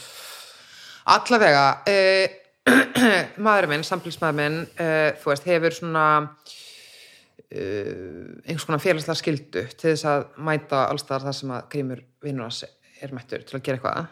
Þannig að, þú veist, okkur bara skilda til þess að fara hana. Ég er, ég er búin að breytast í einhverja, eins og ég var svona mikil svona félagsmála frömmur í æsku, þá er ég búin að breytast ég er hérna rosalega mikil, hérna, mikil félagsskittur í dag. Okay. Ég bara nenni aldrei út, ég vil bara vera heimi á mér. Ó. Og hérna, en ég hunskast þarna með honum, bara, Hvar- þú veist, af því að, af því að hann þurfti bara að mæta og gera hreint fyrir sín dyrum, að, þú veist, hann stiður sinn vinn, sama, þú veist, að, þú veist, við hefum farað á svo leiðilega tónleika með einhverjum böndum sem hann er að flytja inn, þú veist, einhvern veginn getur við til kepla, einhverjum bara leiðilegst tónleikar æfi minnar, skilur, það var bara eitthvað band sem hann flutti inn einhverstað frá Litáni eða eitthvað alveg hörmulegt, sko. Allavega, alltaf mætu við samt, sko. En þetta var ótrúlega skemmtilegt þarna og ég hef ekki farið á svona, ég veit ekki hvað þetta kallast, þetta er svona einhvers konar punk. Hver voru að spila? Sirkus, geta verið. Nei, það held ég ekki. Húra. Já. Já, þar. Mhm. Já, Uh, þetta þú sér það, ég veit ekki eins og hvað staðin heita, sko. Þetta er punk, sko. Já. Þetta er það sem þetta er. Þetta En meina, ég var bara allt í hennu komin á nákvæmlega stað, sama stað ég hafi verið á þegar ég var Já. 16 ára. Bara alveg sama stað og bara sama fólkið og ég þekkti sem andlitin með þessi að en, en það segir okkur líka hvað þetta er, reynd og tært, sko. Já. Þetta er þarna ekki út af neinu öðru heldur en þetta er bara, þetta brennur inn í okkur, sko. Já, Þú ferð ekki til, til eiga, auðvitað gera sumir það, en þú veist, aðal kvartinu á þessi mörgum er ekki, þú veist, þetta er ekki þetta sem við þekkjum sem er bara, og svo, manstu svo bara hvernig mánudagarnir voru? Já. Þá hittust við bara eftir helgina í kaffibótlan já. og stemningin var alveg eins. Það er engin munu, sko. Við erum bara þunn en ekki full já, að spila kanna, sko. Nákvæmlega, nákvæmlega. og ég held að það sé bjútið við þetta. hvað erum við að gera? fara út að drekka til, til þess að hvað breyta því hvernig við erum En ég man líka eftir hvað, hérna, það var næs og hvað mikil vinátta þarna að sko þegar ég var 19 ára eignaðist stráki minn, ein og varð allt í henni sko einhvern veginn hrifin út úr þessum heimi og láti henni vera fullunin einhvern veginn, fyrir, langt fyrir aldur fram. Að þá komið þeir bara heim Já, til auðvitað. mín. Já. og við bara spiluðum heima á eldsporðið og eða köftuðum um hvort að einfættur maður væri ég man ekki, þú veist, við gáttum lendi endalausum heimspekilegum umræðum manni ég sko. Og kjaftaðum það fram að nótt. Og, og fyrst að ég var orðin mamma og var först heima, þá bara kom allir heim. Það er hjekka einhvern veginn bara ekkert meira á þessu. Nei, það skipti ekkert máli hvað allir voru einhvern veginn að gera eða í hverju fólk lendi eða eitthvað. Við voru, það var, Já. var engin það var engin ekkert gildislaði í kringum neitt sko. nei, nefnilega og, og alveg sama hver rambaði inn hversu sko úr hvaða hópi eða aldri eða hvað sem var. Já, hvað þú hann hafi gert eða hvað. Ef þú varst bara til í að vera með í þessu sem við vorum að gera Já, þá var enginn að velta því fyrir sig. Já. þú þurftir náttúrulega að vera dísent sko. Já og ef það þarf að dæma okkur að getur gert það einhvers annars og ef stað, það sko, þarf að vera óþólandi og til trafala, ég erum ekki til í það sko. En þar fyrir utan bara mér er alveg sama hva, á hvað aldrei þú ert eða hvað ert með í laun eða hvað þú gert um æfina svo lengi sem þú bara sæmileg manneska sko. og þetta stendur með manni eða Já, þetta gerir það bara í já, og ég hugsa, ég fæ alltaf sömu tilfinningu eins og núna bara, ég har bara hljómsveitræðingu með mönnum sem eru jafnbæðanur og ég að fá ekkert fyrir það. Já. Að spila músík sem er ekki alls ekki líklega til vinsalda Já, og, og stemningin er bara, þetta er bara besta sem ég hef gert Já. og við ætlum að gera þetta á, á tónleikum Já. þar sem koma örgulega svona 35 já Og allir að bara elska það og það verður svona gaman sko. En það er líka það, það breytir svo ótrúlega miklu og það er alveg sama með það sem er að gera í fjölmjölum Mhm. að ef þú ert að gera eitthvað sem brennur sjálfur fyrir að gera og sem þið langar sjúklega mikið til þess að gera að þá eru bara tölvert góða líkur á því að koma eitthvað frábært út í því sko. Alltaf. Já. leifa hlutunum að fara á hvað sér ég að fara. Já. og það þarf að Nákvæmlega. standa með því sem maður maður það, sko. Já. Nú er ég farin að hafa gríðalegar áhugjur af mínum ungum mönnum í þjálfun á blaðinu. Þetta er svo fullkomlega passlegt, þetta var ógeðslega gaman. Er það ekki? Jú maður, takk fyrir að tala um mig. Takk sem leiðis fyrir að bjóða mér. Og mikið var að ég komst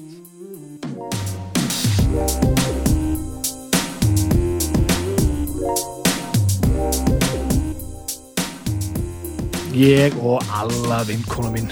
Ég mæla ekki með því að neitt labbi eh, sambandslösu upp á, á Snæfellsjökul. En ég mæli hins vegar með því að allir endur skoða það ef að ef þau teljið ykkur vera, vera vittlus Ótrúið að, að vinkona mín hafi á, á löngu tímaskeiði haldið að hún væri illa gefin. Í ljósið þess hvernig ég þekki hana og veit hvað er ofbóðslega margt gott að gerast hjá henni Þannig að, ekki láta neitt segja ykkur að þið getið ekki eitthvað eða þið kunnið ekki eitthvað. Þannig er þetta. Hvað ætla ég að segja mér það? Ég held að þetta sé komið. Eh, takk Símin Pei og, og uh, takk Fly úr Æsland fyrir að vera með mér. Munið að mæta í kvöld, já það þátturum fyrir út þá er þetta náttúrulega bara 15 ár. Það er í kvöld á Lemmy og annað kvöld á Dillon. Bastor er að spila þar. Það er gott. Annars bara held ég að þetta sé allt saman komið og, og þá var þetta frábært. Uh, ég byrði ykkur verið að lifa. Bye.